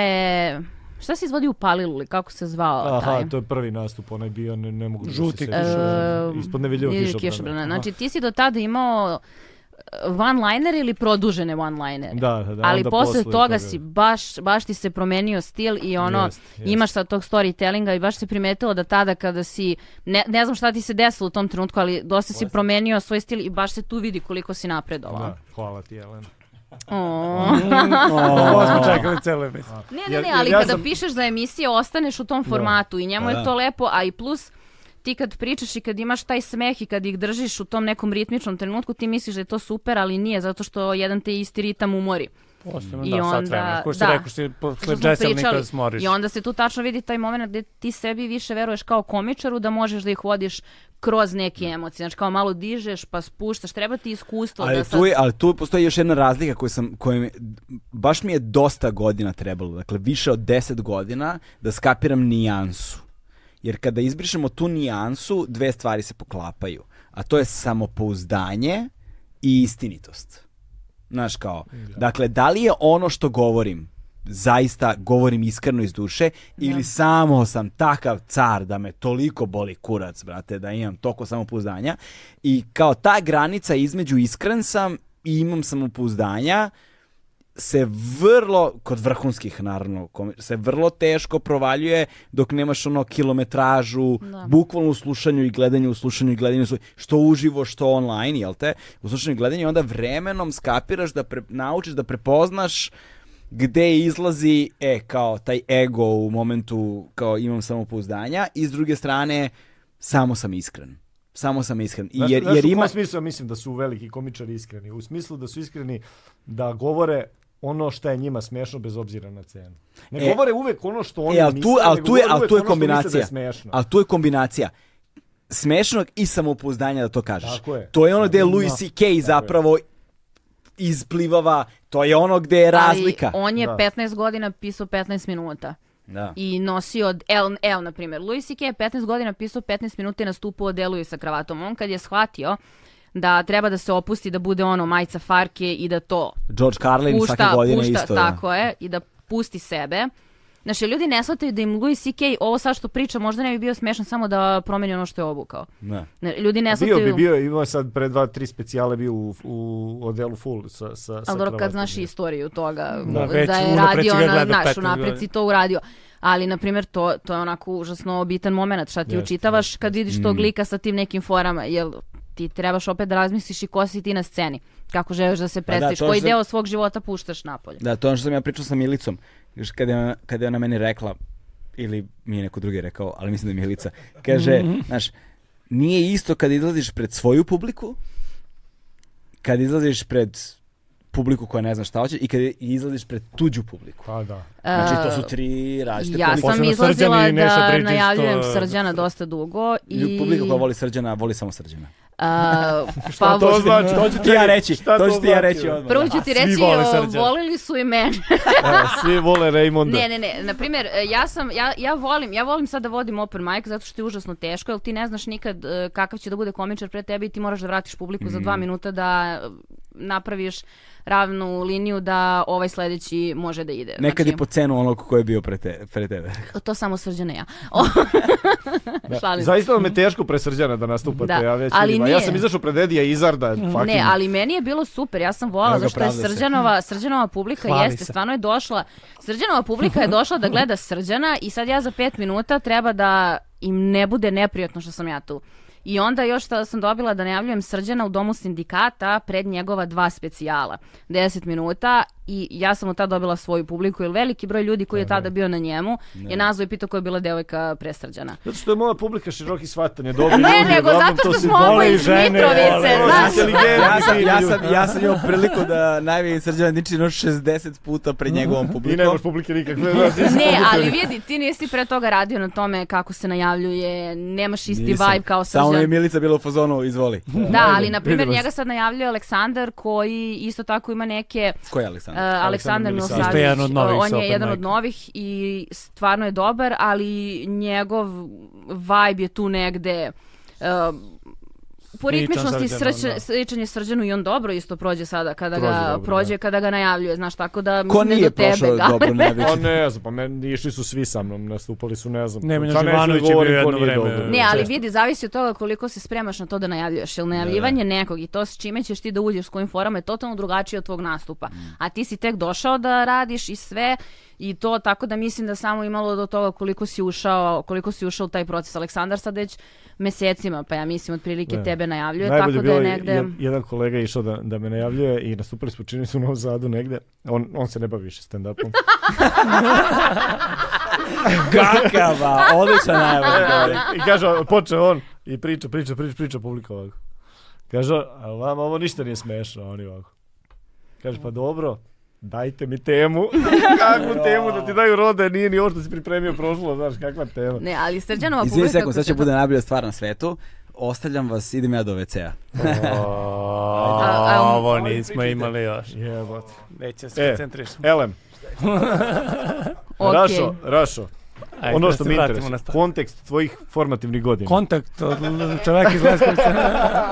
A šta Kako se su Srba- formativne godine? A Otkud znam, pitaj gospodina Nikačevića. Kako si Saši se preobrazio iz mrženja crnaca? Kako si E, ali ja izvukao mislim da iz- to iz treba da toga? prestaneš da govoriš zato što možda postoji neko ko te kontekstualno formativno ne poznaje, Tako je. pa E, neće i baš onda Pa shvatiti neće jeste, koliko shvatiti se da je to šali. priča. Razmislio sam, ne, pa nisam se šalio. Nije To se je stvarno šalio, bio pa da, to je deo odrastanja period da, u Kruševcu. Odrastanja, to sam ali čak ima i puno, razmišljao. ali ima puno e, rasizma u, U Kruševcu. u Kruševcu, znaš kao pokuću. Ne, ode, ode Pa Ne. crnac i mi o rasizmu. Sad, ajde, ono, iskoristimo ajde, ajde, priliku. E. ne, ovaj podcast ima toliko potencijala da se naše karijere E. završe. Aj, tvoja je bar počela, znaš, ti imaš šta da izgubiš, ja imam Vas samo ovaj lik psa. smara, jel?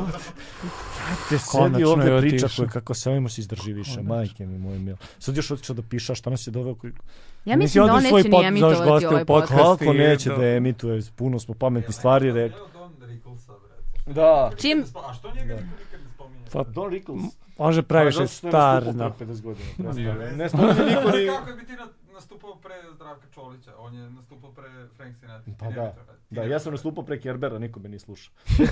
Ljudi došli da slušaju, tu smo na raskršću. Jebem to se si u pričao svemu. prošli put kad si A bio. Da, da, pričao. Zašto sam ga to. nisi slušao Pa nije me prošli put slušao. kad je bio? Ali- Ja sam ali ga pre mene slušao, Billy ja Đurđević- pričam za Don Ricklesa. E, a Billy A ono Đurđević- sebi, Billy evo Đurđević- primećuješ kako Pa ne, svaku, on je svaku rekao, priču, On je rekao, prestani da koga bi pričaš ti, šta si- on je rekao koga bi ti pre Zdravka Čolića. E sad bi morao ja u WC.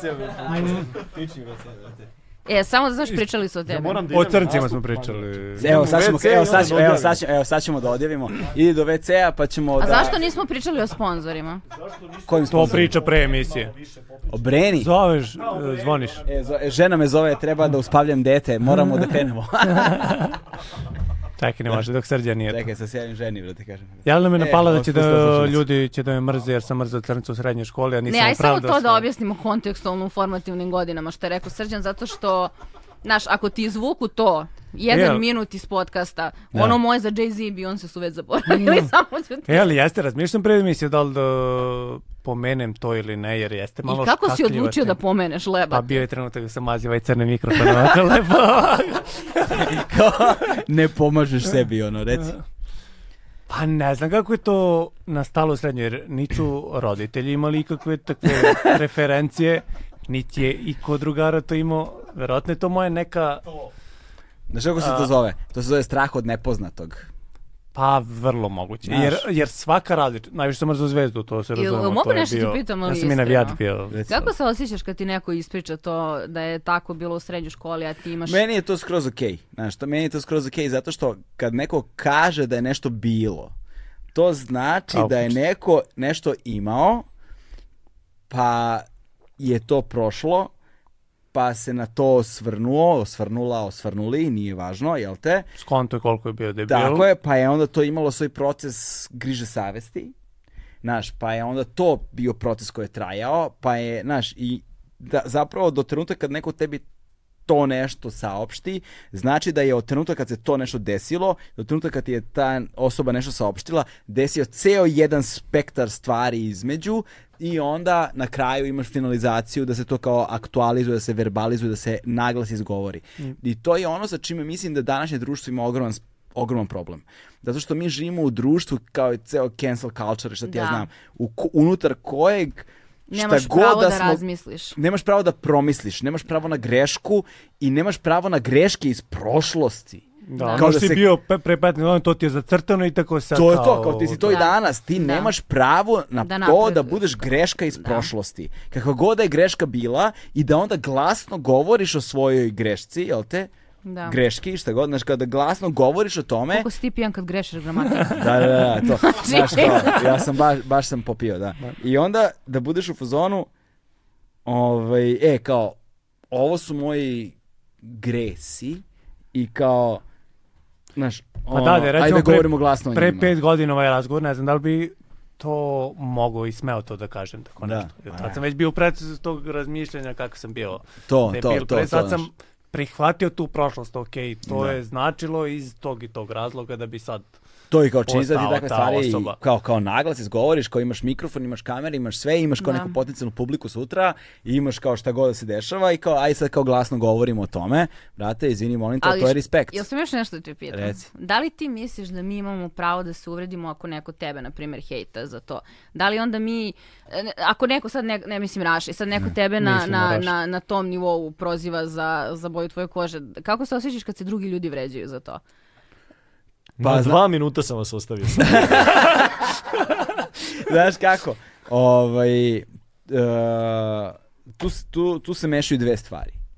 Tu se mešaju dve stvari. I to vrlo dve potpuno drugačije stvari. Imaš ljude koji reaguju iskreno.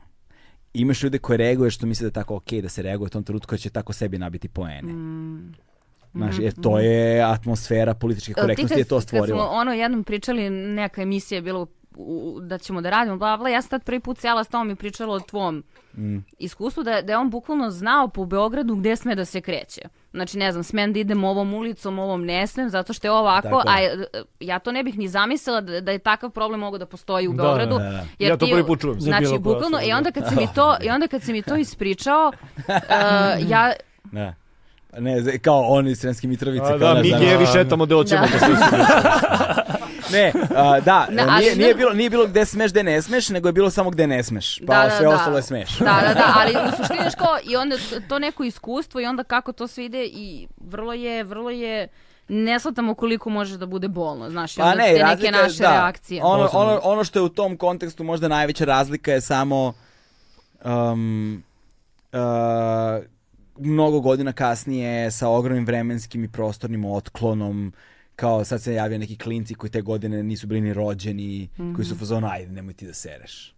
Znaš, jer ne mogu da Pojme uopšte. koncept Da. takvog Da. života Da. uopšte, to je toliko radikalno drugačije da za njih vidi ga ovaj šta sere. Da. Posebno u kontekstu toga ko si ti sada. Da, da, da, da. Znaš, posebno u kontekstu ko si ti sada, jer za njih ti si sada to i ti si Popularni oduvek- voditelj kojeg svi volimo i i hvalimo. ti si oduvek bila ta osoba. Da, da, da, da. znaš, to kao. I onda, em što je radikalno drugačije od toga ko si sada, em što je vreme i prostor radikalno drugačije od toga što je sada, Da. a to je vreme i prostor u kojem se oni kreću, odnosno vreme i prostor u kojem se oni sada, to je isti prostor, ali je vreme drugo u kojem Da. se oni, znači oni su rođeni u tom prostoru, ceo život im je u tom prostoru, sve što znaju o sebi, i o svetu oko sebe kreirano je na osnovu tog iskustva, Da. a onda ti njima kažeš, e, sve to tvoje, sve to što je tvoj identitet, što ti jesi, e, sve to ništa nije tako, taj isti prostor, Je za mene bio pa kao kada sam potpuno ja drugačiji, bio, da. potpuno drugačiji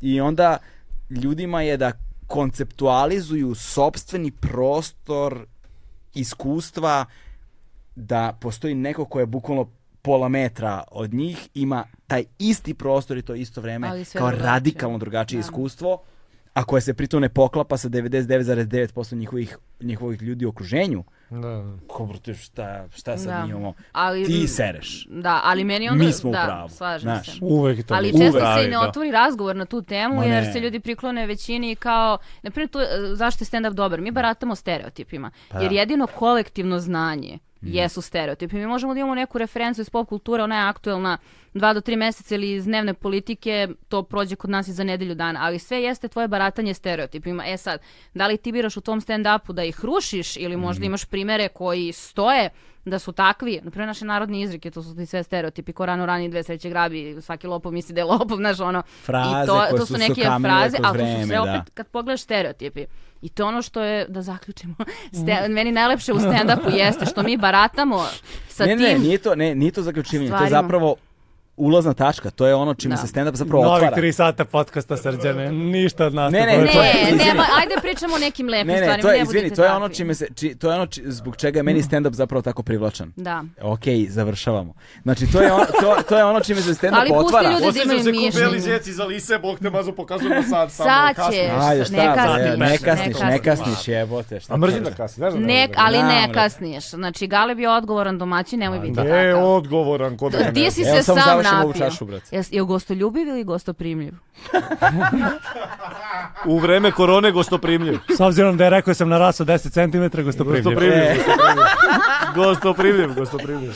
Dakle, a, a, a, po- u tome što si rekla postoji još jedna stavka, a to je da kada se nalaziš u tako radikalnoj manjini, onda kad kaže većina ovo, ti si u fazonu, brate, iskulirat ću, svoju, iskulirat da. ću- znaš, kao, ti unapred vidiš koliko je borba izgubljena, na koju oni tebe čekaju da bi uopšte videli da si ti možda u pravu ili imaš Da. potencijal da budeš u pravu. Znaš, kao, a on ti kad kažeš unapred, eto, šta je, odustala si već, a, Da. šta je pičko? Pa ja sam zato otišla negde iz stand-upa. Dok, Razumeš, na primjer, da. u tom trenutku imaš... Jer ja to deluje, moram- Mhm. izvini, to deluje kao Don Kihotovski, potpuno deluje kao besmislena borba. Deluje kao da tom kraju nema kraja.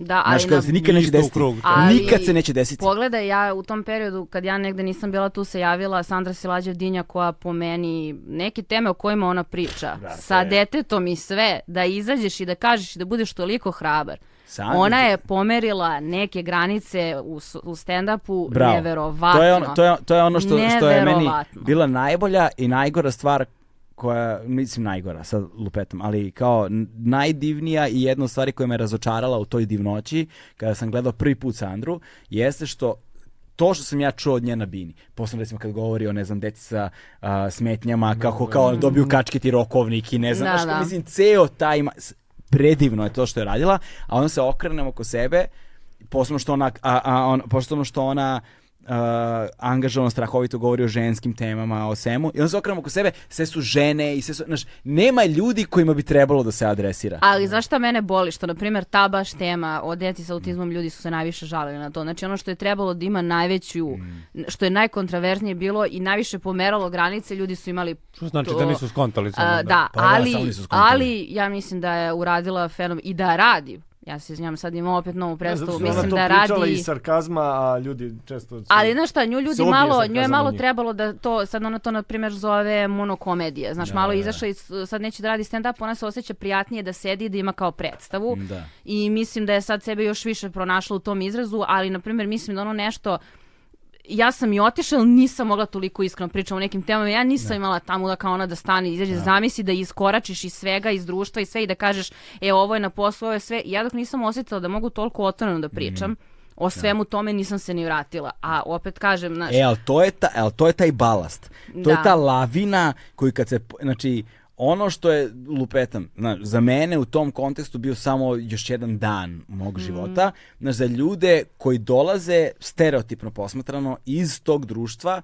jedini način da oni osete tu vrstu različitosti jeste da uzmu nešto što je u društvu apsolutno nemoguće govoriti o tome i onda direktno po tome. Da. Znaš, to zahteva ne samo muda, nego zahteva jedan karakter i jednu psihološku konstituciju nekoga koja je spremna osoba da izađe iz okruženja sopstvenog koncepta privilegija i da se okrene preko ramena unazad i da uzme, zagrabi ono šakom neke ti koncepata da se njima bavi. i da iako- baci sve crno iz sebe. da baci to iz sebe i da ti to aktiviraš i a tom trenutku kad ti to aktiviraš, niko pre to, tebe to nije govorio i govorila, dakle, niko pre tebe ljude nije suočavao sa time, niko pre tebe ništa, ti u trenutku kad to radiš, ispred tebe je mrak, ponor, jama, ono, vrtača ponora, razumiješ, znači nemaš pojma šta je ispred E, tebe. Srđan mi Ne upad u znam šta znači ta depresiju. reč. Ok, i kao ti u tom trenutku Da. bacaš to i ne znaš šta te Šta čeka te nazad. čeka, da. Ne znaš, znači možda, mogu te sačekaju na nož,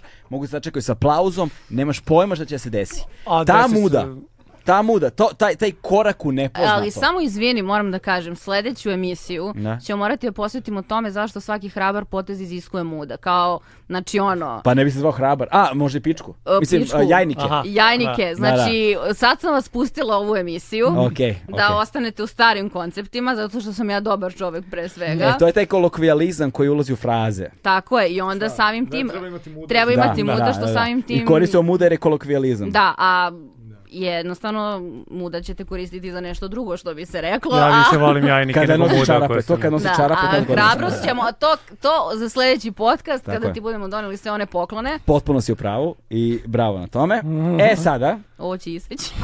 Ne, ne, ne, neću, Ništa nema se ne šanse. seća, Ovo da. tek ne seća. E, Uh, Sad mi, smo mislio se, pički. mi smo se okupili, sačekaj, mi smo se Mi smo okupili se ovde okupili da bismo ovde. rekli Par reči. Da je standup.rs sada u Bitev Art Cafeu, u Soul Society-u i preko leta će biti na Bitev sceni. Zapratite standup.rs na društvenim mrežama. Pa i Nama nije bi samo to... Soul Society. Ovde Soul govori. Society, Soul Society, Bitev Art Cafe i Letnja Bitev scena, Letnja bit- scena. Znači tri kluba. Zapratite standup.rs i, I- zapratite Lelu Radan. Meni bi to značilo srđan ima dovoljno followera. Ja nemam. Stari dečak. Hvala. Ja nemam, I, ja nemam. I ako bi mogli da mi se jave Cobi i Miloš Milaković. Ja reči nemam za mene. Kakva sam ono I tražim novi posao u IT-u. Ja sam dobar Kakva Scrum si si Master. kreativno direktora kao IT-u. Kreativni direktor, Scrum Master, Product Owner, javite mi se. Kakva Jel imam još nešto da izreklamiram, jel prodaje neko auto? Strašno. Ja sam trebao biti na nastupu pre 10 minuta. Nisi za sat vremena nastupaš. Evo, čovječe, Strpljen, idemo, idemo, spašen evo, sam, završ, završavamo, samo je Jasno. važno da pomenemo, jer kao- Jeste, jeste, jeste, Tako je. jeste, zbog toga smo se Zato smo okupili tu. ovde. Da. Dakle, Dakle, i Pričali kad- smo o Emanueli, o Pornićima i o drugim. E, ali- I kad kažemo Bitev ima mala scena, velika scena, ali tako? Lepo. Bitev Letnja Art scena. Cafe i Soul Society. Soul Society je u zgradi Bitev teatra, a Bitev Art Cafe je je malo kod niže. pionira. Kod pionira. Kod pionira. Kad kažeš malo niže, to ne zna, nije ulaz pored, nego, Ne, ma- nego, nego Nego kilometar. kilometar i po. Kilometar i po. Pa Da dobro. ne bude kao... Padali smo mi i niže, gale. I malo više od kilometar Kilometar. odavde, što znači da ja ne mogu da stignem ako ti ne završiš. u- Ok, Stižemo. evo, evo, evo, završavamo, evo, završavamo.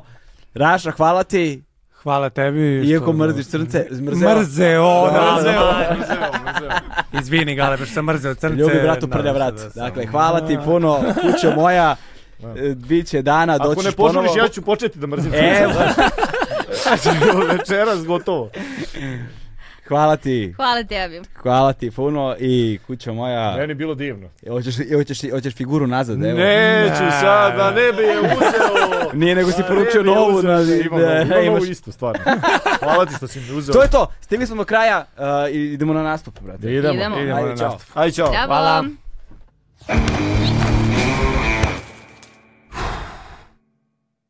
Hmm.